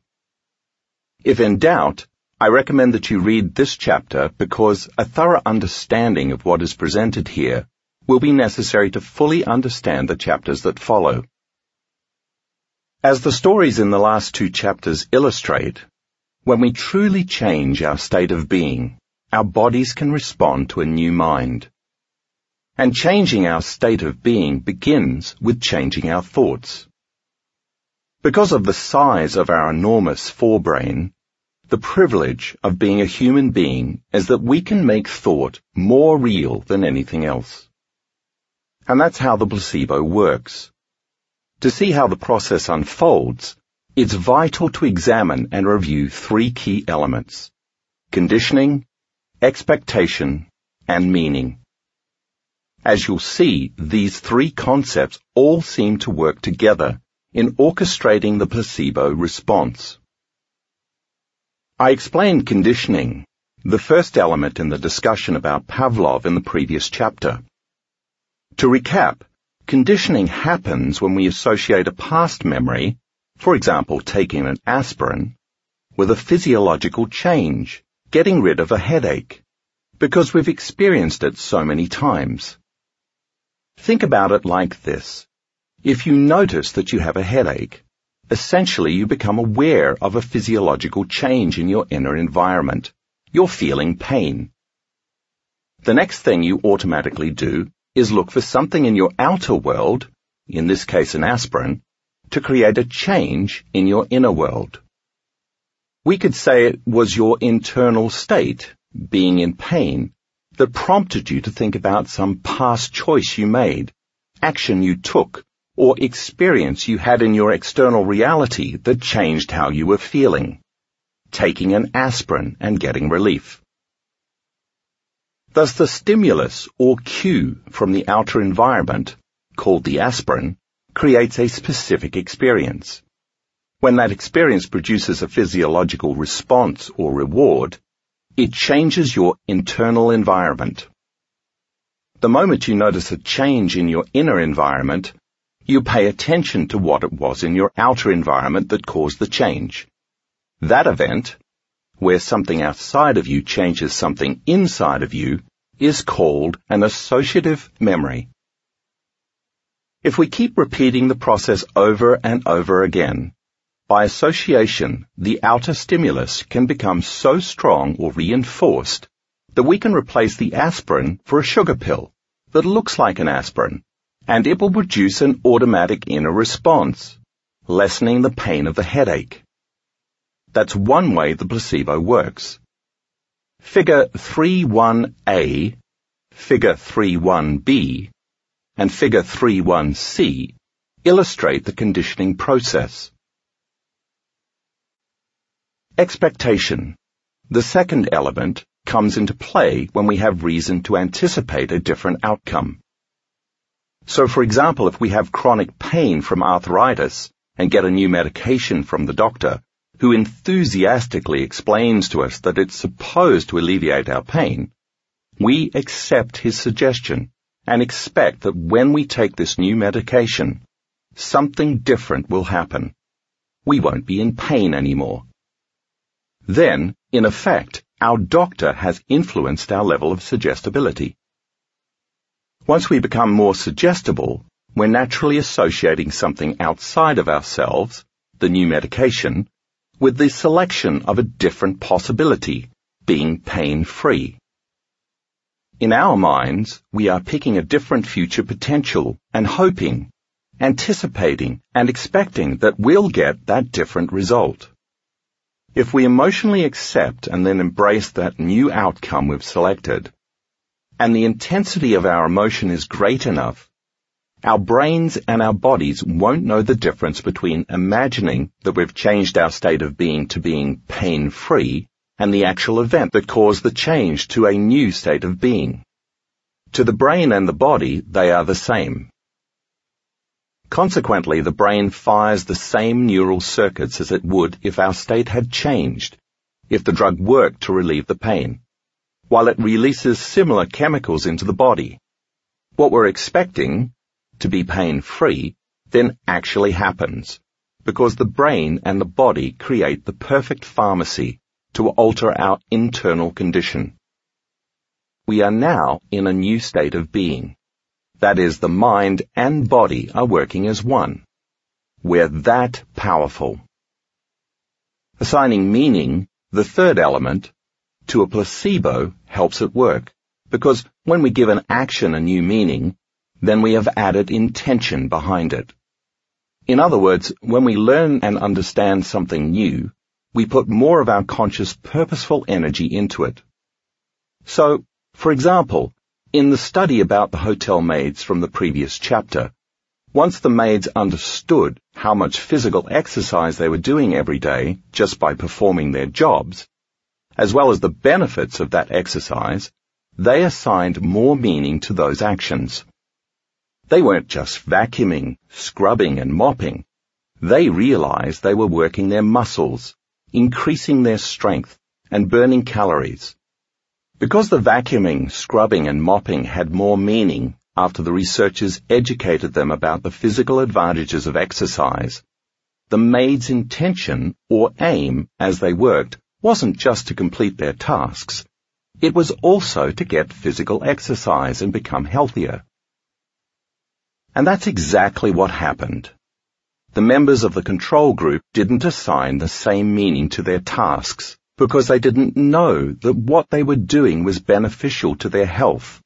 So they also didn't receive the same benefits, even though they were performing exactly the same actions. The placebo works the same way. The more you believe that a particular substance, procedure, or surgery will work because you've been educated about its benefits, the better your chances of responding to the thought of improving your health and getting better. In other words, if you place more meaning behind a possible experience with a person, place, or thing in your external environment in order to change your internal environment, then you're more likely to be successful at intentionally changing your inner state by thought alone. In addition, the more you can accept a new outcome related to your health, because you've been educated about the possible rewards of what you're doing, the clearer the model you're creating in your own mind, and so the better you'll be at priming your brain and your body to replicate exactly that. Simply said, the more you believe in the cause, the better the effect. If the placebo effect is a function of how a thought can change physiology, we could call it mind over matter. Then perhaps we should examine our thoughts and how they interact with our brains and our bodies. Let's begin with our own personal daily thoughts. We are a creature of habit. We think somewhere between 60,000 to 70,000 thoughts in one day. And 90% of those thoughts are exactly the same ones we had the day before. We get up on the same side of the bed, go through the same routine in the bathroom, comb our hair in the same way, sit in the same chair as we eat the same breakfast, and hold our mug in the same hand, drive the same route to the same job, and do the same things we know how to do so well with the same people who push the same emotional buttons every day.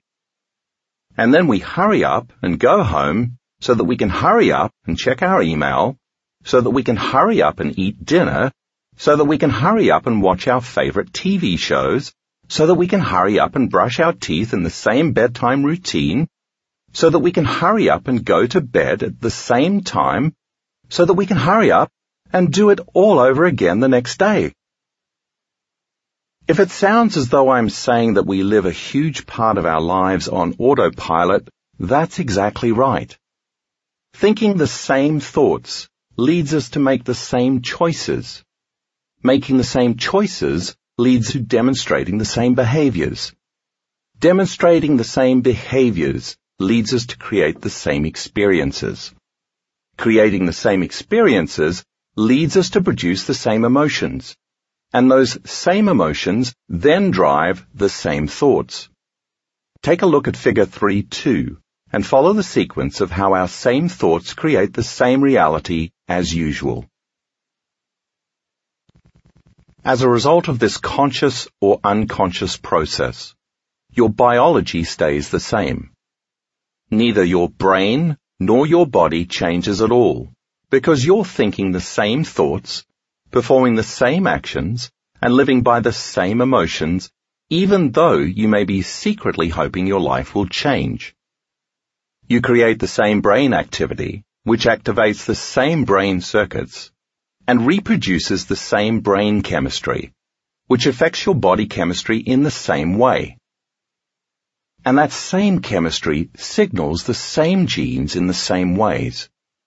And the same gene expression creates the same proteins, the building blocks of cells, which keep the body the same. I'll go into more on proteins later. And since the expression of proteins is the expression of life or health, your life and your health stay the same. Now take a look at your life for a moment. What does this mean for you?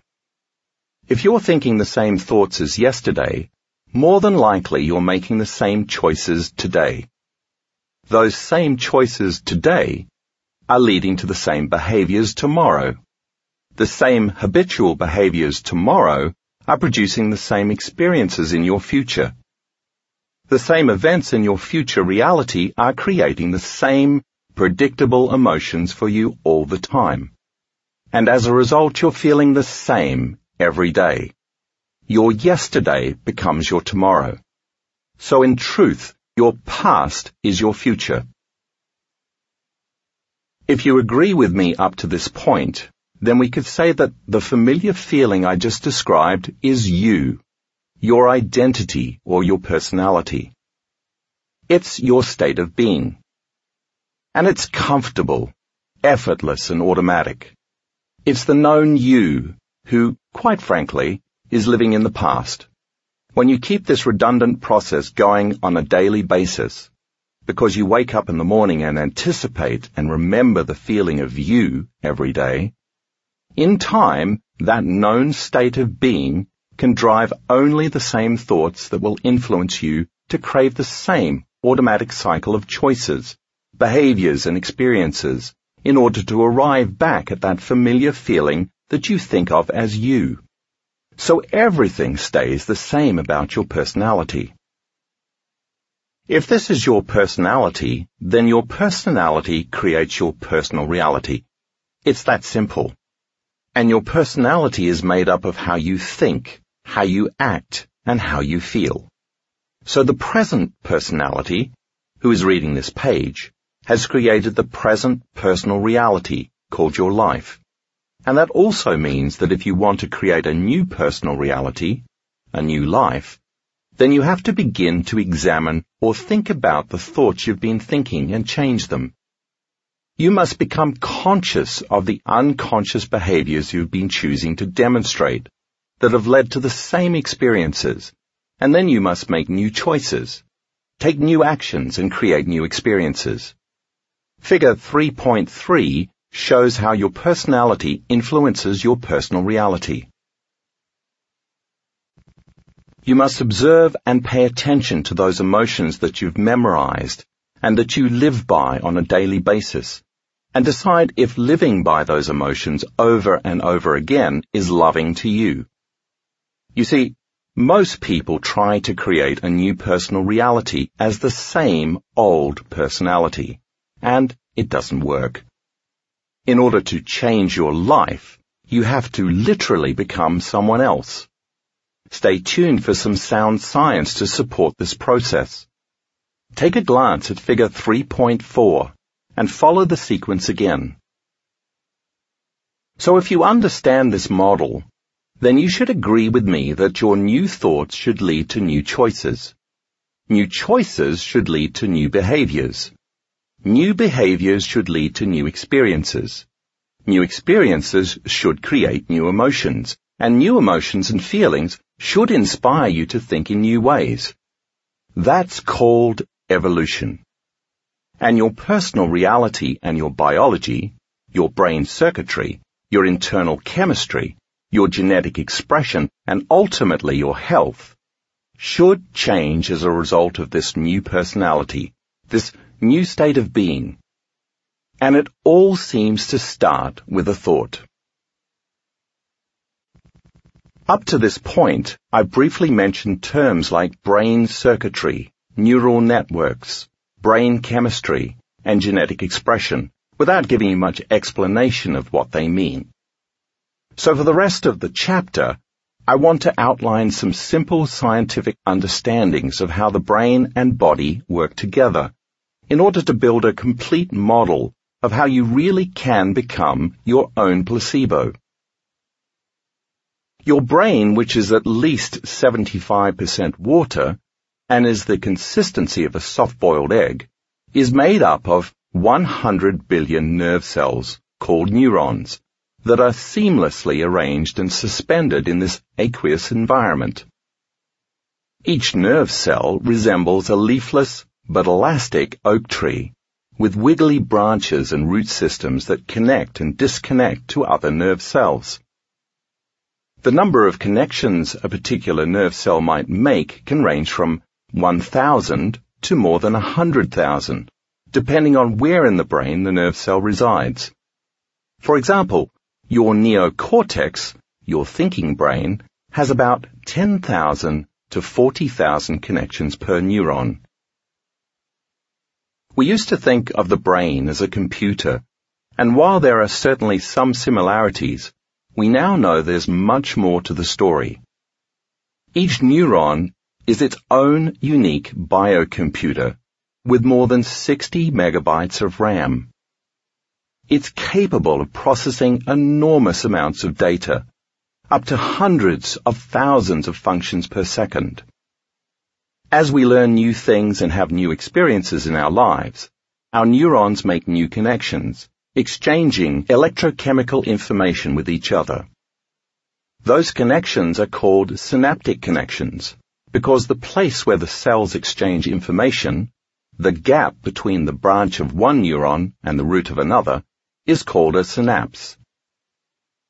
If learning is making new synaptic connections, then remembering is keeping those connections wired together.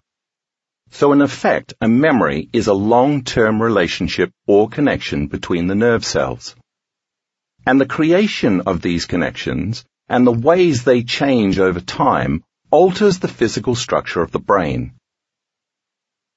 As the brain makes these changes, our thoughts produce a blend of various chemicals called neurotransmitters. Serotonin, dopamine, and acetylcholine are a few examples you may recognize. When we think thoughts, neurotransmitters at one branch of one neuron tree cross the synaptic gap to reach the root of another neuron tree. Once they cross that gap, the neuron fires with an electrical bolt of information. When we continue thinking the same thoughts, the neuron keeps firing in the same ways, strengthening the relationship between the two cells so that they can more readily convey a signal the next time those neurons fire. As a result, the brain shows physical evidence that something was not only learned, but also remembered. This process of selective strengthening is called synaptic potentiation. When jungles of neurons fire in unison to support a new thought, an additional chemical, a protein, is created within the nerve cell and makes its way to the cell's center or nucleus, where it lands in the DNA. The protein then switches on several genes.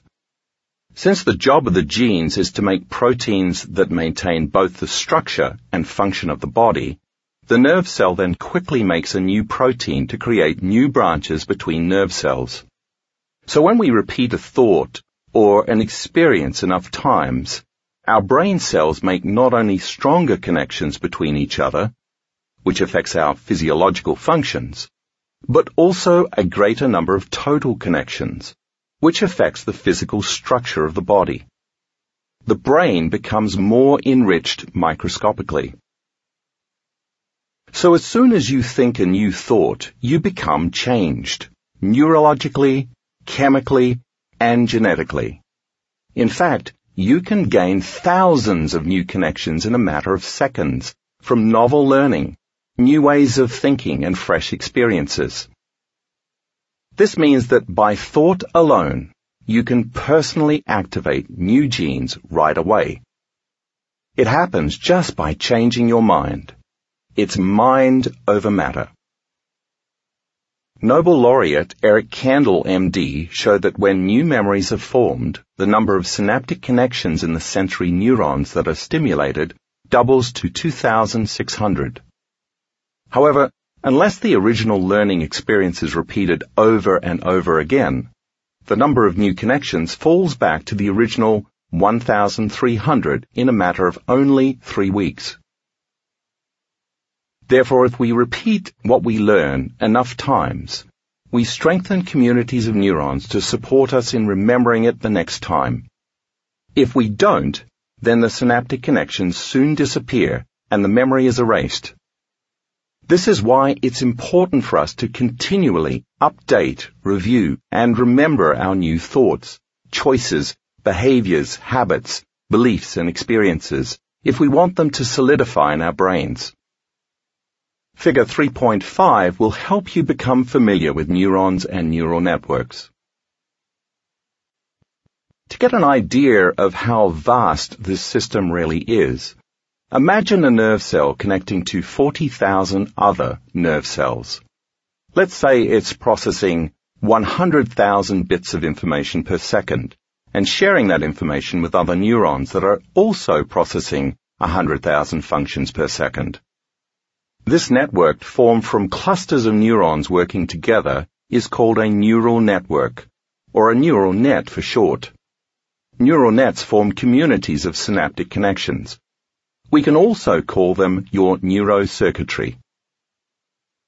So as there are physical changes in the nerve cells that make up your brain's grey matter, and as neurons are selected and instructed to organize themselves into these vast networks, capable of processing hundreds of millions of bits of information, the physical hardware of the brain also changes, adapting to the information it receives from the environment. In time as the networks converging and diverging propagations of electrical activity, like a crazy lightning storm in thick clouds, are repeatedly turned on, the brain will keep using the same hardware systems, the physical neural networks, but will also create a software program, an automatic neural network. That's how the programs are installed in the brain. The hardware creates the software, and the software system is embedded into the hardware. And every time the software is used, it reinforces the hardware. So when you're thinking the same thoughts and having the same feelings all the time because you're not learning or doing anything new, your brain is firing its neurons and activating the neural networks in exactly the same sequences, patterns and combinations. They become the automatic programs that you unconsciously use every day. You have an automatic neural network to speak a language, to shave your face or put on makeup, to type on the computer, to judge your coworker, and so on, because you've performed those actions so many times that they've become practically unconscious. You no longer have to consciously think about it. It's effortless. You've reinforced those circuits so often that they've become hardwired. The connections between neurons become more glued together. Additional circuits are formed and the branches actually expand and become physically thicker. Just as we might strengthen and reinforce a bridge, build a few new roads, or widen a freeway to accommodate more traffic. One of the most basic principles in neuroscience states, nerve cells that fire together wire together. As your brain fires repeatedly in the same manner, you're reproducing the same level of mind. According to neuroscience, mind is the brain in action, or at work. Thus we can say that if you're reminding yourself of who you think you are on a daily basis, by reproducing the same mind, you're making your brain fire in the same ways and you'll activate the same neural networks for years on end. By the time you reach your mid-30s, your brain has organized itself into a very finite signature of automatic programs. And that fixed pattern is called your identity. Think of it as a box inside your brain. There's no literal box inside your head, of course, but it's safe to say that thinking inside the box means you've physically hardwired your brain into a limited pattern as illustrated in figure 3.6. By reproducing the same level of mind over and over again, the most commonly fired, neurologically wired set of circuits has predetermined who you are as a result of your own volition. So our goal then needs to be thinking outside the box to make the brain fire in new ways, as figure 3.7 illustrates. That's what having an open mind means. Because whenever you make your brain work differently, you're literally changing your mind. Research shows that as we use our brains, they grow and change, thanks to neuroplasticity, the brain's ability to adapt and change when we learn new information. For example, the longer mathematicians study math, the more neural branches sprout in the area of the brain used for math. And after years of performing in symphonies and orchestras, professional musicians expand the part of their brains associated with language and musical abilities. The official scientific terms for how neuroplasticity works are pruning and sprouting, which means exactly what they sound like. Getting rid of some neural connections, patterns and circuits, and creating new ones. In a well-functioning brain, this process can happen in a matter of seconds.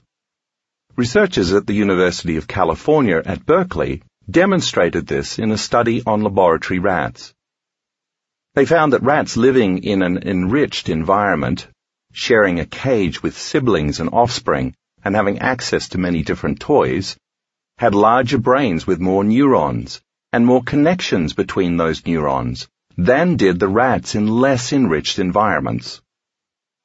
Again, when we learn new things and have new experiences, we're literally changing our brains. To break free from the chains of hardwired programming and the conditioning that keeps you the same takes considerable effort. It also requires knowledge, because when you learn vital information about yourself or your life, you stitch a whole new pattern into the three-dimensional embroidery of your own grey matter. Now you have more raw materials to make the brain work in new and different ways you begin to think about and perceive reality differently because you begin to see your life through the lens of a new mind. At this point, you can see that in order to change, you have to become conscious of your unconscious self, which you now know is just a set of hardwired programs. The hardest part about change is not making the same choices we made the day before. The reason it's so difficult is that the moment we no longer are thinking the same thoughts that lead to the same choices, which cause us to automatically act in habitual ways so that we can experience the same events in order to reaffirm the same emotions of our identity, we immediately feel uncomfortable. This new state of being is unfamiliar. It's unknown. It doesn't feel normal we don't feel like ourselves anymore. Because we're not ourselves, and because everything feels uncertain, we no longer can predict the feeling of the familiar self and how it's mirrored back to us in our lives. As uncomfortable as that may be at first, that's the moment we know we've stepped into the river of change. We've entered the unknown. The instant that we no longer are being our old selves, we have to cross a gap between the old self and the new self, which figure 3.8 clearly shows. In other words, we don't all just waltz into a new personality in a matter of moments. It takes time. Usually when people step into the river of change, that void between the old self and the new self is so uncomfortable that they immediately slip back into being their old selves again. They unconsciously think, this doesn't feel right. I'm uncomfortable or I don't feel so good. The moment they accept that thought or autosuggestion and become suggestible to their own thoughts, they will unconsciously make the same old choices again that will lead to the progression of the same habitual behaviors to create the same experiences that automatically endorse the same emotions and feelings. And then they say to themselves, this feels right. But what they really mean is that it feels familiar. Once we understand that crossing the river of change and feeling that discomfort is actually the biological, neurological, chemical, and even genetic death of the old self, we have power over change, and we can set our sights on the other side of the river. If we embrace the fact that change is the denaturing of the hardwired circuitry from years of unconsciously thinking the same way, we can cope.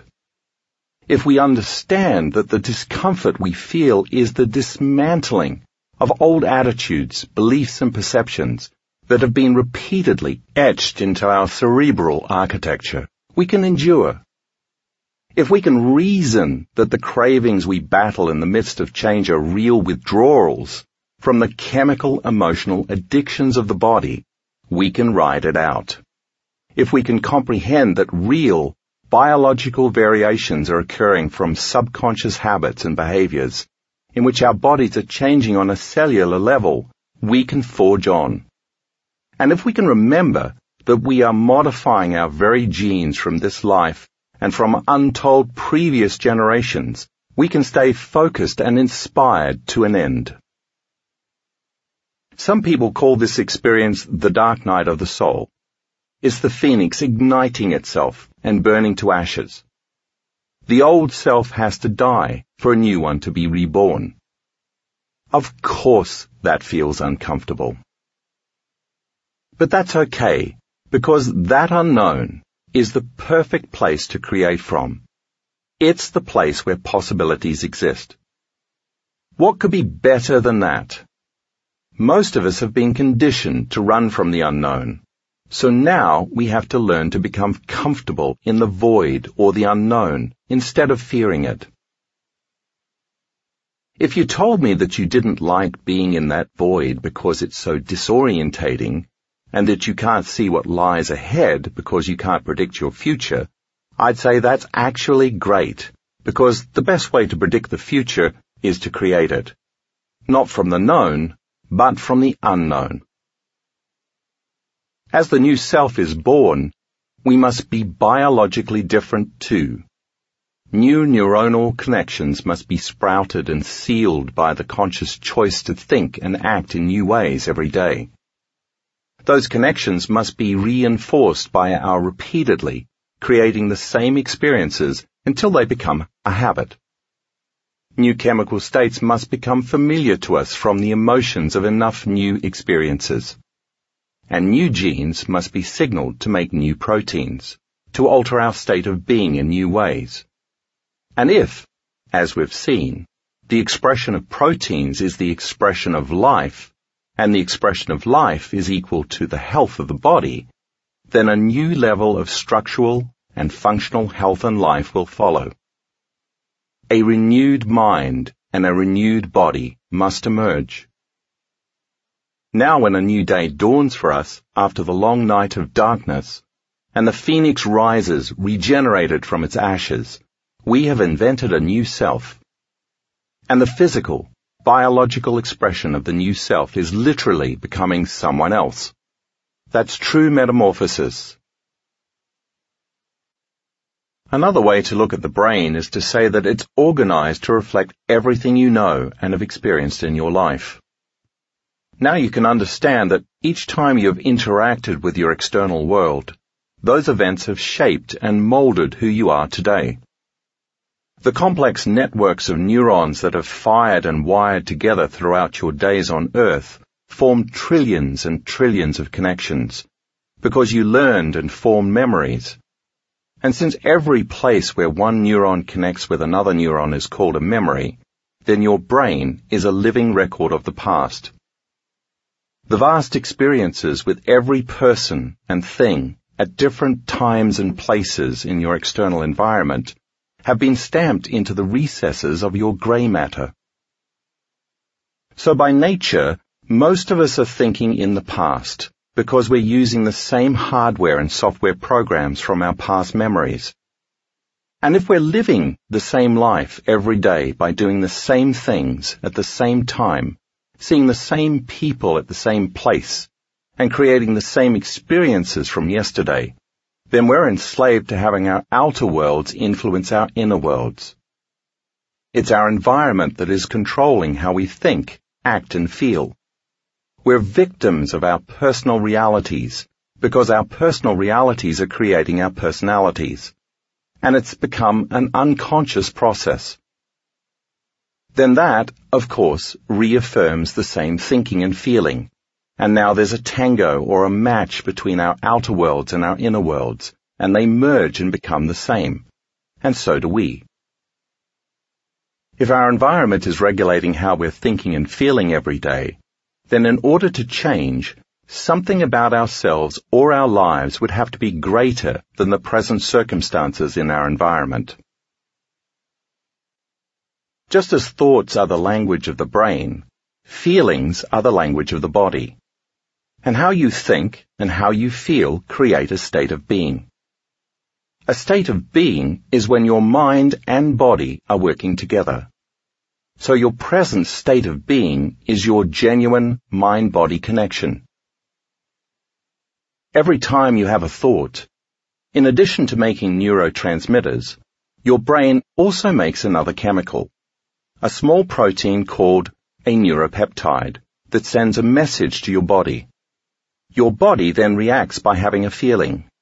The brain notices that the body is having a feeling so the brain generates another thought matched exactly to the feeling that will produce more of the same chemical messages that allow you to think the way you are just feeling. So thinking creates feeling, and then feeling creates thinking that's equal to those feelings. It's a loop, one that for most people can go on for years. And because the brain acts on the body's feelings by generating the same thoughts that will produce the same emotions, it becomes clear that redundant thoughts hardwire your brain into a fixed pattern of neurocircuitry. But what happens in the body? Because feelings are the modus operandi of the body, the emotions you continually feel, based on your automatic thinking, will condition the body to memorize those emotions that are equal to the unconscious hardwired mind and brain. That means that the conscious mind isn't really in charge. The body has subconsciously been programmed and conditioned in a very real way to become its own mind. Eventually, when this loop of thinking and feeling and then feeling and thinking has been operating long enough, our bodies memorize the emotions that our brains have signaled our bodies to feel. The cycle becomes so established and ingrained that it creates a familiar state of being one based on old information that keeps recycling. Those emotions, which are nothing more than chemical records of past experiences, are driving our thoughts and are being played out over and over again. As long as this continues, we're living in the past.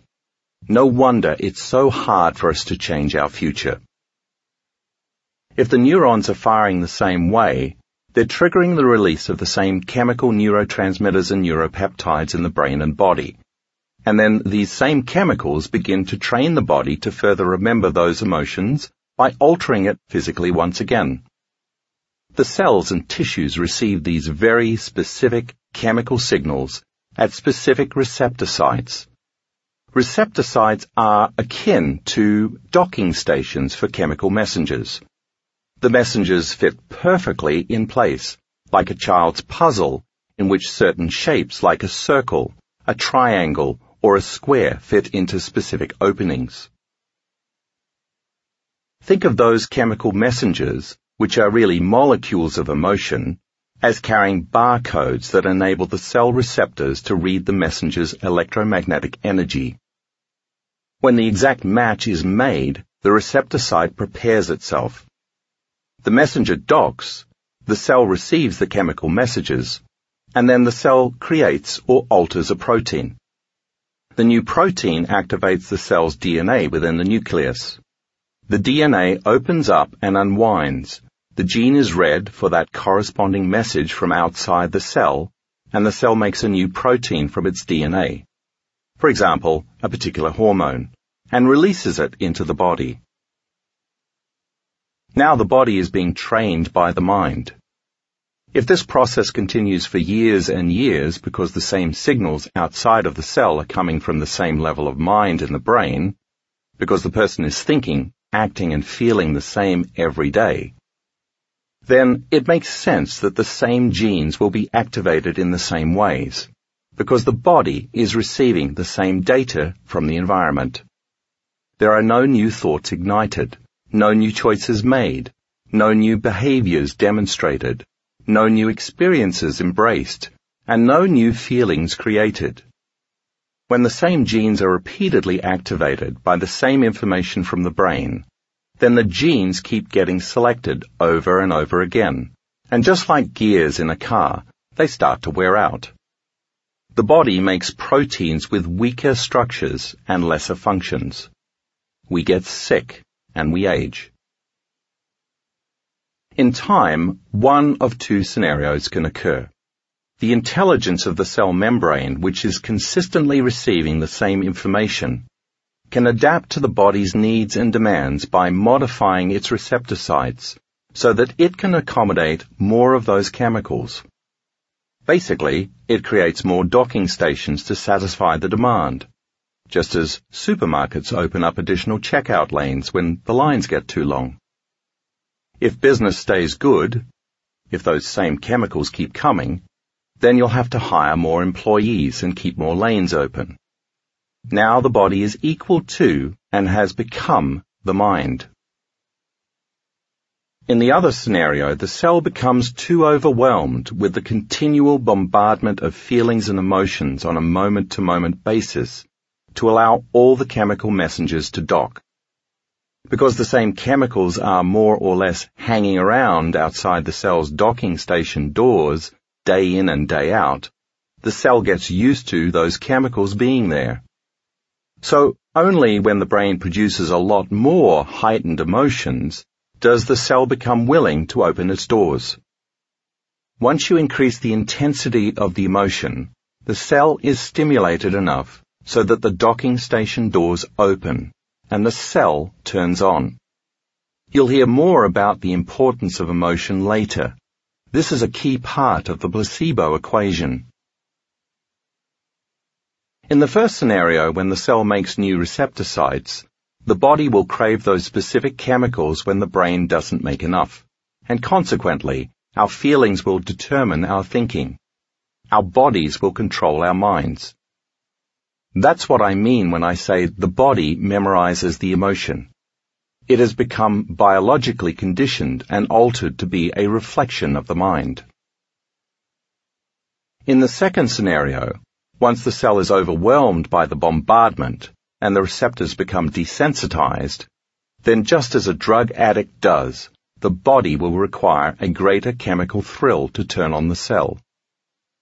In other words, in order for the body to become stimulated and get its fix, you need to get angrier, more worried, guiltier, or more confused than last time. So you might feel the need to start a bit of drama by yelling at your dog for no reason just to give the body its drug of choice. Or maybe you can't help talking about how much you despise your mother-in-law just so the body has even more chemicals available with enough strength to arouse the cell. Or you start obsessing about some horrible imagined outcome just so the body can get a rush of adrenal hormones. When the body isn't getting its emotional chemical needs met, it will signal the brain to make more of those chemicals. The body is controlling the mind. That sounds very much like an addiction. So now when I use the term emotional addiction, you'll understand what I mean. When feelings have become the means of thinking in this manner, or we can't think greater than how we feel, then we're in the program.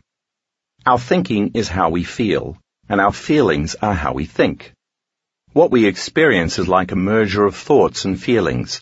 We're thinking or feeling.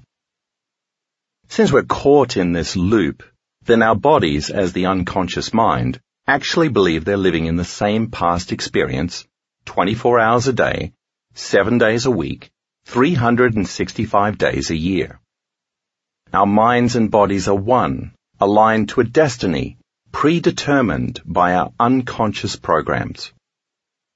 So to change requires being greater than the body and all its emotional memories, addictions, and unconscious habituations. That is, to no longer be defined by the body as the mind. The repetition of the cycle of thinking and feeling, and then feeling and thinking, is the conditioning process of the body that the conscious mind delivers. Once the body becomes the mind, that's called a habit. A habit is when your body is the mind. 95% of who you are by the time you're 35 years old is a set of memorized behaviors, skills, emotional reactions, beliefs, perceptions, and attitudes that functions like a subconscious automatic computer program. So 95% of who you are is a subconscious or even an unconscious state of being. And that means your conscious mind's 5% is working against the 95% of what you've memorized subconsciously.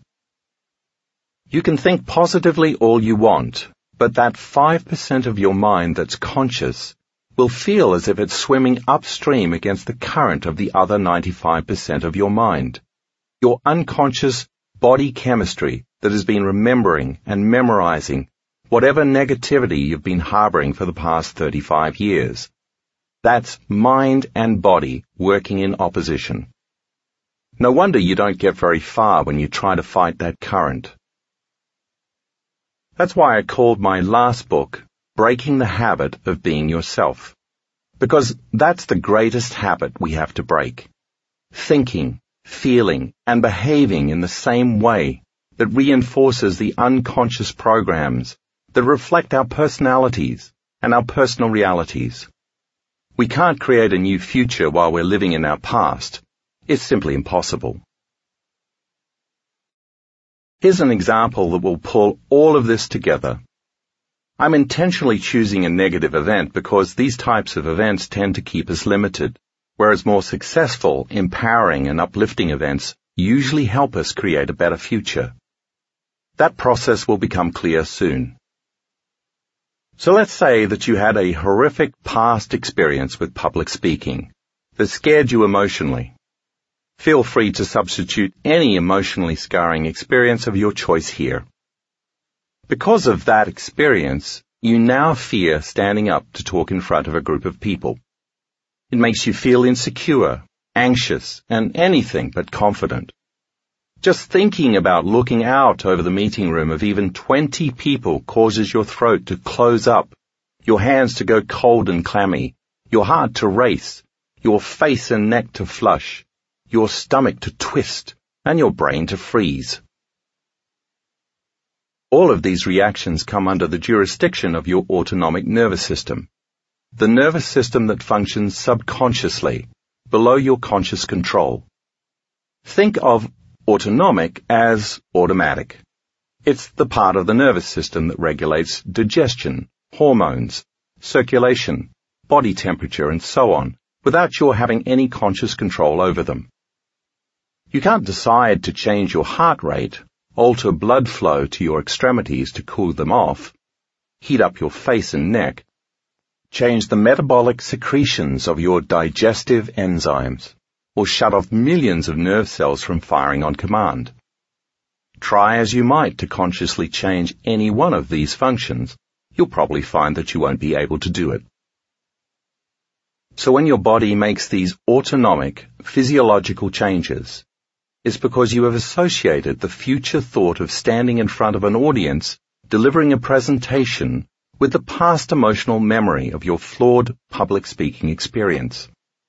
And when that future thought, idea, or possibility is consistently associated with the past feelings of anxiety, failure, or embarrassment, in time, the mind will condition the body to respond automatically to that feeling.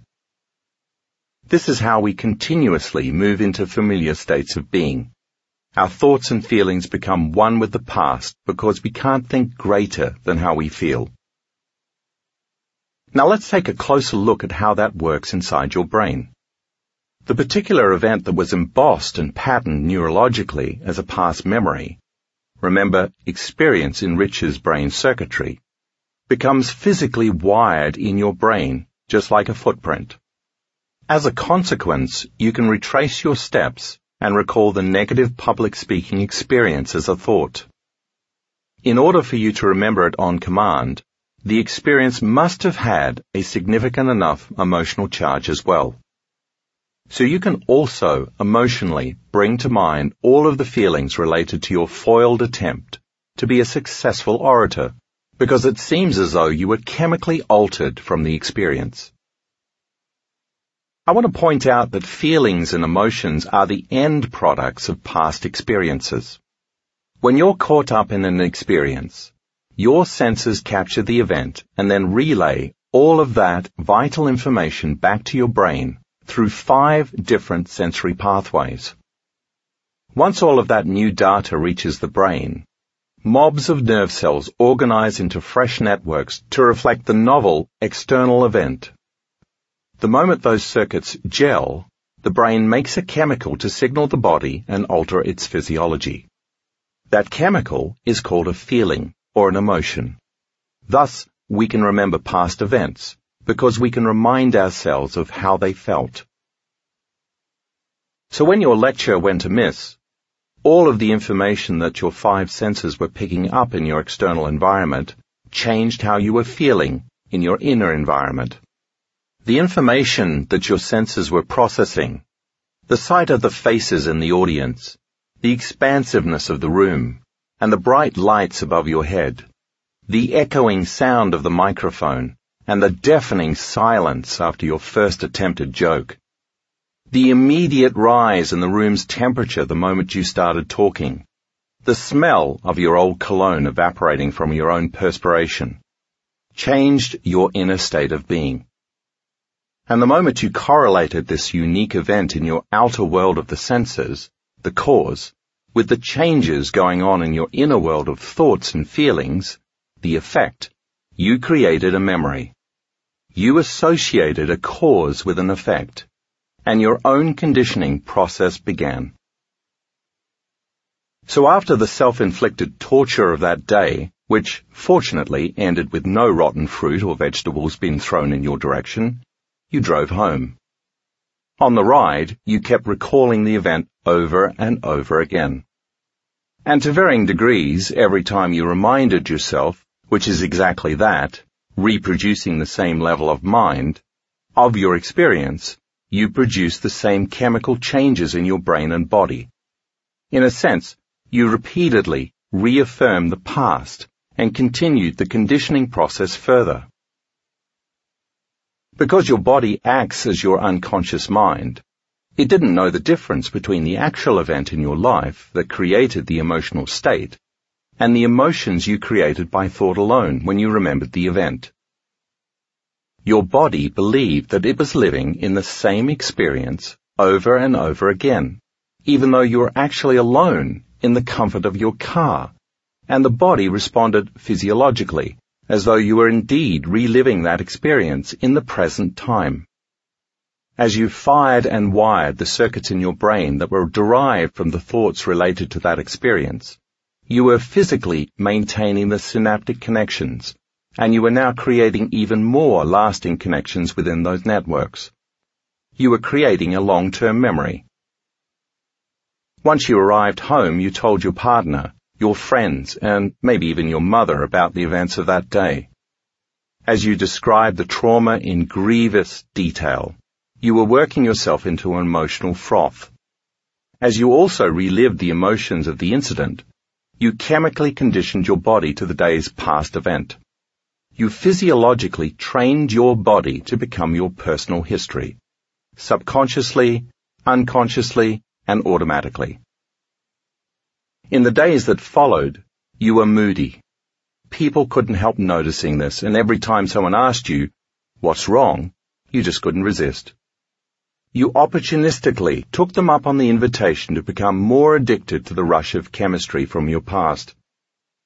The mood created from that experience was just one long emotional reaction, lasting for days. When weeks of feeling the same way every time you remembered the event turned into months, even years, it became a prolonged emotional reaction. It's now not only a part of your temperament, character, and nature, but also your personality. It's who you are. If someone else asks you to talk in front of a group again, you automatically cringe, shrink, and become anxious. Your external environment is controlling your internal environment, and you're unable to be greater than it. As you expect the thought that your future, a public speaking opening, will be more like the feeling of your past, unlivable torment, just like magic, your body as the mind automatically and subconsciously responds. Try as you might, it seems as if your conscious mind can gain no control over it. in a matter of seconds, a host of conditioned responses from your brain and body's own pharmacy manifest. Profuse sweating, dry mouth, weak knees, nausea, dizziness, shortness of breath, and uncontrollable fatigue. All from a single thought that changes your physiology. Sounds like the placebo to me. If you could, you'd turn down the opportunity to do the talk saying something like, I'm not a public speaker. I'm insecure in front of people. I'm a bad presenter, or I'm too afraid to talk in front of large audiences. Whenever you say, I am, insert your own words here, what you are declaring is that your mind and body are aligned to a future, or that your thoughts and feelings are one with your destiny. You're reinforcing a memorized state of being. If by chance you were then asked why you chose to be defined by your past, as well as your own limitation, I'm certain that you'd tell a story equal to your past memories and emotions, reaffirming yourself to be that way. You'd probably even embellish it a little. From a biological level, what you'd really be proclaiming is that you were altered physically, chemically and emotionally from that event several years ago and haven't changed much since then. You've chosen to be defined by your own limitation. In this example, one could say that you're enslaved by your body because it has now become the mind. You're trapped by the conditions in your environment because the experience of people and things at a certain place and time are influencing how you think, act, and feel. And you're lost in time because by living in the past, and anticipating the same future, your mind and body are never in the present moment. So, in order to change your current state of being, you'd have to be greater than these three elements, your body, your environment, and time. So then thinking back to the beginning of this chapter, where you read that the placebo is created from three elements, conditioning, expectation, and meaning, you can now see that you are your own placebo. Why? Because all three elements come into play in the previous example. First, like a talented animal trainer, you've conditioned your body into a subconscious state of being, where mind and body are one. Your thoughts and feelings have merged and your body has now been programmed to automatically, biologically, and physiologically be the mind by thought alone. And any time a stimulus from your external environment is presented to you, like an opportunity to teach, you've conditioned your body just as Pavlov conditioned his dogs, to subconsciously and automatically respond to the mind of the past experience. Since most of the placebo studies show that a single thought could activate the body's autonomic nervous system and produce significant physiological changes, then you're regulating your internal world by simply associating a thought with an emotion. All of your subconscious, autonomic systems are being reinforced neurochemically by the familiar feelings and bodily sensations related to your fear, and your biology perfectly reflects it. Second, if your expectation is that your future will be like your past, then you are not only thinking in the past, but also selecting a known future based only on your past and emotionally embracing that event until your body, as the unconscious mind, believes that it's living in that future in the present moment. All of your attention is on a known, predictable reality, which causes you to limit any new choices, behaviors, experiences, and emotions. You're unconsciously forecasting your future by physiologically clinging to the past. Third, if you assign meaning or conscious intention to an action, the result is amplified. What you're telling yourself on a daily basis, in this case that you're not a good speaker, and that public speaking elicits a panic reaction, is what has meaning to you. you've become susceptible to your own auto-suggestions. And if your present knowledge is based on your own conclusions from past experiences, then without any new knowledge, you'll always keep creating the outcome that's equal to your mind. Change your meaning and change your intention, and just as the hotel maids in the study from the last chapter did, you change the results. So whether you've been trying to effect positive change to create a new state of being, or you've been running on autopilot and staying stuck in the same old state of being, the truth is that you've always been your own placebo. Chapter 4 The Placebo Effect in the Body On a crisp September day in 1981, a group of eight men in their 70s and 80s climbed into a few vans headed two hours north of Boston to a monastery in Peterborough, New Hampshire. The men were about to take part in a five-day retreat where they were asked to pretend that they were young again, or at least 22 years younger than they were at the time. The retreat was organized by a team of researchers headed by Harvard psychologist Ellen Langer, PhD, who would take another group of eight elderly men to the same place the following week. The men in the second group, the control group, were asked to actively reminisce about being 22 years younger, but not to pretend that they weren't their current age. When the first group of men arrived at the monastery, they found themselves surrounded by all sorts of environmental cues to help them recreate an earlier age. They flipped through old issues of Life and the Saturday Evening Post. They watched movies and television shows popular in 1959. And they listened to recordings of Perry Como and Nat King Cole on the radio. They also talked about current events, such as Fidel Castro's rise to power in Cuba, Russian Premier Nikita Khrushchev's visit to the United States, and even the feats of baseball star Mickey Mantle and boxing great Floyd Patterson. All of these elements were cleverly designed to help the men imagine that they were really 22 years younger. After each five-day retreat, the researchers took several measurements and compared them to those they'd taken before the start of the study. The bodies of the men from both groups were physiologically younger, structurally as well as functionally. Although those in the first study group, who pretended they were younger, improved significantly more than the control group, who'd merely reminisced. The researchers discovered improvements in height, weight, and gait. The men grew taller as their posture straightened, and their joints became more flexible, and their fingers lengthened as their arthritis diminished. Their eyesight and hearing got better, their grip strength improved.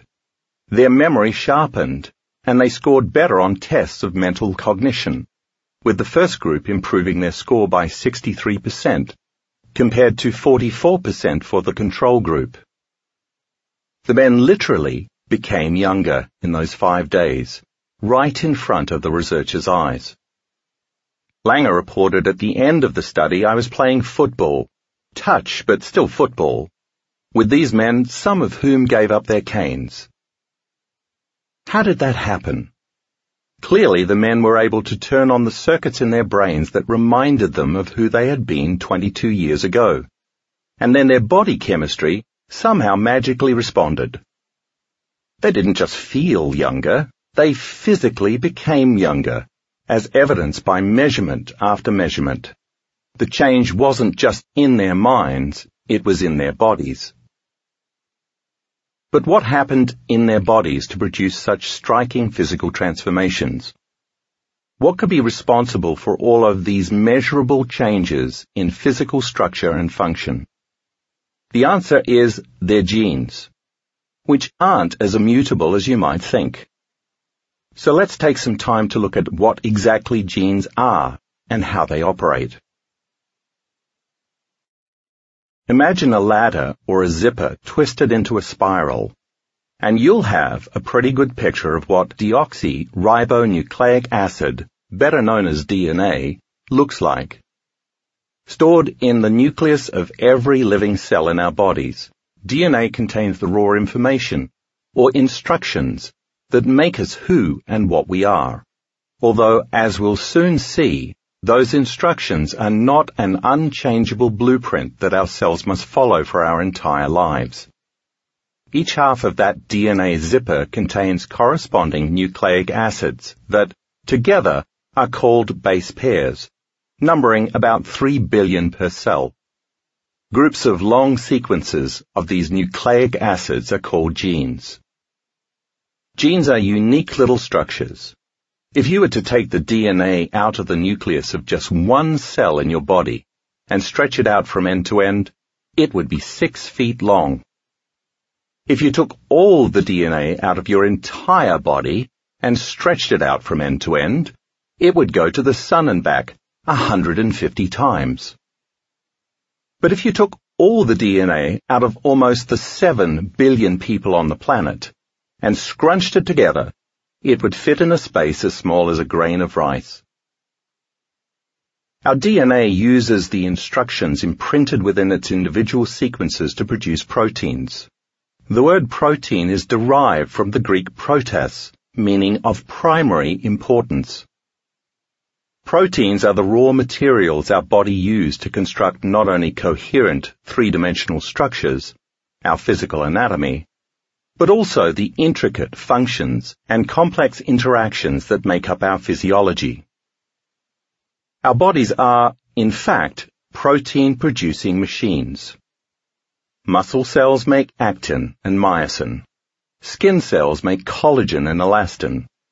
Immune cells make antibodies Thyroid cells make thyroxin. Certain eye cells make keratin. Bone marrow cells make hemoglobin. And pancreatic cells make enzymes like protease, lipase, and amylase. All of the elements that these cells manufacture are proteins.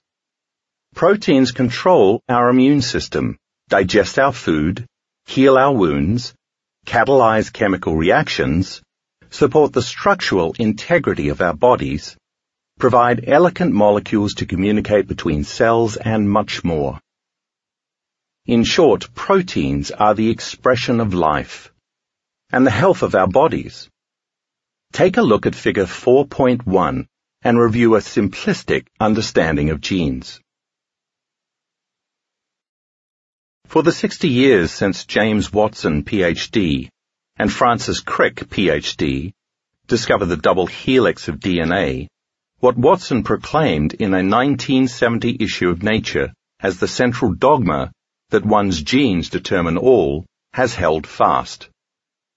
As contradictory evidence popped up here and there, researchers tended to dismiss it as a mere anomaly within a complex system. Some 40 odd years later, the genetic determinism concept still reigns in the general public's mind. Most people believe the common misconception that our genetic destiny is predetermined, and that if we have inherited the genes for certain cancers, heart disease, diabetes, or any number of other conditions, we have no more control over that than we do our eye color or the shapes of our noses, notwithstanding contact lenses and plastic surgery. The news media reinforce this by repeatedly suggesting that specific genes cause this condition or that disease. They've programmed us into believing that we're victims of our biology and that our genes have the ultimate power over our health, our well-being, and our personalities. And even that our genes dictate our human affairs, determine our interpersonal relationships, and forecast our future. But are we who we are, and do we do what we do because we're born that way? This concept implies that genetic determinism is deeply entrenched in our culture, and that there are genes for schizophrenia, genes for homosexuality, genes for leadership, and so on. These are all dated beliefs built on yesterday's news. First of all, there's no gene for dyslexia, or ADD, or alcoholism, for example. So not every health condition or physical variation is associated with a gene. And fewer than 5% of people on the planet are born with some genetic condition, like type 1 diabetes, Down syndrome, or sickle cell anemia. The other 95% of us who develop such a condition acquire it through lifestyle and behaviors. The flip side is also true. Not everyone born with the genes associated with the condition, say Alzheimer's or breast cancer, ends up getting that. It's not as though our genes are eggs that will ultimately hatch someday. That's just not the way it works.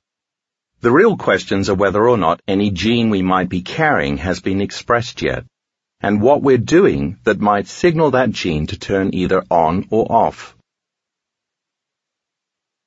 A huge shift in the way we look at genes came when scientists finally mapped the human genome. In 1990, at the beginning of the project, the researchers expected they'd eventually discover that we have 140,000 different genes.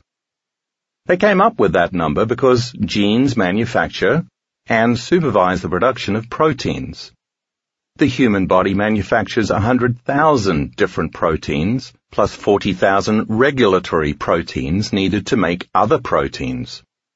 So the scientists mapping the human genome were anticipating that they'd find one gene per protein. But by the end of the project in 2003, they were shocked to discover that in fact, humans have only 23,000 688 genes. From the perspective of Watson's central dogma, that's not only not enough genes to create our complex bodies and keep them running, but also not even enough genes to keep the brain functioning. So, if it's not contained in the genes, where does all the information come from that's required to create so many proteins and sustain life? The answer to that question led to a new idea. Genes must work together in systemic cooperation with one another, so that many are expressed, turned on, or suppressed, turned off, at the same time within the cell. It's the combination of the genes that are turned on at any one time that produces all the different proteins we depend on for life.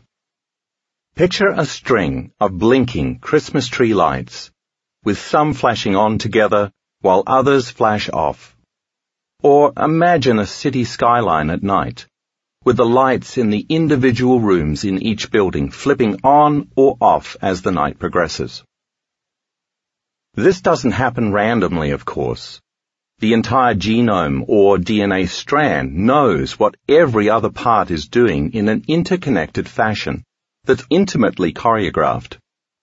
Every atom, molecule, cell, tissue, and system of the body functions at a level of energetic coherence, equal to the intentional or unintentional, conscious or unconscious, state of being of the individual personality.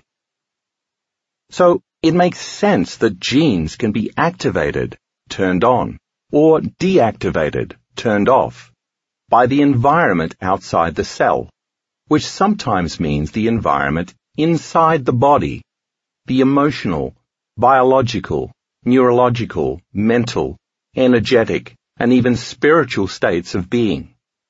And at other times means the environment outside the body, trauma, temperature, altitude, toxins, bacteria, viruses, food, alcohol, and so on. Genes are, in fact, classified by the type of stimulus that turns them on and off. For example, experience-dependent or activity-dependent genes are activated when we're having novel experiences, learning new information and healing. These genes generate protein synthesis and chemical messengers to instruct stem cells to morph into whatever types of cells are needed at the time for healing. More about stem cells and their role in healing will be coming up soon. Behavioral state dependent genes are activated during periods of high emotional arousal, stress, or different levels of awareness, including dreaming. They provide a link between our thoughts and our bodies. That is, they're the mind-body connection.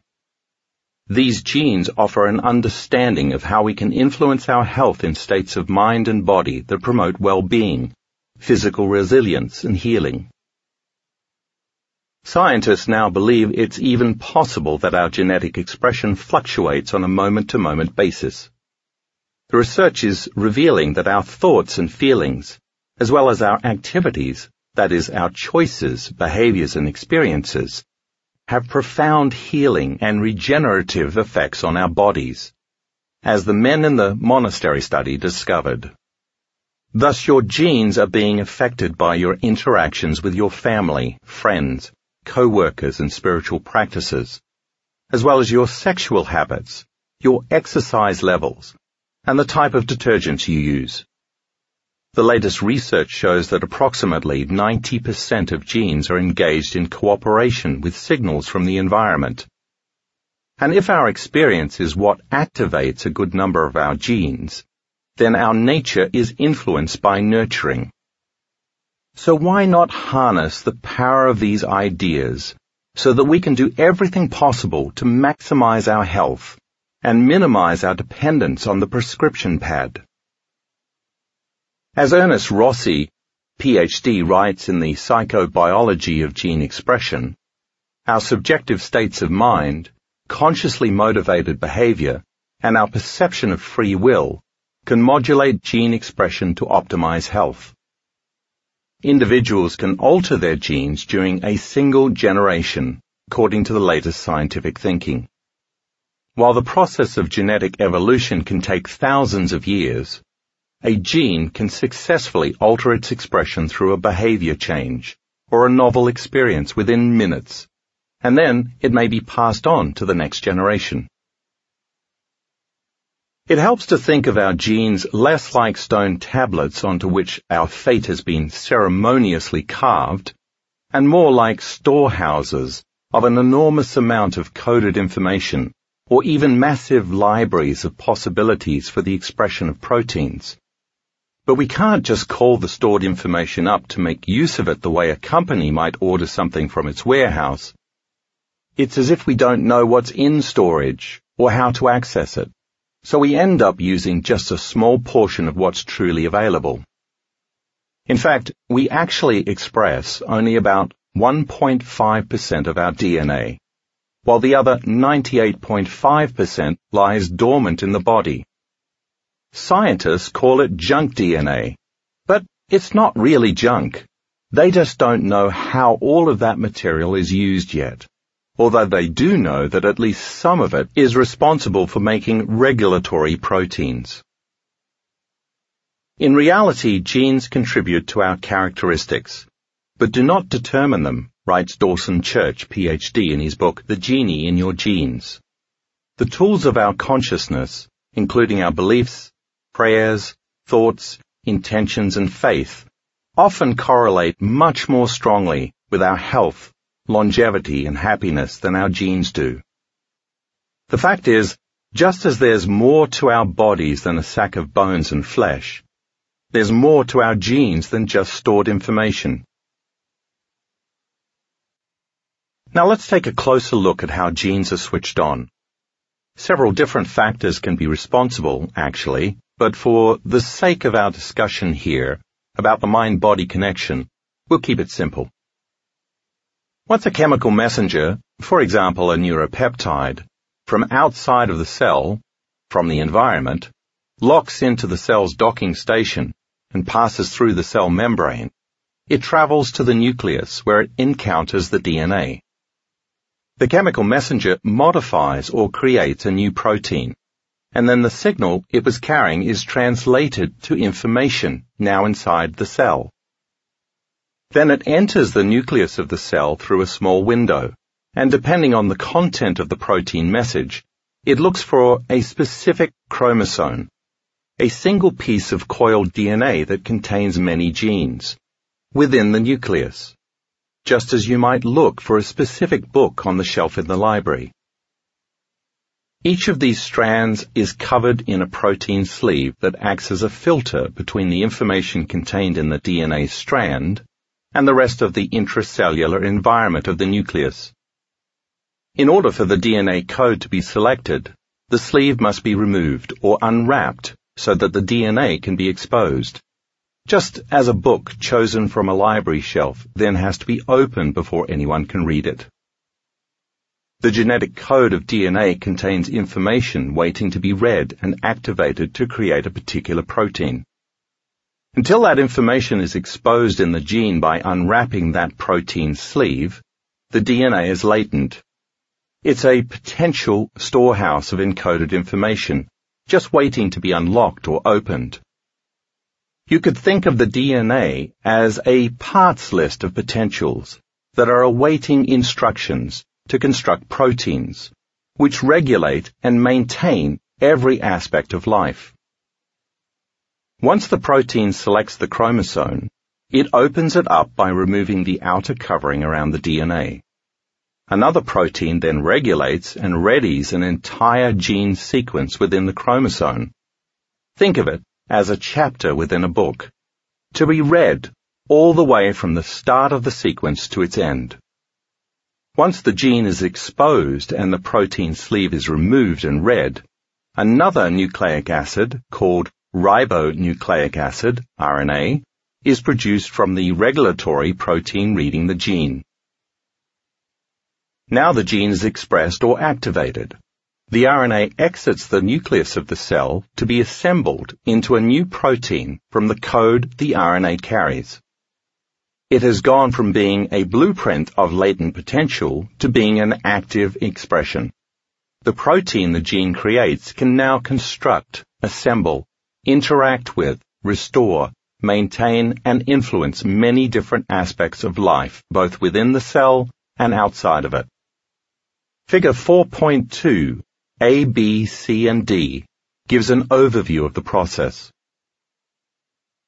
Just as an architect gets all the information that's necessary to build a structure from a blueprint, the body gets all the instructions it needs to create complex molecules that keep us alive and operating from the chromosomes of our DNA.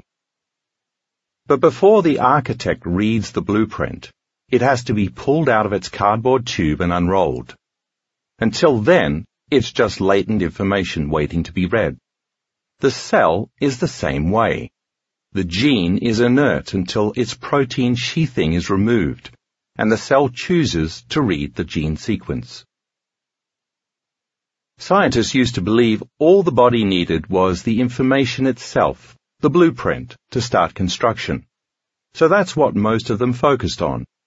They paid little attention to the fact that the whole cascade of events starts with the signal outside of the cell, which is, in fact, responsible for what genes within its library the cell chooses to read. That signal, as we now know, includes thoughts, choices, behaviors, experiences, and feelings. So it makes sense that if you can change these elements, you can also determine your genetic expression. If our genes don't seal our fate, and if they actually contain an enormous library of possibilities just waiting to be taken off the shelf and read, then what gives us access to those potentials? Potentials that could have a huge effect on our health and well-being. The men in the monastery study surely gained such access, but how did they do it? The answer lies in a relatively new field of study called epigenetics. The word epigenetics literally means above the gene. It refers to the control of genes not from within the DNA itself, but from messages coming from outside the cell. In other words, from the environment. These signals cause a methyl group, one carbon atom attached to three hydrogen atoms, to attach to a specific spot on a gene. And this process, called DNA methylation, is one of the main processes that turns the gene off or on. Two other processes, covalent histone modification and non-coding RNA, also turn genes on and off, but the details of those processes are more than we need for this discussion. Epigenetics teaches that we, indeed, are not doomed by our genes, and that a change in human consciousness can produce physical changes, both in structure and function in the human body. We can modify our genetic destiny by turning on the genes we want and turning off the ones we don't want through working with the various factors in the environment that program our genes. Some of those signals come from within the body, such as feelings and thoughts, while others come from the body's response to the external environment, such as pollution or sunlight. Epigenetics studies all of these external signals that tell the cell what to do and when to do it, looking at both the sources that activate or turn on gene expression, upregulating, and those that suppress or turn off gene expression, downregulating, as well as the dynamics of energy that adjust the process of cellular function on a moment-to-moment basis. Epigenetics suggests that even though our DNA code never changes, thousands of combinations, sequences and pattern variations in a single gene are possible, just as thousands of combinations, sequences and patterns of neural networks are possible in the brain. Looking at the entire human genome, so many millions of possible epigenetic variations exist that scientists find their heads spinning just thinking about it. The Human Epigenome Project, begun in 2003, as the Human Genome Project grew to a close, is underway in Europe, and some researchers have said that when it's completed, it will make the Human Genome Project look like homework that 15th century kids did with an abacus. Going back to the blueprint model, we can change the color of what we build, the type of materials we use, the scale of the construction, and even the positioning of the structure, making an almost infinite number of variations, all without ever changing the actual blueprint. A great example of epigenetics at work involves identical twins who share exactly the same DNA. If we embrace the idea of genetic predeterminism, the idea that all diseases are genetic, then identical twins should have exactly the same gene expression. However, they don't always manifest the same illnesses in the same way. And sometimes one will manifest a genetic disease that the other doesn't manifest at all. Twins can have the same genes, but different outcomes. A Spanish study illustrates this perfectly. Researchers at the Cancer Epigenetics Laboratory at the Spanish National Cancer Center in Madrid studied 40 pairs of identical twins, ranging in age from 3 to 74. They found that younger twins who had similar lifestyles and spent more years together had similar epigenetic patterns, while older twins, in particular those with dissimilar lifestyles, who spent fewer years together had very different epigenetic patterns. For example, researchers found four times as many differentially expressed genes between one pair of 50-year-old twins as they did between a pair of three-year-old twins. The twins were born with exactly the same DNA, but those with different lifestyles and different lives ended up expressing their genes very differently, especially as time went on. To use another analogy, the older twin pairs were like exact copies of the same model of a computer. The computers came loaded with some similar starter software, but as time went on, each downloaded very different additional software programs. The computer, the DNA, stays the same, but depending on what software a person has downloaded, the epigenetic variations, what the computer does and the way it operates can be quite different.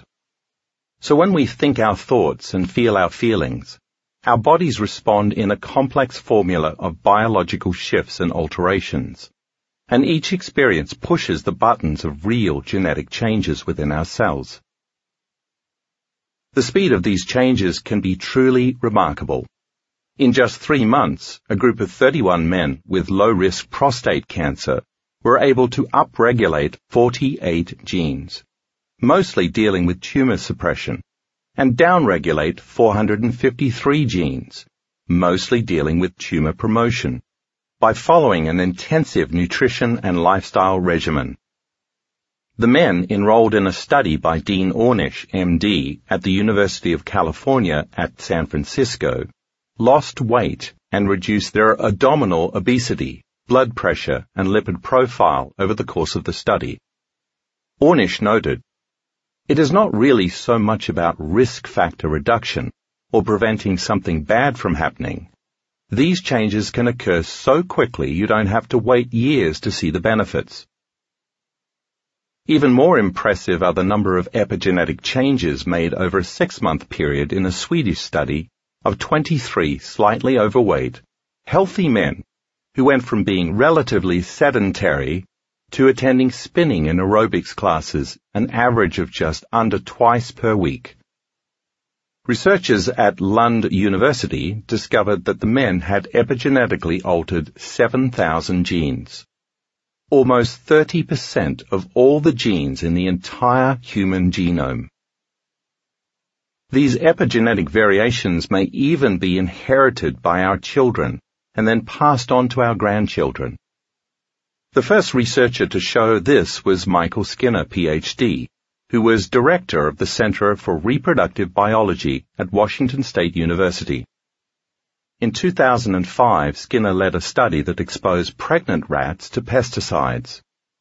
The male pups of the exposed mother rats had higher rates of infertility and decreased sperm production, with epigenetic changes in two genes. These changes were also present in about 90% of the males in each of the four generations that followed, even though none of these other rats were exposed to any pesticides. Our experiences from our external environment are only part of the story, however. As we've been learning, how we assign meaning to those experiences includes a barrage of physical, mental, emotional, and chemical responses that also activate genes. How we perceive and interpret the data we receive from our senses as factual information, whether that information is actually true or not, and the meaning we give it produce significant biological changes on a genetic level. Thus our genes interact with our conscious awareness in complex relationships. We could say that meaning is continually affecting the neural structures that influence who we are on the microscopic level, which then influences who we are on the macroscopic level. The study of epigenetics also raises the question, what if nothing is changing in your external environment?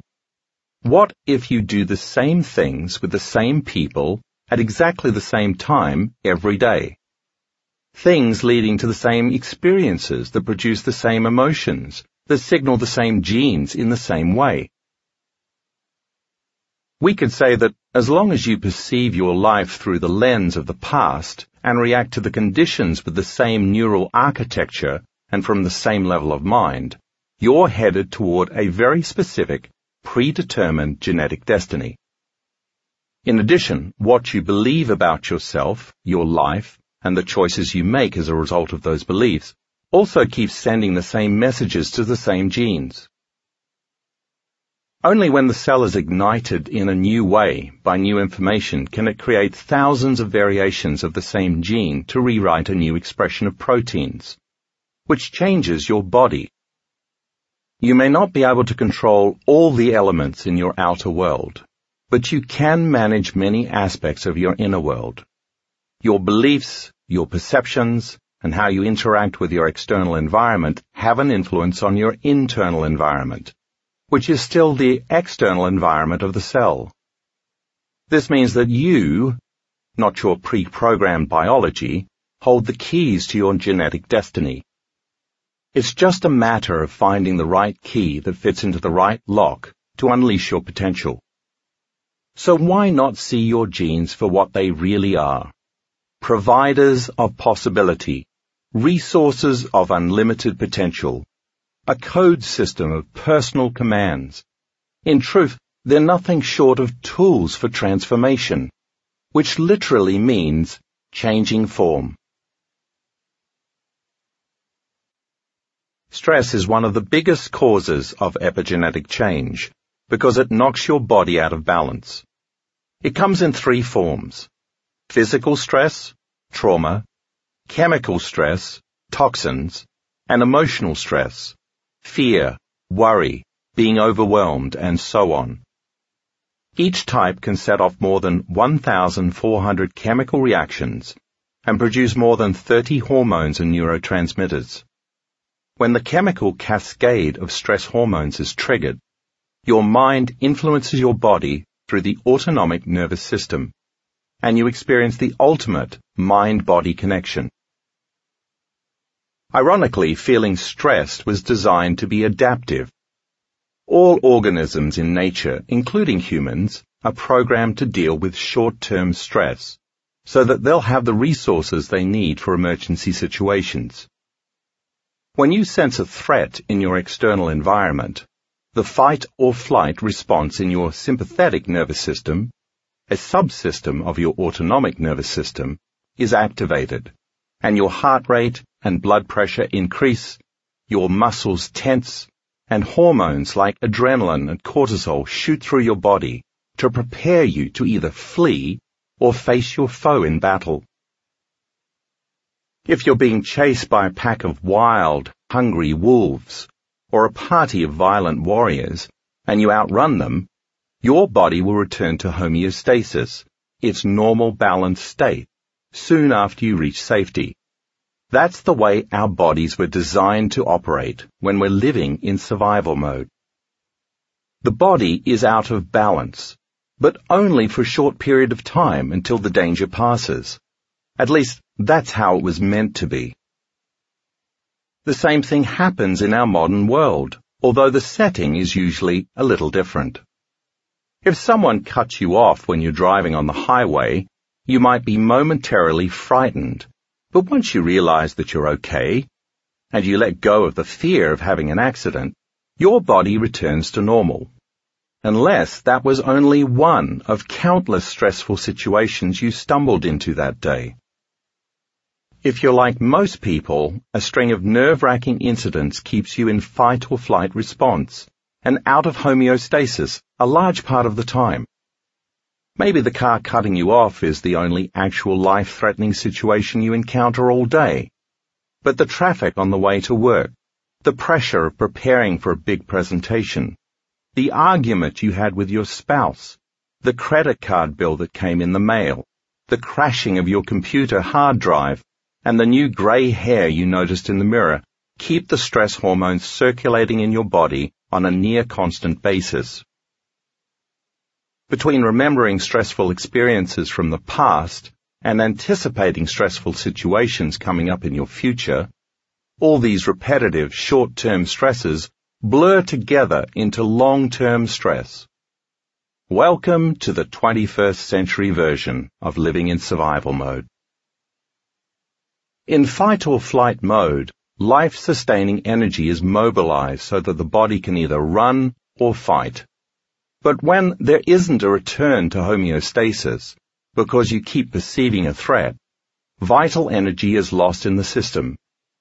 You have less energy in your internal environment for cell growth and repair, long-term building projects on a cellular level, and healing when that energy is being channeled elsewhere. The cells shut down. They no longer communicate with one another, and they become selfish. It's not time for routine maintenance, let alone for making improvements. It's time for defense. It's every cell for itself, so the collective community of cells working together becomes fractured. The immune and endocrine systems, among others, become weakened as genes in those related cells are compromised when informational signals from outside the cells are turned off.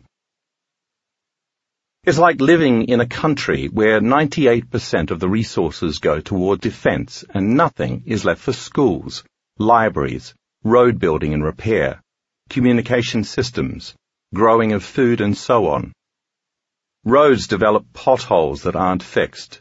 Schools suffer budget cuts, so students wind up learning less. Social welfare programs that took care of the poor and the elderly have to close down. and there's not enough food to feed the masses. Not surprisingly then, long-term stress has been linked to anxiety, depression, digestive problems, memory loss, insomnia, hypertension, heart disease, strokes, cancer, ulcers, rheumatoid arthritis, colds, flu, aging acceleration, allergies, body pain, chronic fatigue, infertility, impotence, asthma, hormonal issues, skin rashes, hair loss, muscle spasms and diabetes, to name just a few conditions, all of which, by the way, are the result of epigenetic changes. No organism in nature is designed to withstand the effects of long-term stress. Several studies give strong evidence to show how epigenetic instructions for healing shut down during emergencies. For example, researchers at the Ohio State University Medical Center found that more than 170 genes were affected by stress, with 100 of them shutting off completely, including many that directly make proteins to facilitate the proper type of wound healing. The researchers reported that wounds of stress patients took 40% longer to heal, and that stress tilted the genomic balance towards genes that were encoding proteins responsible for cell cycle arrest, death, and inflammation. Another study examined the genes of 100 citizens of Detroit, zeroed in on 23 subjects who were suffering from post-traumatic stress disorder. These people had six to seven times more epigenetic variations, most of which involved compromising the immune system. Researchers at the UCLA AIDS Institute found that not only did HIV spread faster in patients who were the most stressed, but also the higher a patient's stress level, the less he or she responded to the antiretroviral drugs. The drugs worked four times better for those patients who were relatively calm, compared to those whose blood pressure, skin moisture, and resting heart rate indicated that they were feeling the most stress. Based on these findings, researchers concluded that the nervous system has a direct effect on viral replication. Although the fight or flight response was originally highly adaptive, because it kept early humans alive, it's now clear that the longer that survival system is constantly activated, the longer your body shunts its resources for creating optimal health, so the system becomes maladaptive. As we keep making stress hormones, we create a host of highly addictive negative emotions, including anger, hostility, aggression, competition, hatred, frustration, fear, anxiety, jealousy, insecurity, guilt, shame, sadness, depression, hopelessness, and powerlessness, just to name a few. When we focus on thoughts about bitter past memories, or imagine dreadful futures to the exclusion of everything else, we prevent the body from regaining homeostasis. In truth, we're capable of turning on the stress response by thought alone.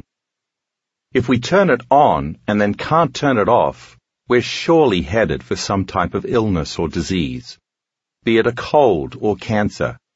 As more and more genes get downregulated in a domino effect until we eventually arrive at our genetic destiny. For example, if we can anticipate a possible known future scenario and then focus on that thought to the exclusion of everything else, even for just one moment, the body will physiologically begin to change in order to prepare itself for that future event. The body is now living in that known future in the present moment. As a consequence of this phenomenon, the conditioning process begins to activate the autonomic nervous system, and it creates the corresponding stress chemicals automatically this is how the mind-body connection can work against us. When this happens, we are demonstrating the three elements of the placebo effect in perfect symmetry.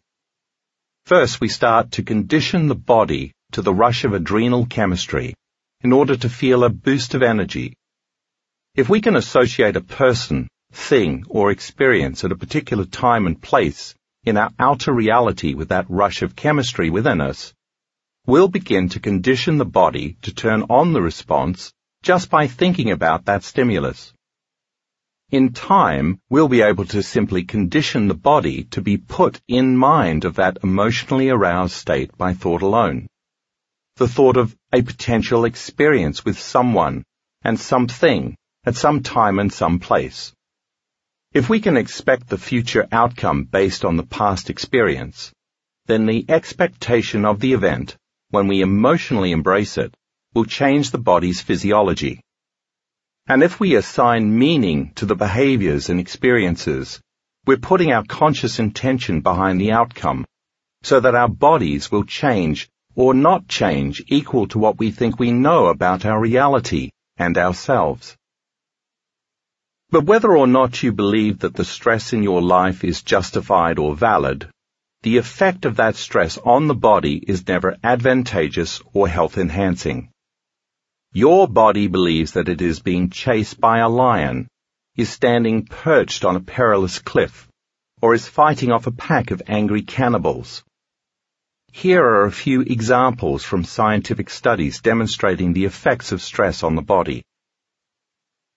Researchers at the Ohio State University College of Medicine confirmed that stressful emotions trigger hormonal and genetic responses by measuring how stress affects the speed of healing minor skin wounds, a significant marker of gene activation.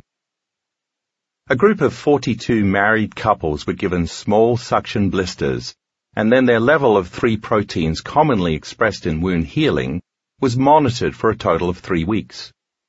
The couples were asked to have a neutral discussion for half an hour as a baseline, and then, later, to talk about a previous marital argument.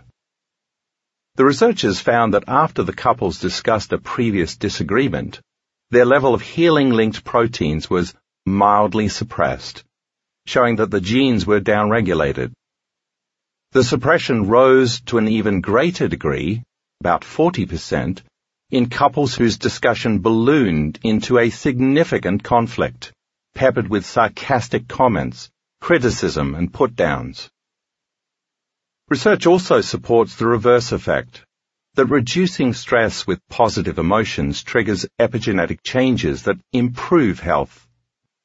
Two key studies by researchers at the Benson Henry Institute for Mind-Body Medicine, Massachusetts General Hospital in Boston, looked at the effects of meditation, which is known for eliciting peaceful and even blissful states on gene expression. In the first study, conducted in 2008, 20 volunteers received eight weeks of training in various mind-body practices, including several types of meditation, yoga, and repetitive prayer, known to induce the relaxation response, a physiological state of deep rest, discussed in Chapter 2. The researchers also followed 19 long-term daily practitioners of the same techniques. At the end of the study period, the novices showed a change in 1,561 genes, 874 upregulated for health, and 687 downregulated for stress, as well as reduced blood pressure and reduced heart and respiration rates while the experienced practitioners expressed 2,209 new genes. Most of the genetic changes involved improving the body's response to chronic psychological stress. The second study conducted in 2013 found that eliciting the relaxation response produces changes in gene expression after just one session of meditation among both novices and experienced practitioners alike with the long-term practitioners, not surprisingly, deriving more benefit.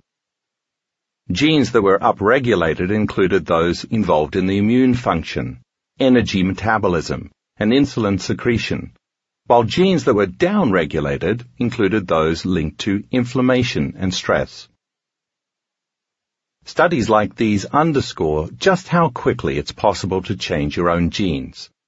That's why the placebo response can produce physical changes in a matter of moments. In my workshops around the world, my colleagues and I have witnessed significant and immediate changes in our participants' health after only one session of meditation.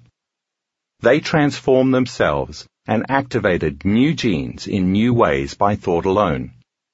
You'll be introduced to some of them soon. When we're living in survival mode, with our stress response turned on all the time, we can really focus on only three things. Our physical bodies, am I okay, the environment, where is it safe, and time, how long will this threat be hanging over me? Constantly focusing on these three things makes us less spiritual, less aware, and less mindful because it trains us to become more self-absorbed and more focused on our bodies, as well as on other material things, such as what we own, where we live, how much money we have, and so on, in addition to all of the problems we experience in our external world. This focus also trains us to obsess about time, to constantly brace ourselves for the worst case future scenarios, based on our traumatic past experiences. Because there's never enough time, and everything always takes too much time. So we could say that just as stress hormones cause the cells of the body to become selfish to ensure that we survive, they endorse our ego to become more selfish too. And we become materialists, defining reality with our senses we end up feeling separate from any new possibilities. Because when we never leave that state of chronic emergency, that me first mentality that pervades all our thinking strengthens and endures, leading us to become self-indulgent, self-serving and self-important. Ultimately, the self becomes defined as a body living in the environment and in time. As you have just read and now more fully understand, the reality is that you do indeed have some degree of control over your own genetic engineering by way of your thoughts, choices, behaviors, experiences, and emotions. Like Dorothy in The Wizard of Oz, who had the power she sought all along but didn't know it, you also possess a power that you may not have previously realized was yours the keys that can set you free of being chained to the limitations of your own genetic expression. Chapter 5 How Thoughts Change the Brain and the Body. Now you can understand that whether it's joyful or stressful, with every thought you think, every emotion you feel, and every event you experience, you're acting as an epigenetic engineer of your own cells. You control your destiny. So this raises another question. If your environment changes and you then program new genes in new ways, is it possible, based on your perceptions and beliefs, to program the gene ahead of the actual environment? Feelings and emotions are normally the end products of experiences but you can combine a clear intention with an emotion that begins to give the body a sampling of the future experience before it's been made manifest. When you're truly focused on an intention for some future outcome, if you can make inner thought more real than the outer environment during the process, the brain won't know the difference between the two. Then your body, as the unconscious mind, will begin to experience the new future event in the present moment. You'll signal new genes in new ways to prepare for this imagined future event. If you continue to mentally practice enough times this new series of choices, behaviors, and experiences that you desire, reproducing the same new level of mind over and over again, then your brain will begin to physically change. Installing new neurological circuitry to begin to think from that new level of mind, to look as if the experience has already happened. You'll be producing epigenetic variations that lead to real structural and functional changes in the body by thought alone, just as do those who respond to a placebo. Then your brain and body will no longer be living in the same past. They'll be living in the new future that you created in your mind. This is possible through mental rehearsal. This technique is basically closing your eyes and repeatedly imagining performing an action and mentally reviewing the future you want, all the while reminding yourself of who you no longer want to be, the old self, and who you do want to be. This process involves thinking about your future actions, mentally planning your choices, and focusing your mind on a new experience. Let's go over this sequence in greater detail so we can more thoroughly understand exactly what's happening in mental rehearsal and how it works. As you mentally rehearse a destiny or dream about a new outcome, you imagine it over and over again until it becomes familiar to you. The more knowledge and experience you have wired in your brain about the new reality you desire, the more resources you have to create a better model of it in your mental picturing and so the greater your intention and expectation are. As with the hotel maids, you are reminding yourself of what your life will look like and feel like once you get what you want. Now you are putting an intention behind your attention. Then you consciously marry your thoughts and intentions with a heightened state of emotion, such as joy or gratitude. More on heightened states of emotion is coming up. Once you can embrace that new emotion and you get more excited, you're bathing your body in the neurochemistry that would be present if that future event were actually happening.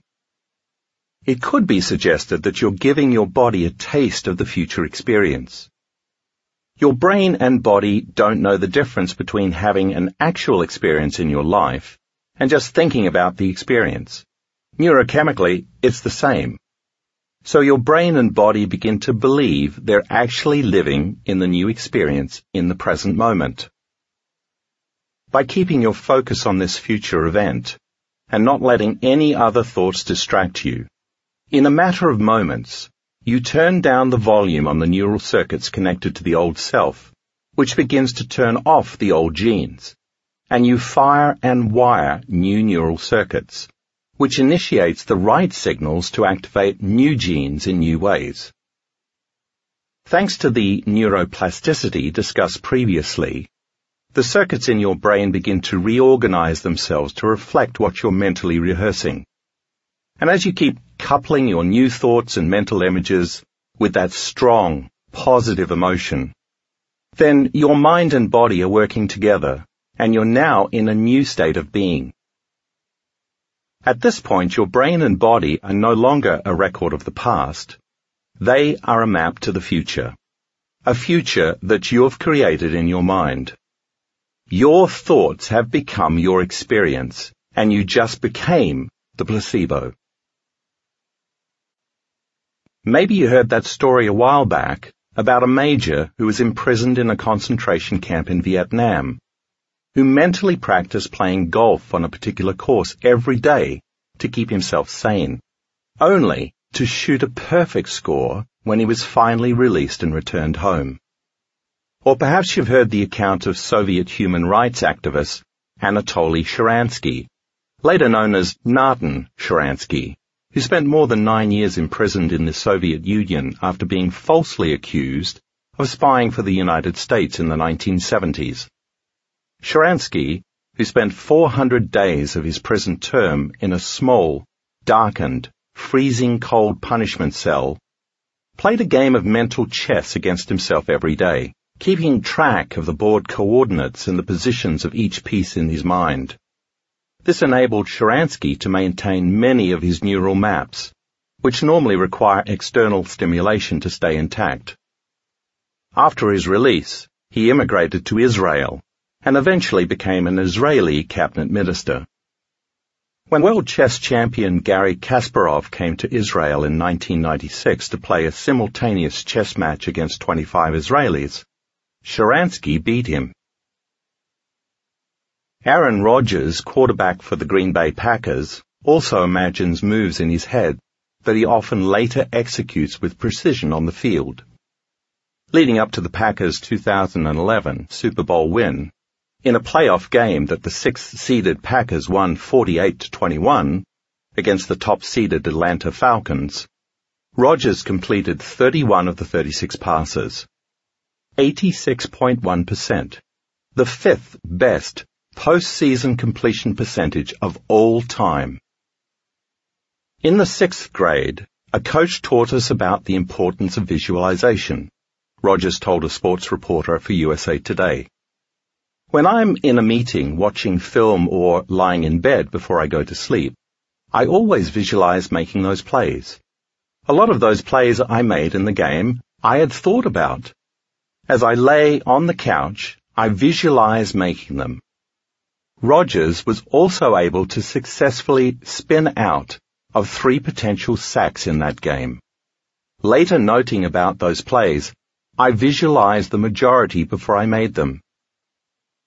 Countless other professional athletes have also used mental rehearsal to stunning effect, including golfer Tiger Woods, basketball stars Michael Jordan, Larry Bird and Jerry West, and baseball pitcher Roy Halladay.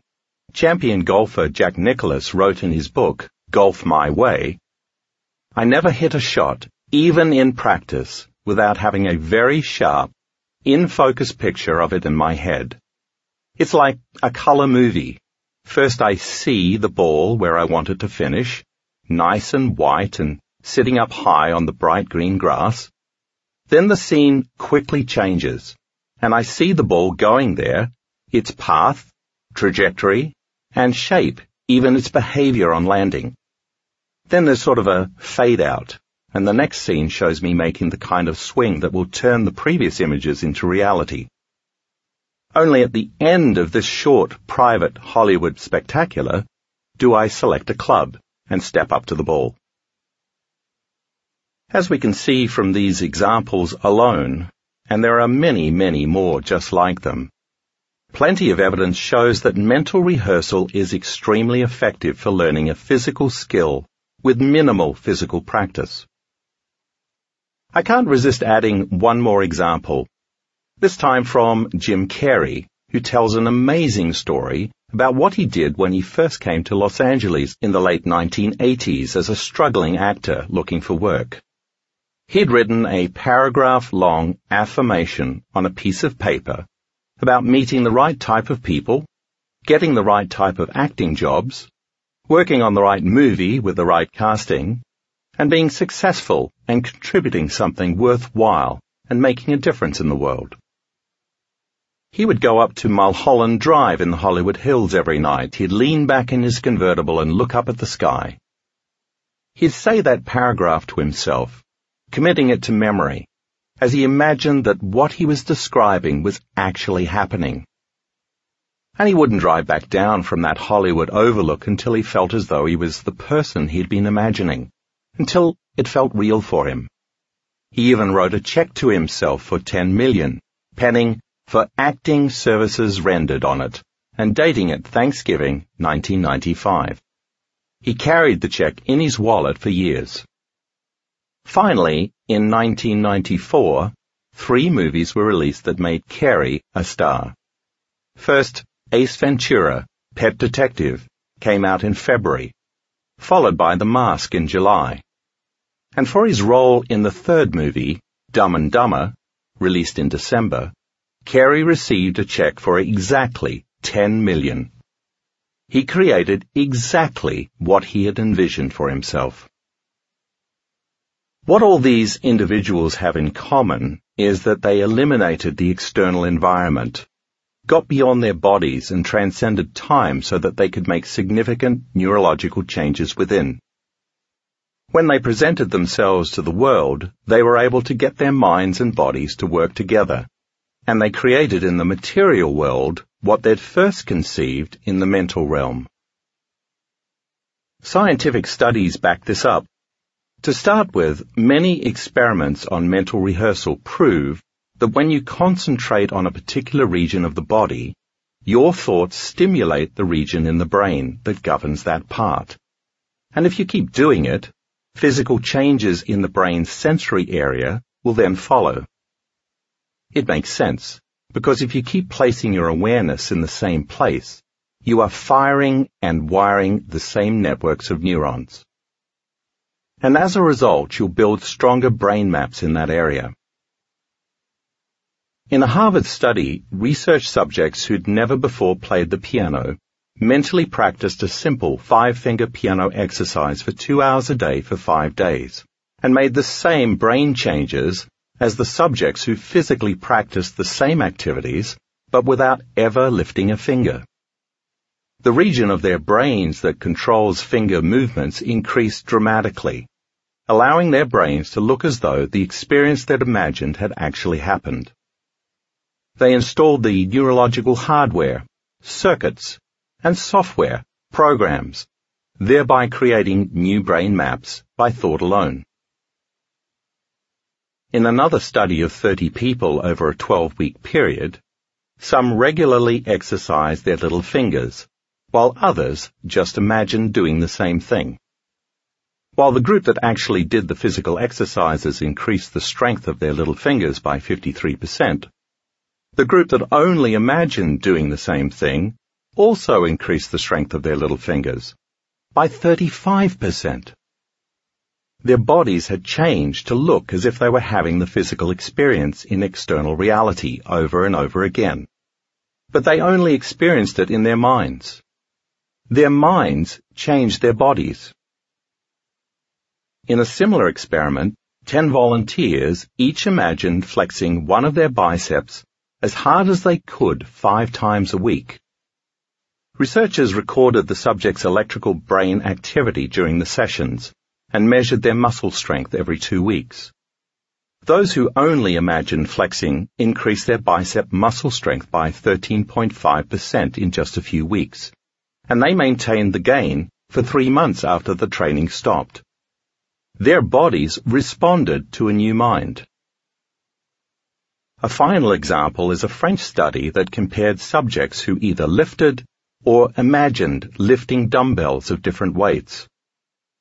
Those who imagined lifting heavier weights activated their muscles more than did those who imagined lifting lighter weights. In all three of these studies on mental rehearsal, the subjects were able to measurably increase their body strength using only their thoughts.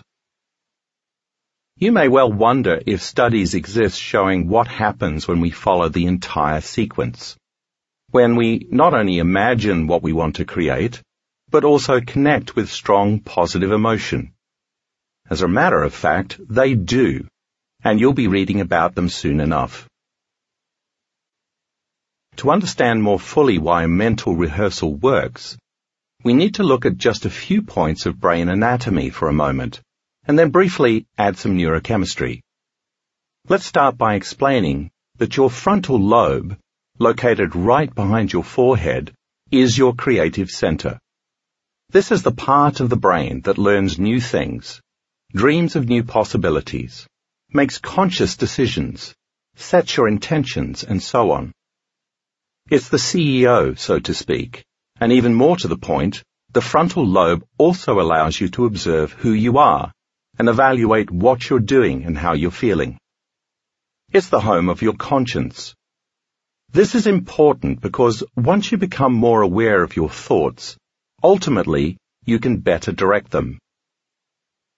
As you practice mental rehearsal and truly concentrate and focus on the outcome you want, the frontal lobe is your ally because it also lowers the volume on the outside world so that you're not as distracted by information coming in from your five senses. Brain scans show that in a highly focused state, such as mental rehearsal, the perception of time and space diminishes. This happens because your frontal lobe dials down the input from your sensory centers, which allow you to feel your body in space. Your motor centers, responsible for your physical movement, and your association centers, where your thoughts about your identity and who you are live, as well as your parietal lobe circuits, where you process time. Because you can get beyond your environment, beyond your body, and even beyond time, you're better able to make the thought you're thinking more real than anything else. The moment you imagine a new future for yourself, think about a new possibility and start to ask specific questions, as what would it be like to live without this pain and limitation, your frontal lobe snaps to attention. In a matter of seconds, it creates both an intention to be healthy, so you get clear on what you want to create and what you no longer wish to experience, and a mental picture of being healthy, so that you can imagine what it will be like. As the CEO, the frontal lobe has connections to all the other parts of the brain. So it starts selecting networks of neurons to create a new state of mind as an answer to that question. You might say it becomes a symphony conductor, silencing your old hard wiring, the pruning function of neuroplasticity, and selecting different networks of neurons from different parts of the brain and wiring them together to create a new level of mind to reflect what you were imagining. It's your frontal lobe that changes your mind. That is, it makes the brain work in different sequences, patterns and combinations. Once the frontal lobe can select different networks of neurons and seamlessly turn them on in tandem to create a new level of mind, a picture or internal representation appears in your mind's eye or frontal lobe. Now let's bring in some more neurochemistry. If your frontal lobe is orchestrating enough of these neural nets to fire in unison as you focus on a clear intention, there will come a moment when the thought will become the experience in your mind. That's when your inner reality is more real than your outer reality. Once the thought becomes the experience, you begin to feel the emotion of how the event would feel in reality. Remember, emotions are the chemical signatures of experiences. Your brain makes a different type of chemical messenger, a neuropeptide, and it sends it out to the cells in your body. The neuropeptide looks for the appropriate receptor sites or docking stations on various cells so that it can deliver its message to the body's hormonal centers and, ultimately, the cell's DNA and the cells get a new message that the event has occurred. When the DNA in a cell gets this new information from the neuropeptide, it responds by turning on or upregulating some genes and turning off or downregulating others, all to support your new state of being. Think of the upregulating and downregulating as lights either heating up or getting brighter or cooling off and getting dimmer. When a gene lights up, it's activated to make a protein. When a gene turns off, it becomes deactivated and gets dimmer or weaker. And it doesn't produce as many proteins. And we see the effects with measurable changes in our physical bodies. Take a look at figure 5.1a and figure 5.1b. They will help you follow the entire sequence of how to change your body by thought alone. Stem cells are the next layer we need to understand in the puzzle. They're at least partially responsible for how the seemingly impossible becomes possible. Officially, these are undifferentiated biological cells that become specialized. They're raw potential, when these blank slates are activated, they morph into whatever kind of cell the body needs, including muscle cells, bone cells, skin cells, immune cells, and even nerve cells in the brain, in order to replace injured or damaged cells in the body's tissues, organs, and systems. Think of stem cells as scoops of shaved snow cone ice before the flavored syrup is pumped on top lumps of clay waiting on the potter's wheel for their turn to be fashioned into plates, bowls, vases or mugs, or maybe even a roll of silver duct tape that can fix a leaking pipe one day and be cleverly fashioned into a prom dress the next. Here's an example of how stem cells work. When you cut your finger, the body needs to repair the break in the skin. The local physical trauma sends a signal to your genes from outside the cell. The gene turns on and makes the appropriate proteins, which then instruct stem cells to turn into healthy functioning skin cells. The traumatic signal is the information the stem cell needs to differentiate into a skin cell. Millions of processes like this occur all over our bodies all the time. Healing attributable to this type of gene expression has been documented in the liver, muscles, skin, intestines, bone marrow, and even the brain and the heart. In wound healing studies, where the subject is in a highly emotional, negative state like anger, the stem cells don't get the message clearly. When there's interference in the signal, as with static on the radio, the potential cell doesn't get the right stimulation in a coherent fashion to turn itself into a useful cell. As you know from reading the section about the stress response and living in survival mode, the healing will take longer because most of the body's energy is busy dealing with the angry emotion and its chemical effects. It's just not the time for creation, growth and nurturing. It's the time for an emergency. So when the placebo effect is at work, and you create the right level of mind with clear intention, and combine it with a nurturing, elevated emotion, the right type of signal can reach the cell's DNA. The message will not only influence the production of healthy proteins for better structure and function of the body, but also make brand new, healthy cells from latent stem cells that are just waiting to be activated by the right message.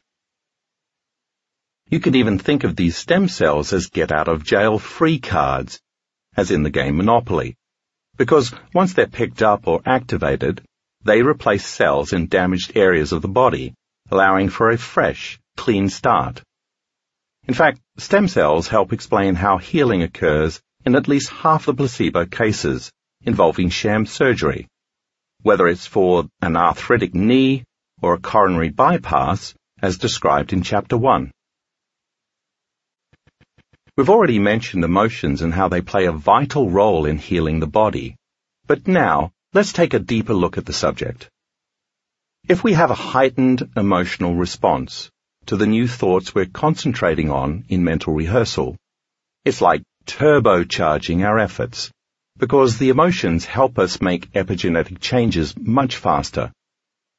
We don't need the emotional component after all, the subjects who strengthened their muscles by imagining they were lifting weights didn't need to get blissed out to change their genes.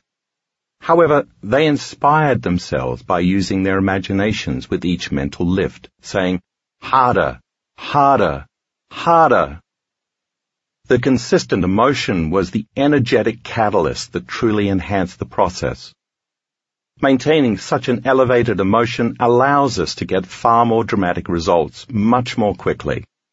The same kind of amazing results as we see in the placebo response. Remember the laughter study from chapter 2? Japanese researchers found that watching an hour-long comedy show upregulated 39 genes, 14 of which were related to natural killer cell activity in the immune system. Several other studies have shown increases in various antibodies after subjects watched a humorous videotape. Research at the University of North Carolina at Chapel Hill further showed that increased positive emotions produced increases in vagal tone, a measure of the health of the vagus nerve, which plays a major part in regulating the autonomic nervous system and homeostasis. In a Japanese study, when baby rats were tickled for five minutes a day for five days in a row to stimulate positive emotion, the rats' brains generated new neurons. In each of these cases, strong positive emotions help the subjects trigger real physical changes that improve their health. Positive emotions cause the body and brain to flourish. Now look at the pattern of many of the placebo studies. The moment someone starts getting a clear intention of a new future, wanting to live without pain or disease, and then combines it with a heightened emotion, excitement, hope, and anticipation of actually living without pain or disease, is the moment the body is no longer in the past. The body is living in that new future because, as we've seen, the body doesn't know the difference between an emotion created by an actual experience and one created by thought alone.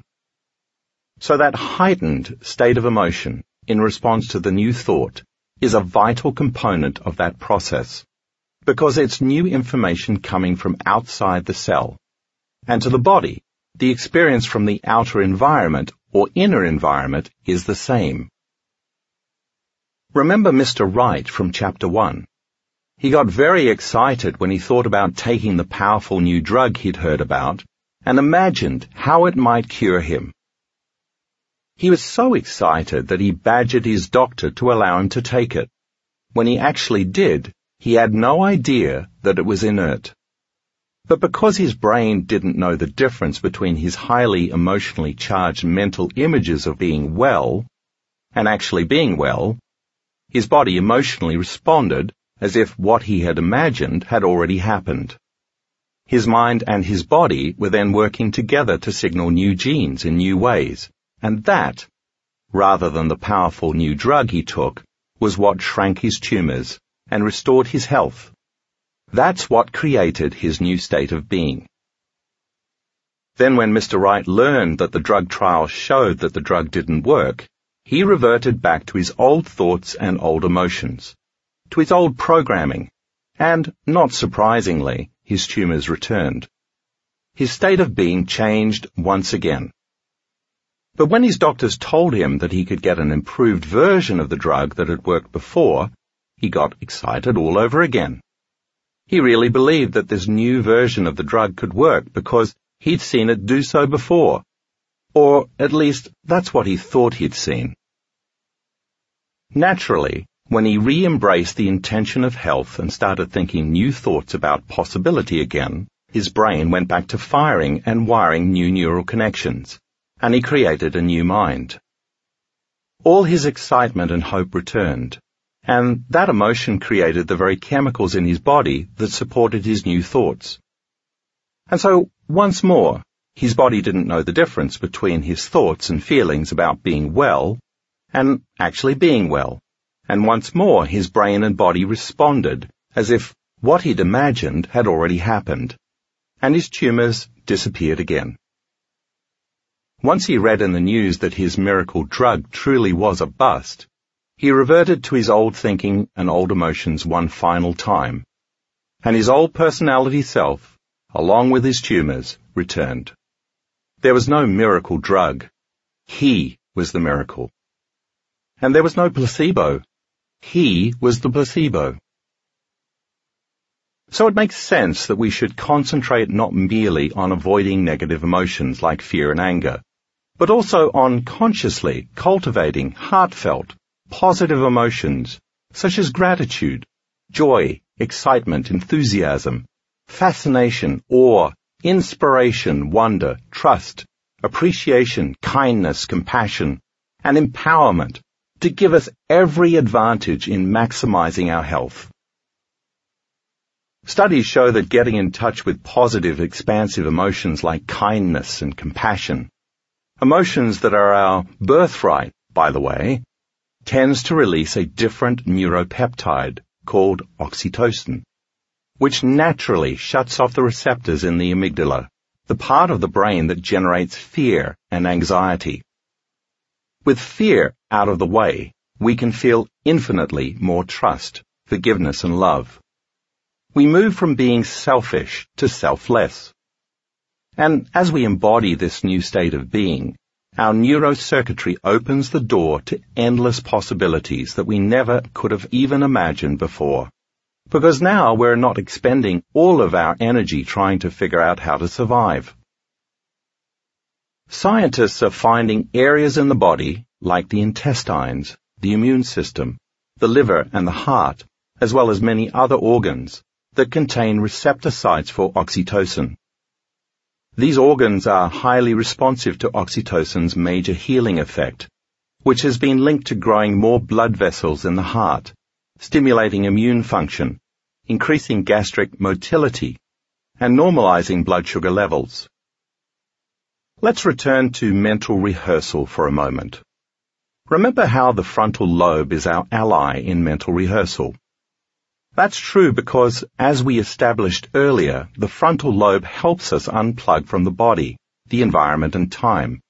The three main focuses of someone who's living in survival mode. It helps us get past ourselves to a state of pure consciousness, where we have no ego. In this new state, as we envision what we desire, our hearts are more open and positive emotion can flood through us so that now the loop of feeling what we're thinking and thinking what we're feeling is finally working in our favor. The selfish mindset we were in when we were in survival mode no longer exists because the energy we channeled towards survival needs has now been freed up for us to create. It's as though someone paid our rent or mortgage payment for the month so that we have extra cash to play with.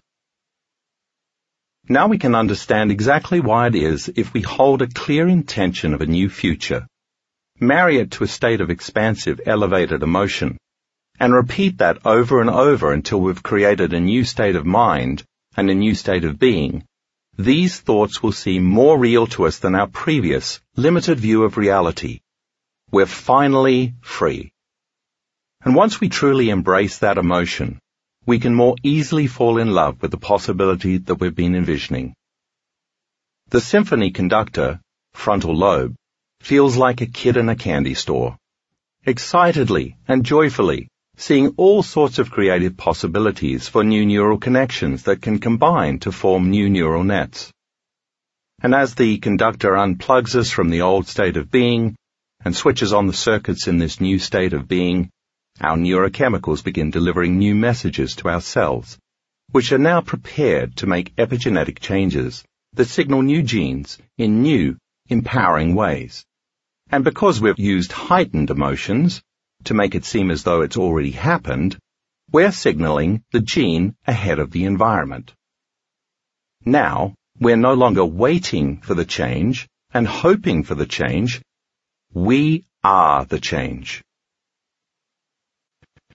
Let's revisit the study from the beginning of the last chapter, where the elderly men pretended to be younger and actually got physically younger. The question of how they did it has now been answered, and we've solved the mystery. When these men arrived at the monastery, they retreated from their familiar lives. They were no longer reminded of who they thought they were, based on their external environments. Then they began their retreat by holding a very clear intention to pretend they were young again, using physical and mental rehearsal, because both change the brain and the body, and to make it as real as possible.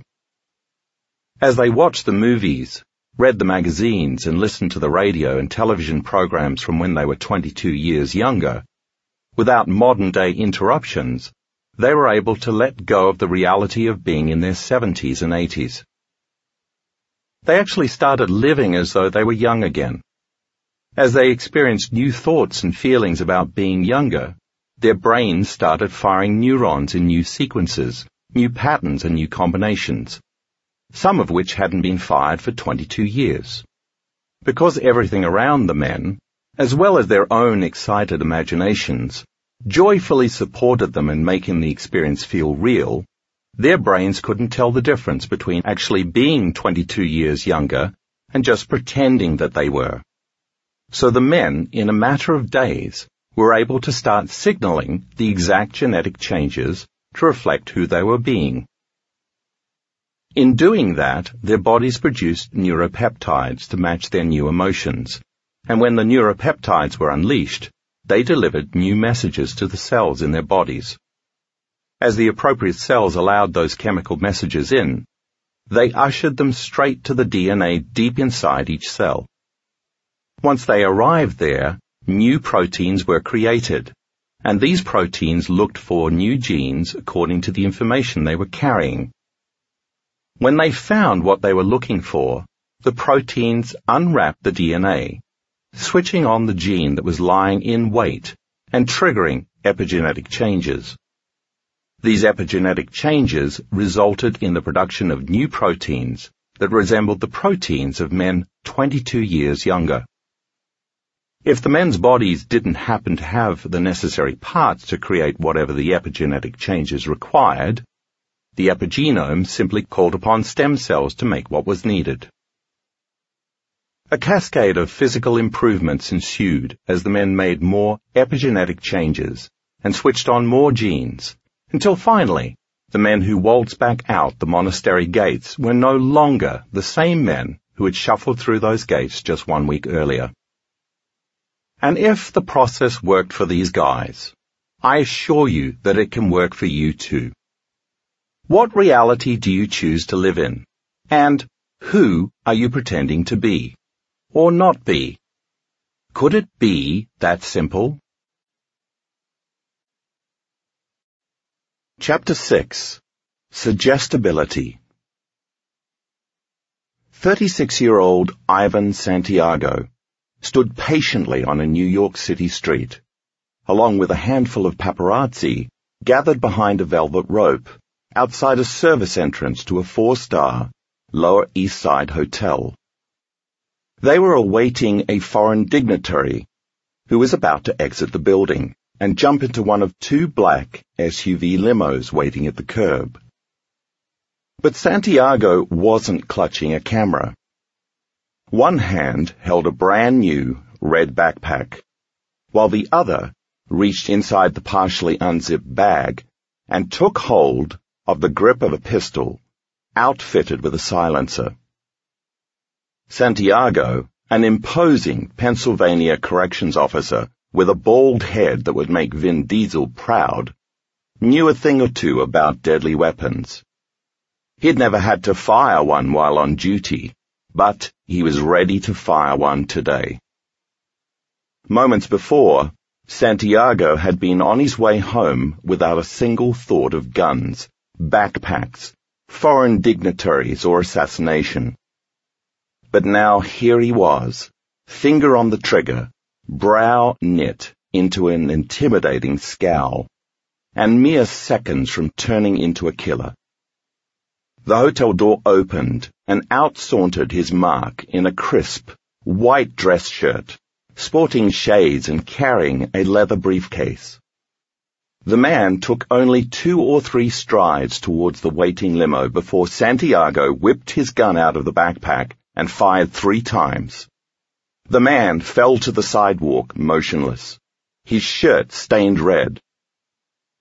Seconds later, a man named Tom Silver appeared out of nowhere, calmly put one hand on Santiago's shoulder and his other on Santiago's forehead and said, On the count of five, I'll say fully refreshed. Open your eyes and wake up. One, two, three, four, five. Fully refreshed. Santiago had been hypnotized to shoot a stranger, actually a stuntman, using what turned out to be a harmless airsoft prop gun in an experiment run by a handful of researchers who set out to test the unthinkable. Using hypnosis, was it possible to program a law-abiding, all-around good person to become a cold-blooded assassin? Hidden inside the SUV, eyes riveted to the scene, were the researchers working with Silver. Cynthia Meyersburg, PhD, then a postdoctoral fellow at Harvard, specializing in experimental psychopathology, Mark Stokes, PhD, a neuroscientist at Oxford who studied the neural pathways of decision-making, and Jeffrey Kalachevsky, PhD, a forensic psychologist with Human Resource Associates in Grand Rapids, Michigan, who'd done work in super maximum security prisons and hospitals for the criminally insane. The day before, the researchers had started out with a group of 185 volunteers. Silver, a certified clinical hypnotherapist and forensic hypnosis investigation expert, who once helped the Taiwan Department of Defense bust open a 2.4 billion international arms trading scandal, screened all 185 participants to determine how suggestible they were to hypnosis. Only about 5 to 10% of the population are considered very susceptible to hypnosis. In the test group, 16 passed muster and were given a psychological evaluation to weed out those who might suffer permanent psychological harm from the experiment. 11 progressed to the next test, which determined whether under hypnosis they would reject deeply rooted social norms. This would show which were the most suggestible. Divided into smaller groups, the subjects were taken to a fairly busy restaurant for lunch, but unbeknownst to them, they'd been given a post-hypnotic suggestion that once they sat down, their chairs would feel very hot, to the point where they'd quickly become so warm they'd strip to their underwear, right there in the restaurant. While all of the subjects complied with the instructions to varying degrees, the researchers eliminated seven who they felt either were playing along or just weren't suggestible enough to fully follow the prompt. The others stripped to their underwear within seconds. They really thought their chairs were extremely hot. The four who progressed to the next level were invited to take a test no one would be able to fake.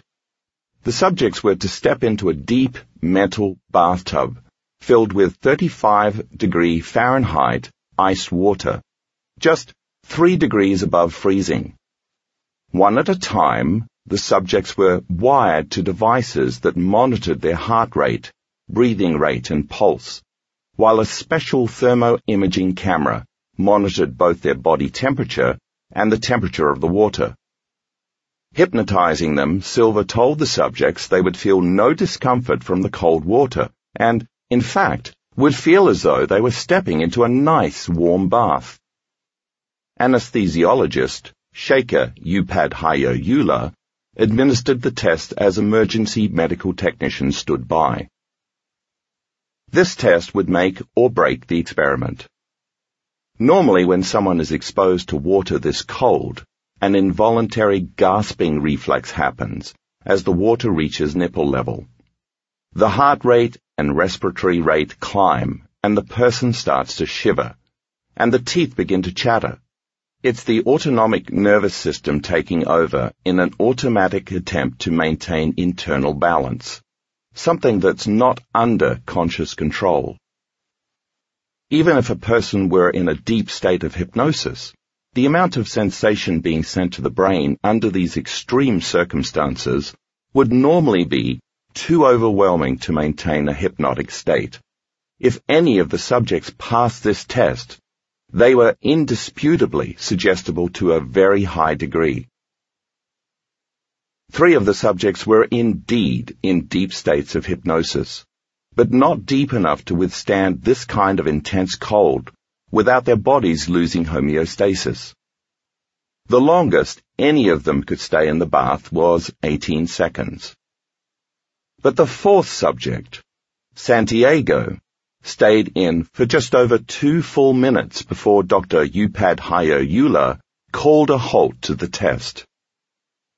Although Santiago's heart rate was high before the experiment, once he stepped into the water, his heart rate calmed down immediately.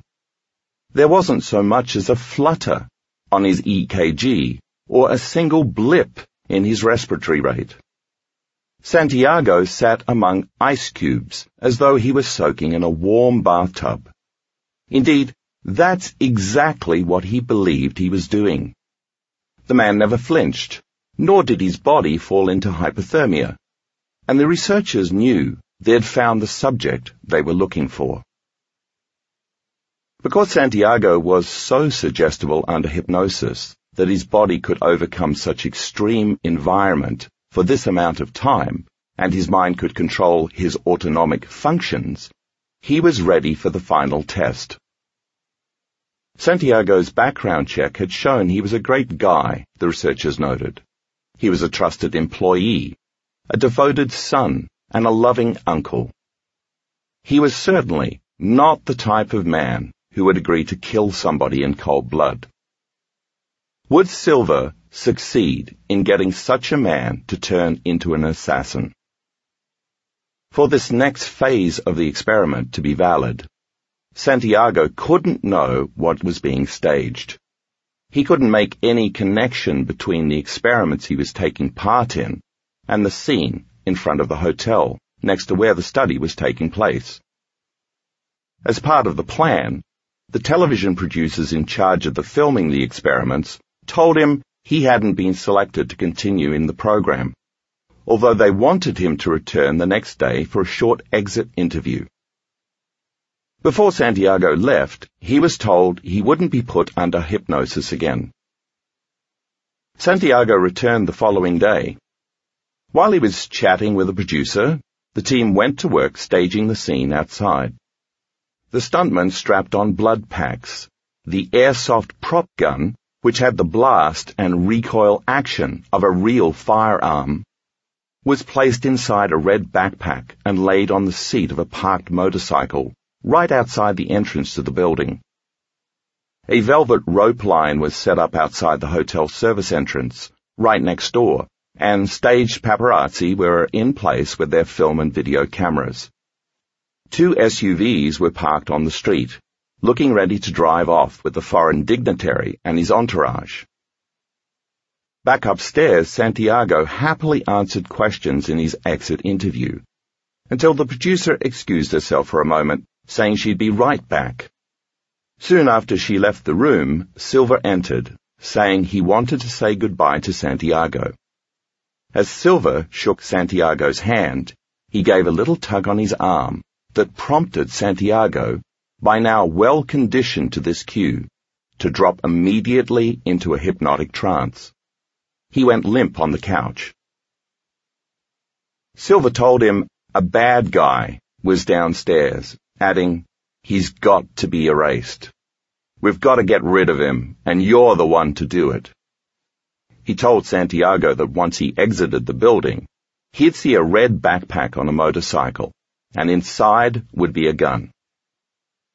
He told Santiago that he was to grab the red backpack and walk over to the velvet rope, where he'd wait for the dignitary who'd be carrying a briefcase to emerge from the hotel. He told Santiago, as soon as he comes out the doors, you're to point the gun at his chest and fire that gun Bang, bang, bang, bang, bang. But as soon as you do it, you'll simply completely, totally forget that it ever happened. Finally, Silva implanted both an audible and a physical stimulation trigger that would send Santiago back into a hypnotic state, under which he'd followed the post-hypnotic suggestions Silva had given him. He told Santiago that he'd recognize a segment producer outside the building and the man would shake his hand and say, Ivan, you did a spectacular job. Silva told Santiago to nod yes if he'd do what Silva had instructed, and Santiago complied. Then Silva brought him out of the trance and acted as if he were truly just saying goodbye. The producer returned to the room after Silva left and thanked Santiago, telling him the exit interview was over and he could leave. Soon after, Santiago left the building thinking he was going home. Once he was outside, the segment producer walked up to him, shook his hand and said, Ivan, you did a spectacular job. That was the trigger. Immediately, Santiago looked around, saw the motorcycle, walked over to it, and calmly picked up the red backpack sitting on the seat. Seeing the velvet rope line and the paparazzi, he walked over next to them and slowly unzipped the bag. In moments, a man carrying a briefcase strode out the door. Without flinching, Santiago pulled the gun out of the backpack and shot the man in the chest several times. The blood bags under the dignitary's shirt erupted, and he dramatically collapsed to the ground. Silva almost immediately appeared on the scene and had Santiago close his eyes. The stuntman made a hasty exit as Silva then brought Santiago out of his trance. The psychologist Jeffrey Kalachevsky appeared and suggested Santiago follow him inside with the others for a debriefing. Once inside, the researchers told a surprised Santiago what had happened and asked him if he had any memory of what he'd done or what had just unfolded outside. Santiago didn't remember a thing. That is, until Silva suggested to him that he would. In the first few chapters, you read about many different individuals who accepted a possible imagined scenario. And like magic, their bodies responded to that picture in their minds. Individuals who had been trapped for years by involuntary tremors of Parkinson's disease, but increase their dopamine levels by thought alone, only to see their spastic paralysis mysteriously vanish. A chronically depressed woman who, over time, physically changed her brain and transmuted her debilitating emotional state into joy and well-being. Asthmatics who experienced a full-blown bronchial episode brought on by nothing more than water vapor, but then reverse their bronchial constriction in seconds by inhaling exactly the same water vapor. And, of course, the men with severe knee pain and compromised range of motion, who miraculously improved after having sham knee surgery and remained healed years later. In all of these cases and more, it could be said that each subject first accepted and then believed in the suggestion of better health, and then surrendered to the outcome without further analysis. When these people accepted the potential of recovery, they aligned themselves with a future possible reality and changed their minds and brains in the process. As they believed in the outcome, they emotionally embraced the idea of better health and as a result, their bodies, as the unconscious mind, were living in that future reality during the present moment. They conditioned their bodies to a new mind, and so began to signal new genes in new ways and express new proteins for better health. And they moved into a new state of being.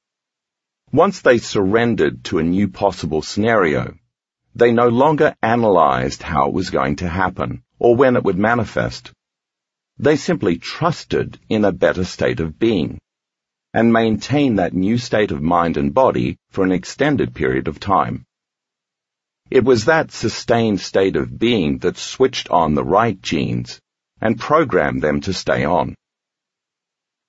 Whether they took a regimen of daily sugar pills lasting weeks or even months, received a single saline injection, or submitted to fake surgery, these individuals reaffirmed their acceptance, belief, and surrender for the duration of the study they participated in. If they were taking a pill daily to relieve pain or depression, the pill was a constant reminder for them to condition, expect, and assign meaning to their intentional activity, thus reinforcing the internal process over and over again. If it was a weekly visit to the hospital to see a doctor and be interviewed about their improvement, the choice to interact in a particular environment with doctors, nurses, equipment, and waiting rooms triggered a host of sensory responses, and through associative memory, they were reminded of a possible new future. They were conditioned from past experiences that the place called a hospital was where people went to get well. They began to anticipate their future changes and therefore assigned intention to the whole healing process. Because all these factors had meaning, they helped make the placebo patients more suggestible to the outcomes they experienced. So now let's address the elephant in the room. No real physical, chemical, or therapeutic mechanisms made these changes happen.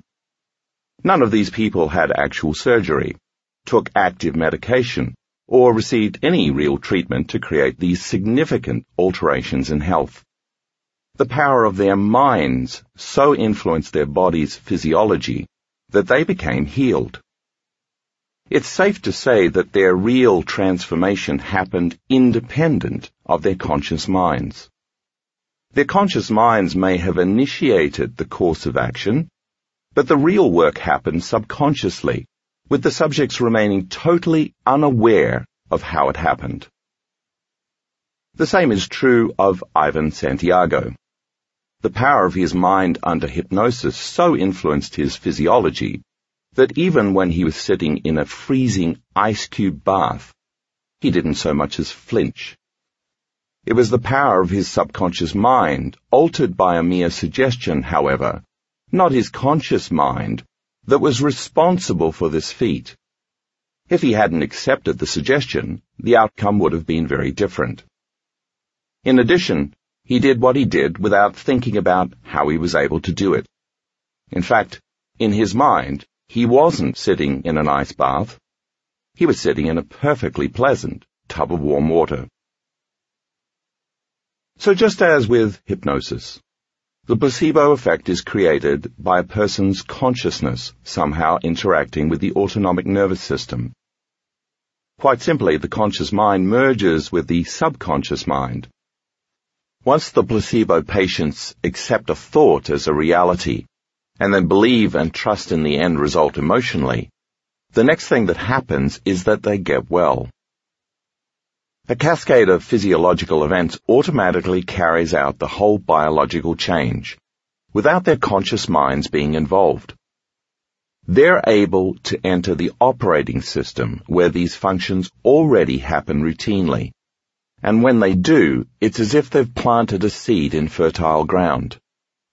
The system automatically takes over for them. In fact, it's not anyone's job to do anything. It just happens.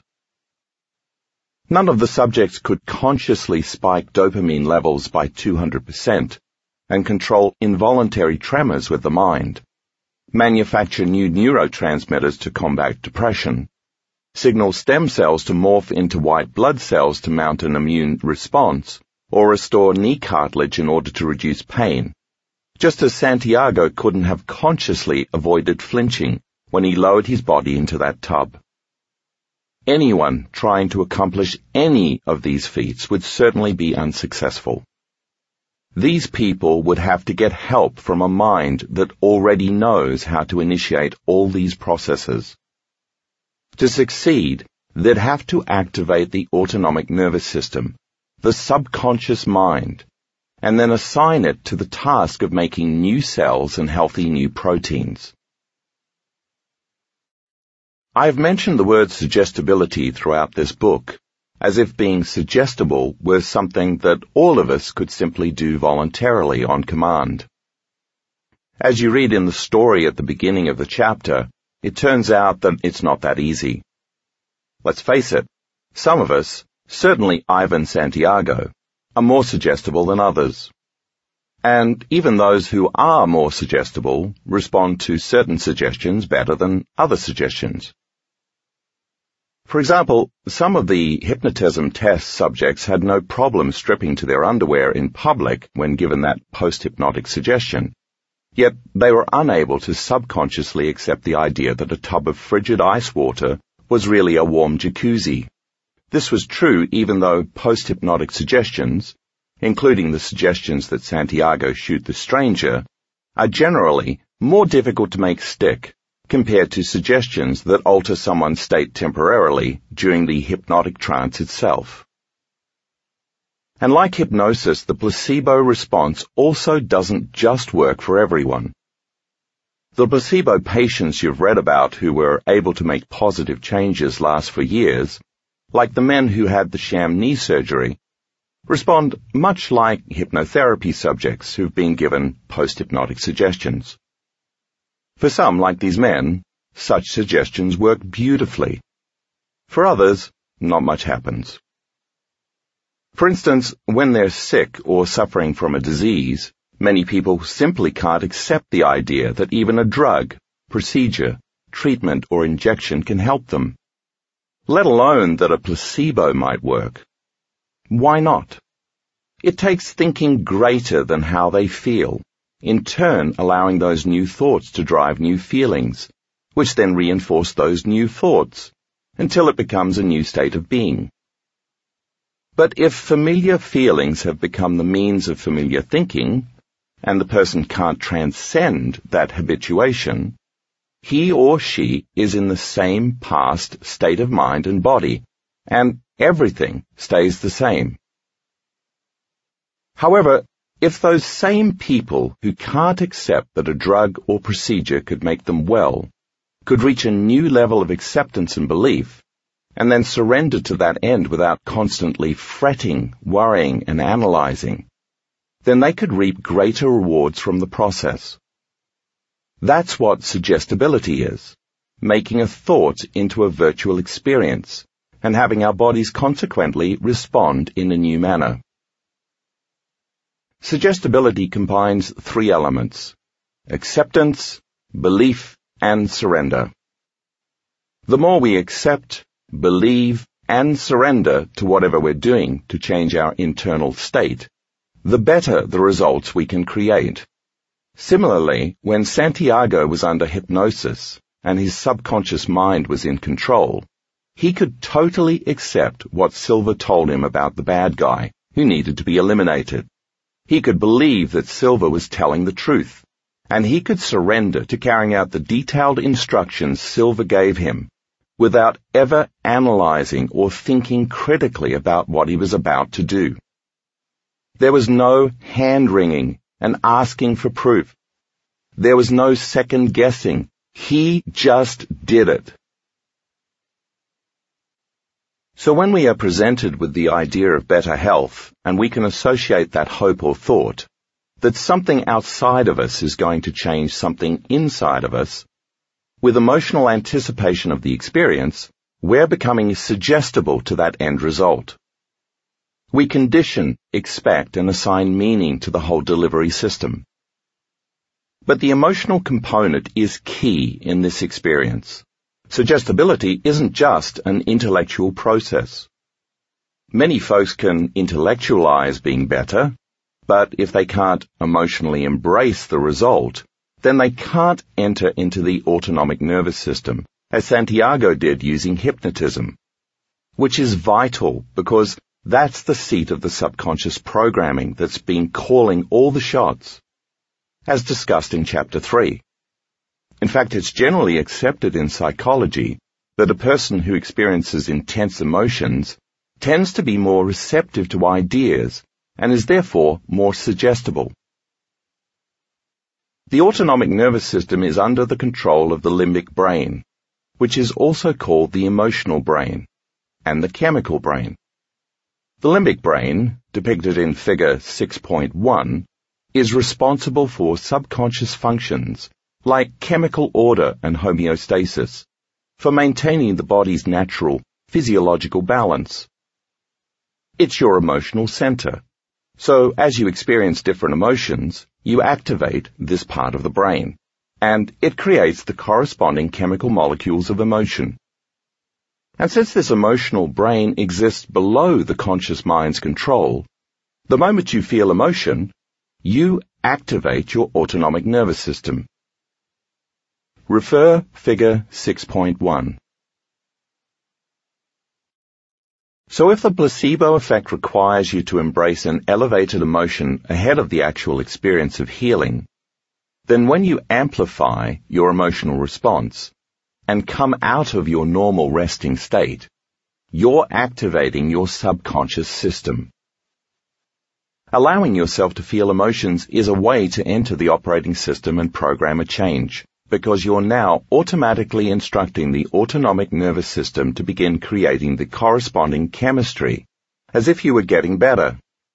And the body receives a blend of those natural alchemical elixirs from the brain and mind. As a result, the body is now becoming the mind emotionally. As we've seen, these can't just be any emotions. The survival emotions that we already explored in the last chapter knock the brain and body out of balance, and so down-regulate or shut off the genes needed for optimal health. Fear, futility, anger, hostility, impatience, pessimism, competition, and worry won't signal the proper genes for better health. They actually do the opposite. They turn on the fight or flight nervous system and prepare your body for emergency you're now losing vital energy for healing. It's a similar situation with trying to make something happen, by the way. The moment you're trying, You're pushing against something because you're endeavoring to change it. You're struggling, attempting to force an outcome, even if you don't realize that's what you're actually doing. That knocks you out of balance, just as the survival emotions do. And the more frustrated and impatient you become, the more out of balance you get. Remember in The Empire Strikes Back, when Yoda said to Luke Skywalker that there is no try only do, or do not. The same is true with the placebo response. There is no try, there's only allow. All those negative and stressful emotions are so familiar to us and connect to so many past known events that when we focus on them, those familiar emotions keep the body connected to the same past conditions, which in this case is poor health. No new information can then program your genes in any new ways. Your past reinforces your future. On the other hand, emotions like gratitude and appreciation open your heart and lift the energy in your body to a new place, out of the lower hormonal centers. Gratitude is one of the most powerful emotions for increasing your level of suggestibility. It teaches your body emotionally that the event you're grateful for has already happened, because we usually give thanks after a desired event has occurred. If you bring up the emotion of gratitude before the actual event, your body, as the unconscious mind, will begin to believe that the future event has indeed already happened, or is happening to you in the present moment. Gratitude, therefore, is the ultimate state of receivership. Look at figure 6.2 to review the difference between the expression of survival emotions and the expression of elevated emotions. If you can bring up the emotion of appreciation or thankfulness and combine it with a clear intention, you're now beginning to embody the event emotionally. You're changing your brain and body Specifically, you're chemically instructing your body to know what your mind has philosophically known. We could say you're in a new future in the present moment.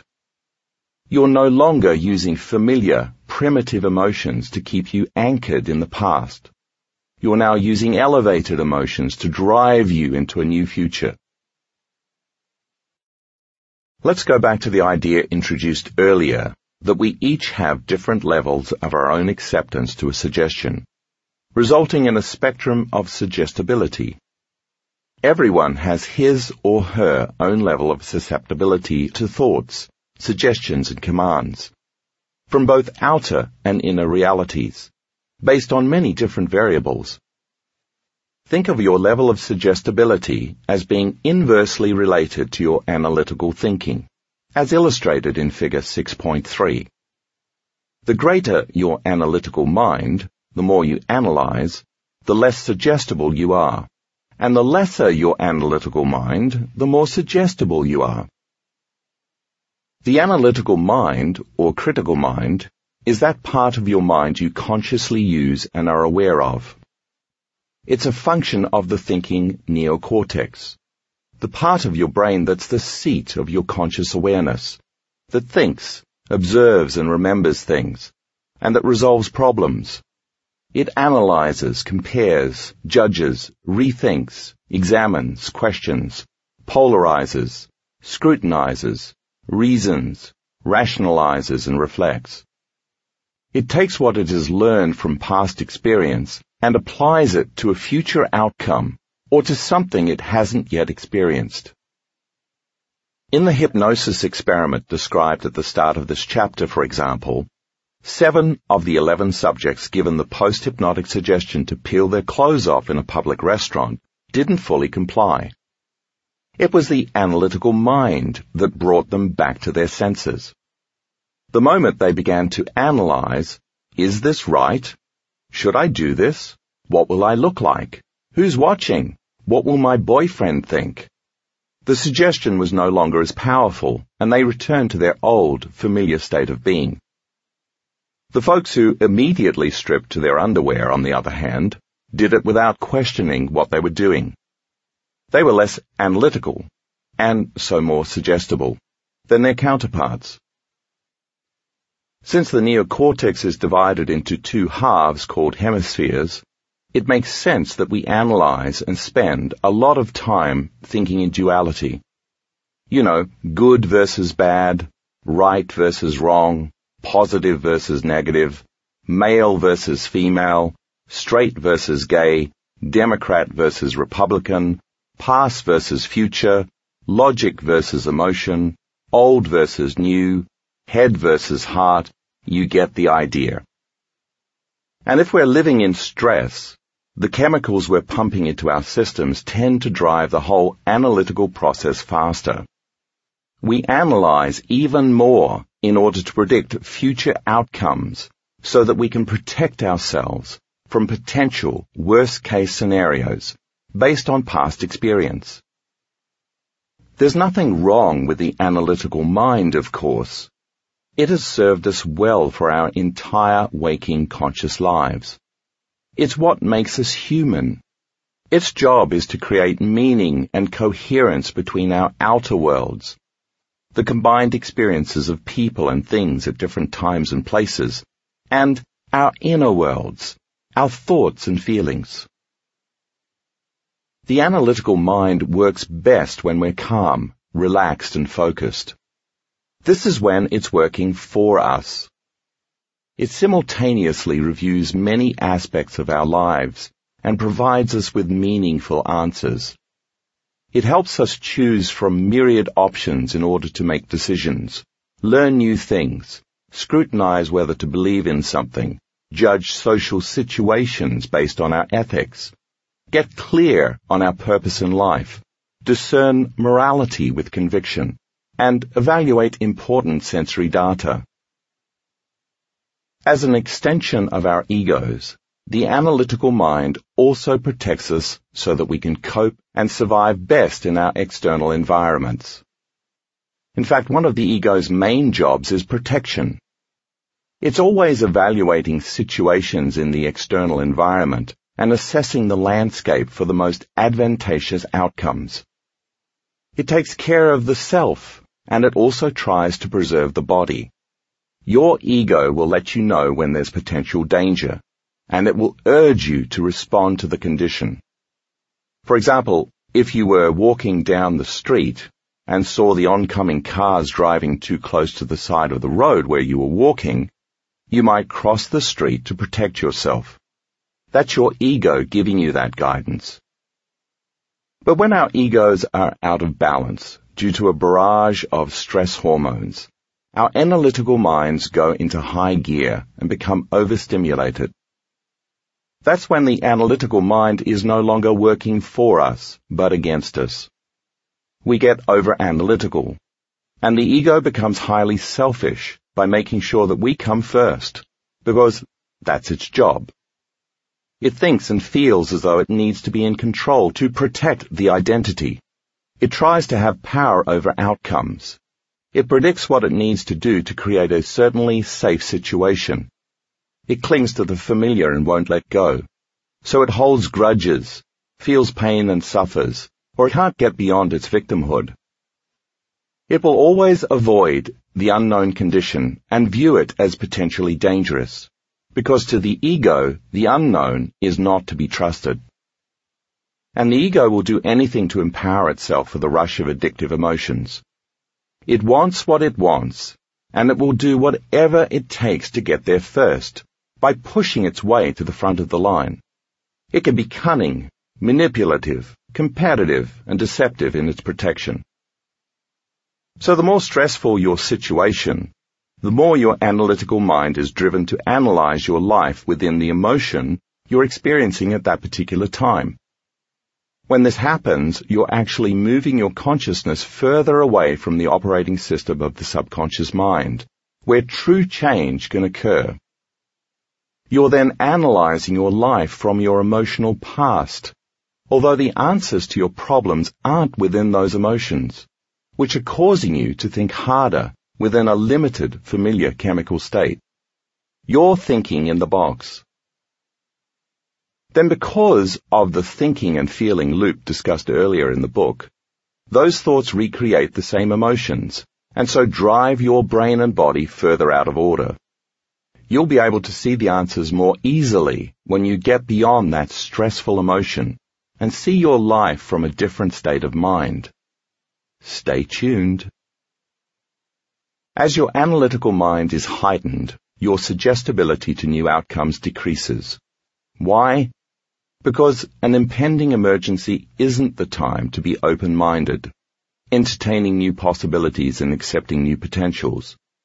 It's not the time to believe in new ideas and openly let go and surrender to them. It's not the time to trust. Instead, it's the time to protect the self by measuring what you know against what you don't know in order to determine the greatest chances of survival. It's the time to flee from the unknown. So it makes sense that as the analytical mind is endorsed by the stress hormones, you'll narrow your thinking, be unlikely to trust and believe in anything new, be less suggestible to believing in thought alone, or in making any unknown thought known. Thus, you can use the analytical mind or ego to work for you or against you. Think of the analytical mind as a separate part of the conscious mind that divides it from the subconscious mind. Since the placebo works only when the analytical mind is silenced, so that your awareness can instead interact with the subconscious mind, the domain where true change occurs, the placebo response is possible only when you can get beyond yourself, and so eclipse your conscious mind with your autonomic nervous system. Look at figure 6.4 for a simple illustration of this. Let the circle in the figure represent the total mind. The conscious mind is only about 5% of the total mind. It's made up of logic and reasoning, as well as our creative abilities. These aspects give rise to our free will. The other 95% of the total mind is the subconscious mind. This is the operating system where all of the automatic skills, habits, emotional reactions, hardwired behaviors, conditioned responses, associative memories, and routine thoughts and feelings create our attitudes, beliefs, and perceptions. The conscious mind is where we store our explicit or declarative memories. Therefore, declarative memories are memories that we can declare. They're the knowledge we've learned, termed semantic memories, and experiences we've had in this lifetime, episodic memories.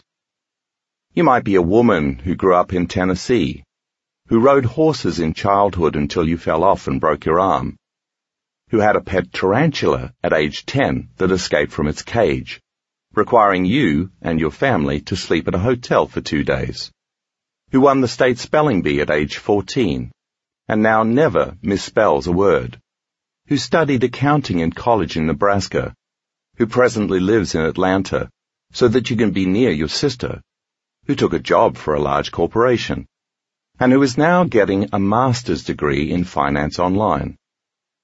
Declarative memories are the autobiographical self. The other type of memories we have are implicit or non-declarative memories, sometimes also called procedural memories. This kind of memory kicks in when you've done something so many times that you aren't even consciously aware of how you do it. You've repeated it so often that now your body knows as well as your brain. Think of riding a bike, operating a clutch, tying your shoes, tapping a phone number or a pin on a keypad or even reading or speaking. These are the automatic programs that have been discussed throughout this book. You could say that you no longer have to analyze or consciously think about the skill or habit you've mastered because it's now subconscious. This is the programmed operating system, which is depicted in figure 6.5. When you've mastered how to do something until it has become hardwired in your mind, and emotionally conditioned to your body, then your body knows how to do it as well as your conscious mind. You've memorized an internal neurochemical order that has become innate. The reason is simple. Repeated experience enriches the brain's neural networks and then finally seals the deal when it emotionally trains the body.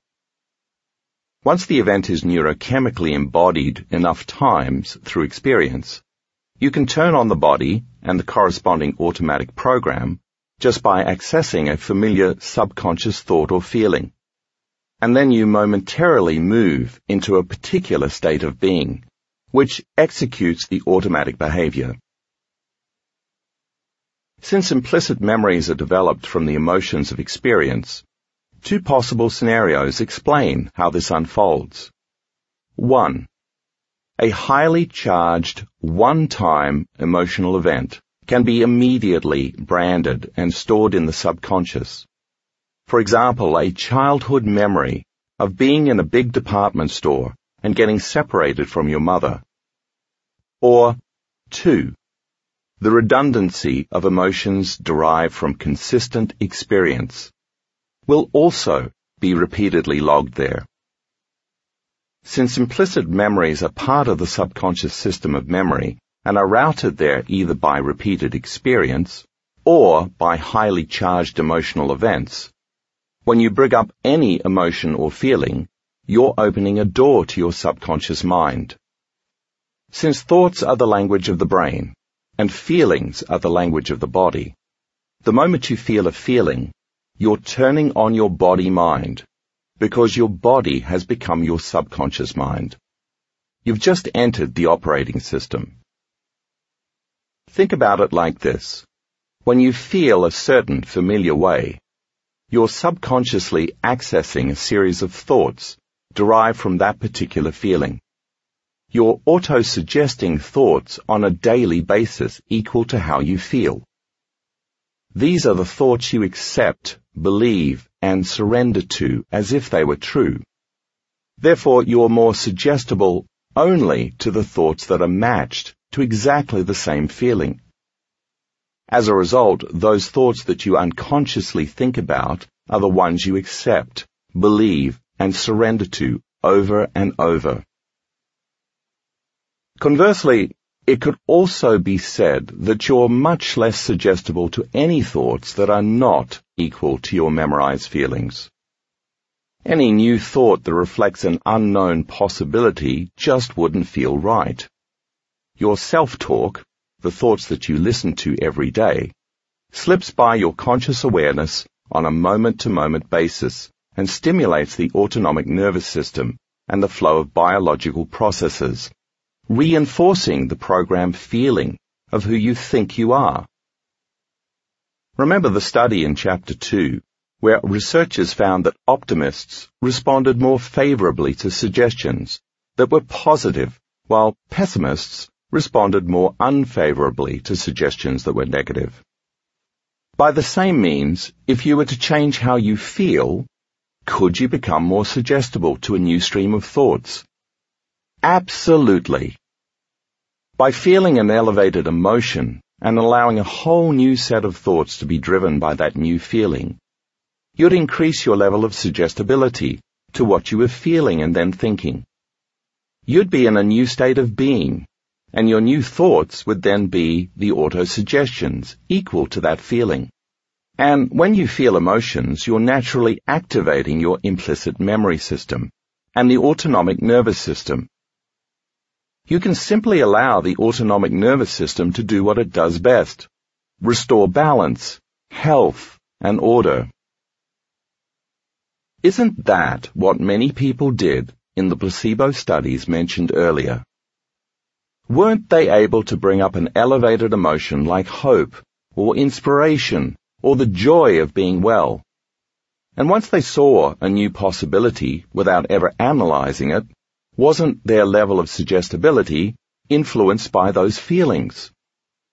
As they felt those corresponding emotions, didn't they enter the operating system and reprogram their autonomic nervous system with new orders? By thought alone, auto-suggesting equal to those emotions.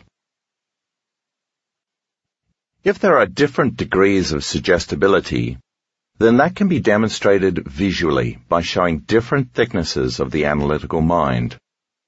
The thicker the barrier between the conscious mind and the subconscious mind, the more difficulty you'll have getting into the operating system. Take a look at figures 6.6 and 6.7 on the following two pages, which represent two people with different types of minds.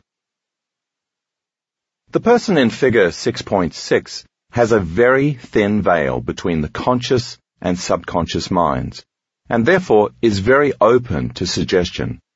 Like Ivan Santiago from the beginning of the chapter. This person will naturally accept, believe, and surrender to an outcome because he or she doesn't analyze or intellectualize too much.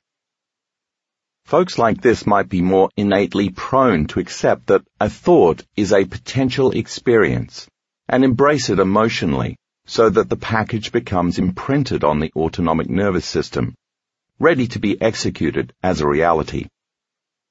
These people don't spend a lot of time trying to figure things out in their lives, and they don't overthink many things. If you've ever seen a hypnosis stage show, the subjects who make it to the front of the room usually fall into this category. Now contrast this with figure 6.7. If you look at the thicker analytical mind that separates the conscious and subconscious minds, you can easily see that this person is less prone to taking suggestions at face value without a significant degree of help from his or her intellectual mind in evaluating, processing, planning, and reviewing. People like this are highly critical and will make sure they've analyzed everything before simply surrendering and trusting. Bear in mind that some of us have a more built-up analytical mind even without constantly living by our stress hormones. We might have studied different subjects in college or lived with parents who reinforced the mechanisms of rational thought when we were young, or maybe it was just part of our nature. Nevertheless, you can have a significantly broad analytical mind and still learn how to get beyond it. I certainly did. So, there's hope. As I said before, neither of these types is more advantageous than the other. I think a healthy balance between the two works very well. Someone who's over-analytical is less likely to trust and flow in his life or her life. Someone who's overly suggestible might be too gullible and less functional. The point I want to make is that if you're continually analyzing your life, judging yourself, and obsessing about everything in your reality, then you'll never enter the operating system where those old programs exist and reprogram them. Only when a person accepts, believes, and surrenders to a suggestion does the door between the conscious and subconscious minds open. That information then signals the autonomic nervous system and presto, it takes over. Now take a look at figure 6.8. The arrow represents the movement of consciousness from the conscious mind into the subconscious mind where the suggestion is biologically embossed into the programming system. A few additional elements can also silence the analytical mind and open the door to the subconscious mind in order to increase a person's level of suggestibility. For example, physical or mental fatigue increases your suggestibility. Certain studies have shown that the limited exposure to social physical and environmental cues in sensory deprivation can cause increased susceptibility. Extreme hunger, emotional shock, and trauma also weaken our analytical faculties, therefore making us more suggestible to information. Like hypnosis, meditation is another way to bypass the critical mind and move into the subconscious system of programs. The whole purpose of meditation is to move your awareness beyond your analytical mind, to take your attention off your outer world, your body and time, and to pay attention to your inner world of thoughts and feelings. Many stigmas surround the word meditation. Most people conjure up images of a bearded guru on a mountain top, immune to the elements and sitting in perfect stillness. A monk in a simple robe, his face adorned with a huge, mysterious smile. Or even a young and beautiful woman with flawless skin on the cover of a magazine dressed in stylish yoga clothes and looking serenely free from the enslavement of all of the demands of daily life. When we see these images, many of us might perceive the discipline required is too impractical, too out of reach and beyond our abilities. We might see meditation as a spiritual practice that doesn't fit into our religious beliefs. And some of us are simply overwhelmed with the seemingly endless variations of meditation available and are unable to decide where to begin. But it doesn't have to be that difficult out there, or confusing. For this discussion, let's just say that the whole purpose of meditation is to move our consciousness beyond the analytical mind and into deeper levels of consciousness. In meditation, we move not just from the conscious mind to the subconscious mind, but also from the selfish to selfless. From being somebody and someone to being nobody and no one. From being a materialist to being an immaterialist. From being someplace to being no place.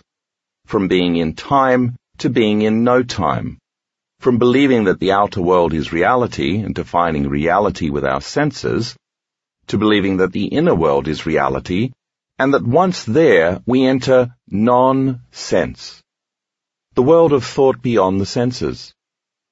Meditation takes us from survival to creation, from separation to connection, from imbalance to balance, from emergency mode to growth and repair mode and from the limiting emotions of fear, anger, and sadness to the expansive emotions of joy, freedom, and love. Basically, we go from clinging to the known to embracing the unknown.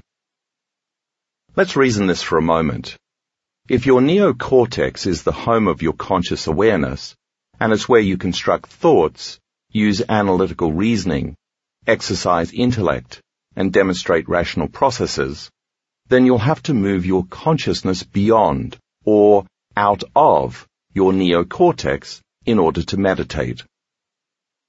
Your consciousness would have to essentially move from your thinking brain into your limbic brain and the subconscious regions. In other words, in order for you to dial down your neocortex and all the neural activity that it performs on a daily basis, you'd have to stop thinking analytically and vacate the faculties of reason, logic, intellectualizing, forecasting, predicting, and rationalizing. At least temporarily. This is what's meant by quieting your mind. Revisit figure 6.1 if you need to. According to the neuroscientific model that I outlined in the previous chapters, to quiet your mind would mean that you'd have to declare a ceasefire on all of the automatic neural networks in your thinking brain that you habitually fire on a regular basis. That is, you'd have to stop reminding yourself of who you think you are, repeatedly reproducing the same level of mind. I know that sounds like a huge task that may well be overwhelming, but it turns out that practical, scientifically proven ways exist for us to accomplish this feat and make it a skill. In the workshops that I teach around the world, many ordinary people who'd never meditated before got pretty good at doing this, once they'd learned how. You'll learn these methods in the chapters that follow, but first, let's increase your level of intention so that when you get to the how-to, you'll reap greater rewards. Just as did the aerobic exercises in Quebec from Chapter 2, who were told that their well-being would be enhanced by their efforts, and thus could assign meaning to what they were doing, and then got better results. The analytical neocortex uses all of the five senses to determine reality. It's very preoccupied with putting all of its awareness on the body, the environment and time. And if you're the least bit stressed, then your attention will be directed to and will amplify all three of these elements.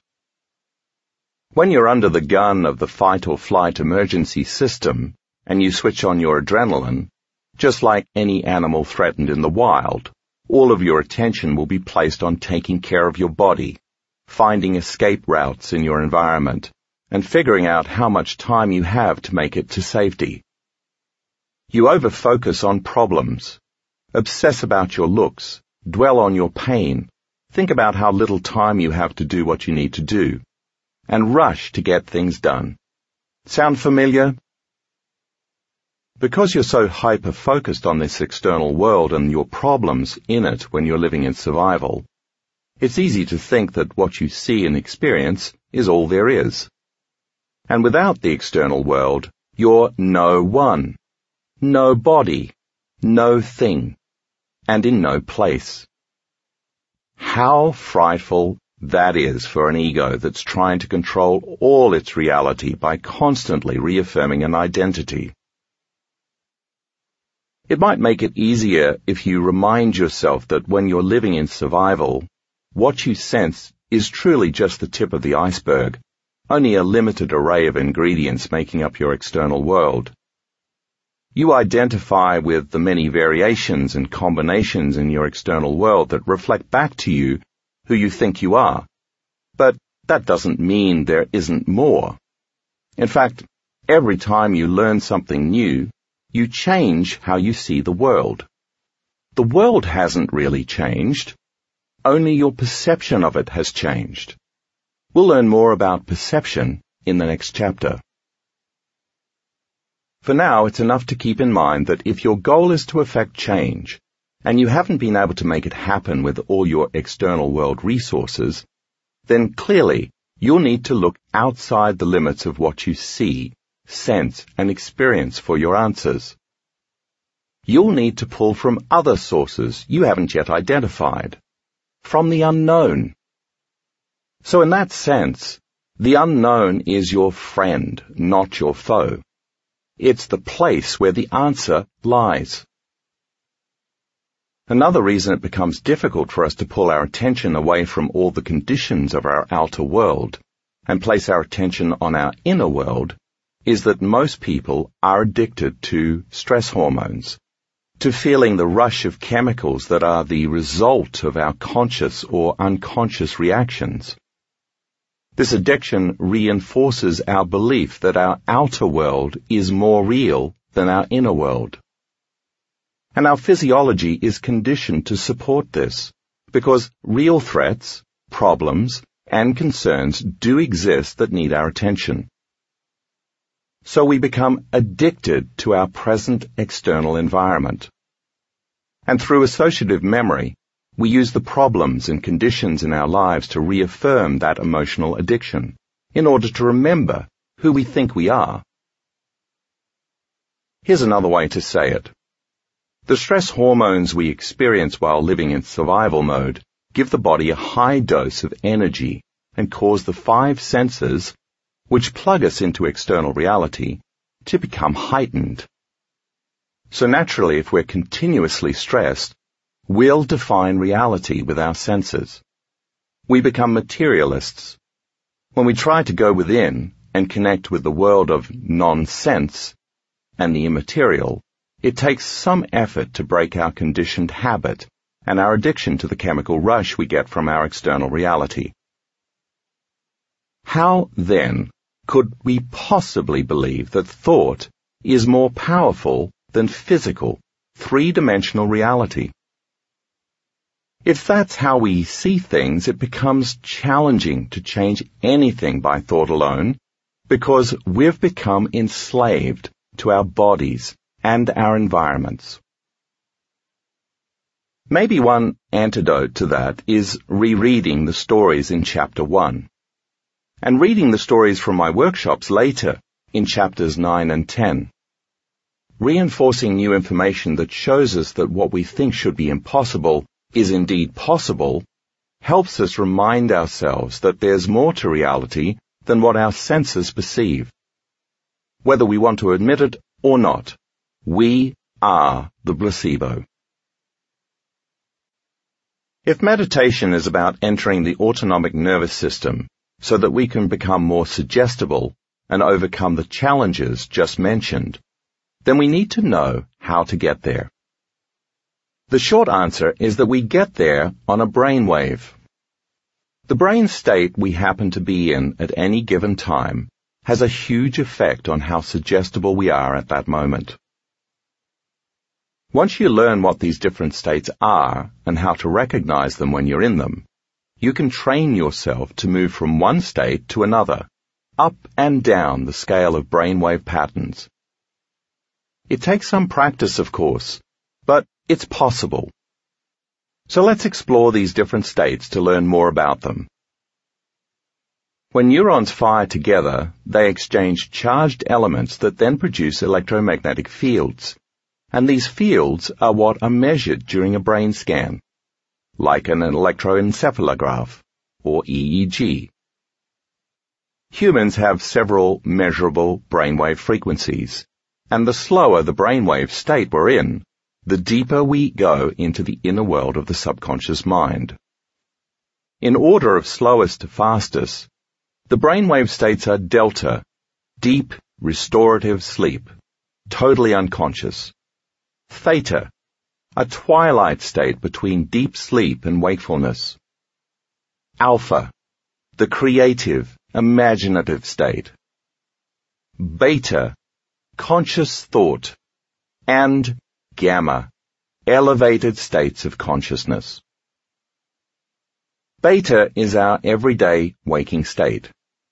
When we're in beta, the thinking brain, or neocortex, is processing all of the incoming sensory data and creating meaning between our outer and inner worlds. Beta isn't the best state for meditation because when we're in beta, the outer world appears more real than the inner world. Three levels of brainwave patterns make up the beta wave spectrum. Low range beta, relaxed, interested attention like reading a book. Mid range beta, focused attention on an ongoing stimulus outside the body like learning and then remembering. And high range beta, highly focused, crisis mode attention when stress chemicals are produced.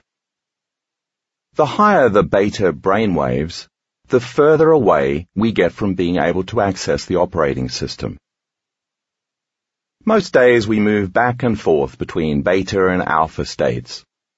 Alpha is our relaxation state where we pay less attention to the outer world and start to pay more attention to our inner world. When we're in alpha, we're in a light state of meditation. You could also call that imagination or daydreaming. In this state, our inner world is more real than our outer world because that's what we're paying attention to. When we go from high frequency beta to slower alpha, where we can pay attention, concentrate and focus in a more relaxed manner, we automatically activate the frontal lobe. As the previous material has presented, the frontal lobe lowers the volume on the brain circuits that process time and space. Hence, we're no longer in survival mode. We're in a more creative state that makes us more suggestible than we were in beta. More challenging is learning how to drop down even further into theta, which is a kind of twilight state where we're half awake and half asleep. Often described as mind awake body asleep. This is the state we're shooting for in meditation, because it's the brainwave pattern where we're the most suggestible. In theta, we can access the subconscious, because the analytical mind isn't operating. We're mostly in our inner world. Think of theta as the key to your own subconscious kingdom. Take another look at figure 6.8. It shows brainwave states and how they correlate with the conscious and subconscious mind. Then take a look at figure 6.9, which illustrates the different brainwave frequencies. You'll find this brief tour through brainwave patterns even more useful when you get to the practice of meditation later in the book. Don't expect that you'll necessarily be able to drop right into theta on command, of course but having some knowledge of what the various brain states are and what effect they have on what you're trying to achieve will help. Now let's return to the story of Ivan Santiago and the other hypnosis subjects from the start of this chapter. Obviously, these folks have an easier time getting past their analytical minds than most of us. They seem to have both a neuroplasticity and an emotional plasticity that allow them to make their inner worlds more real than their outer worlds. In their normal waking states, they probably spend more time in alpha than in beta.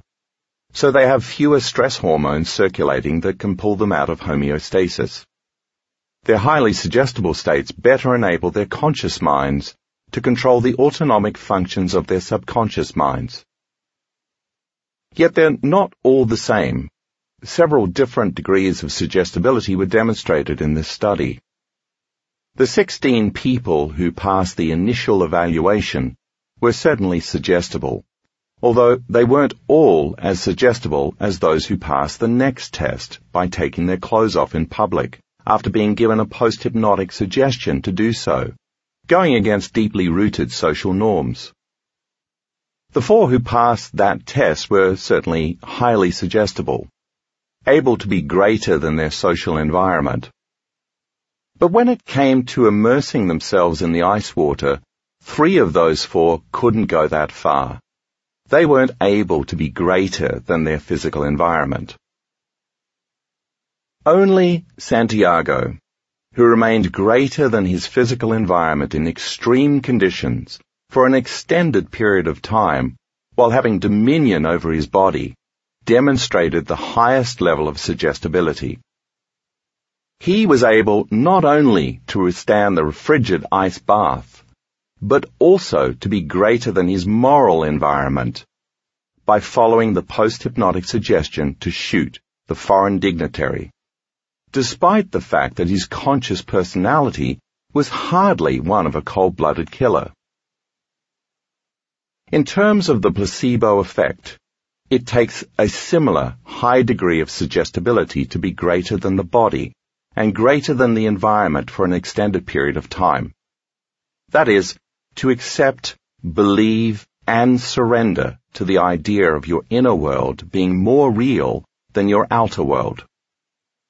But in just a few chapters, you'll learn how you can not only change your beliefs and become more suggestible, but also use that state to program your subconscious mind. Not to shoot a stuntman with a prop gun, fortunately, but to triumph over whatever health issues, emotional traumas, or other personal matters you may be dealing with.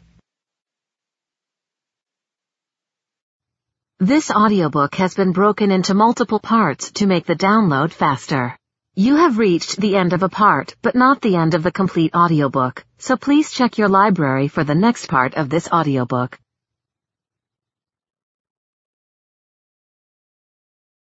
Audible hopes you have enjoyed this program.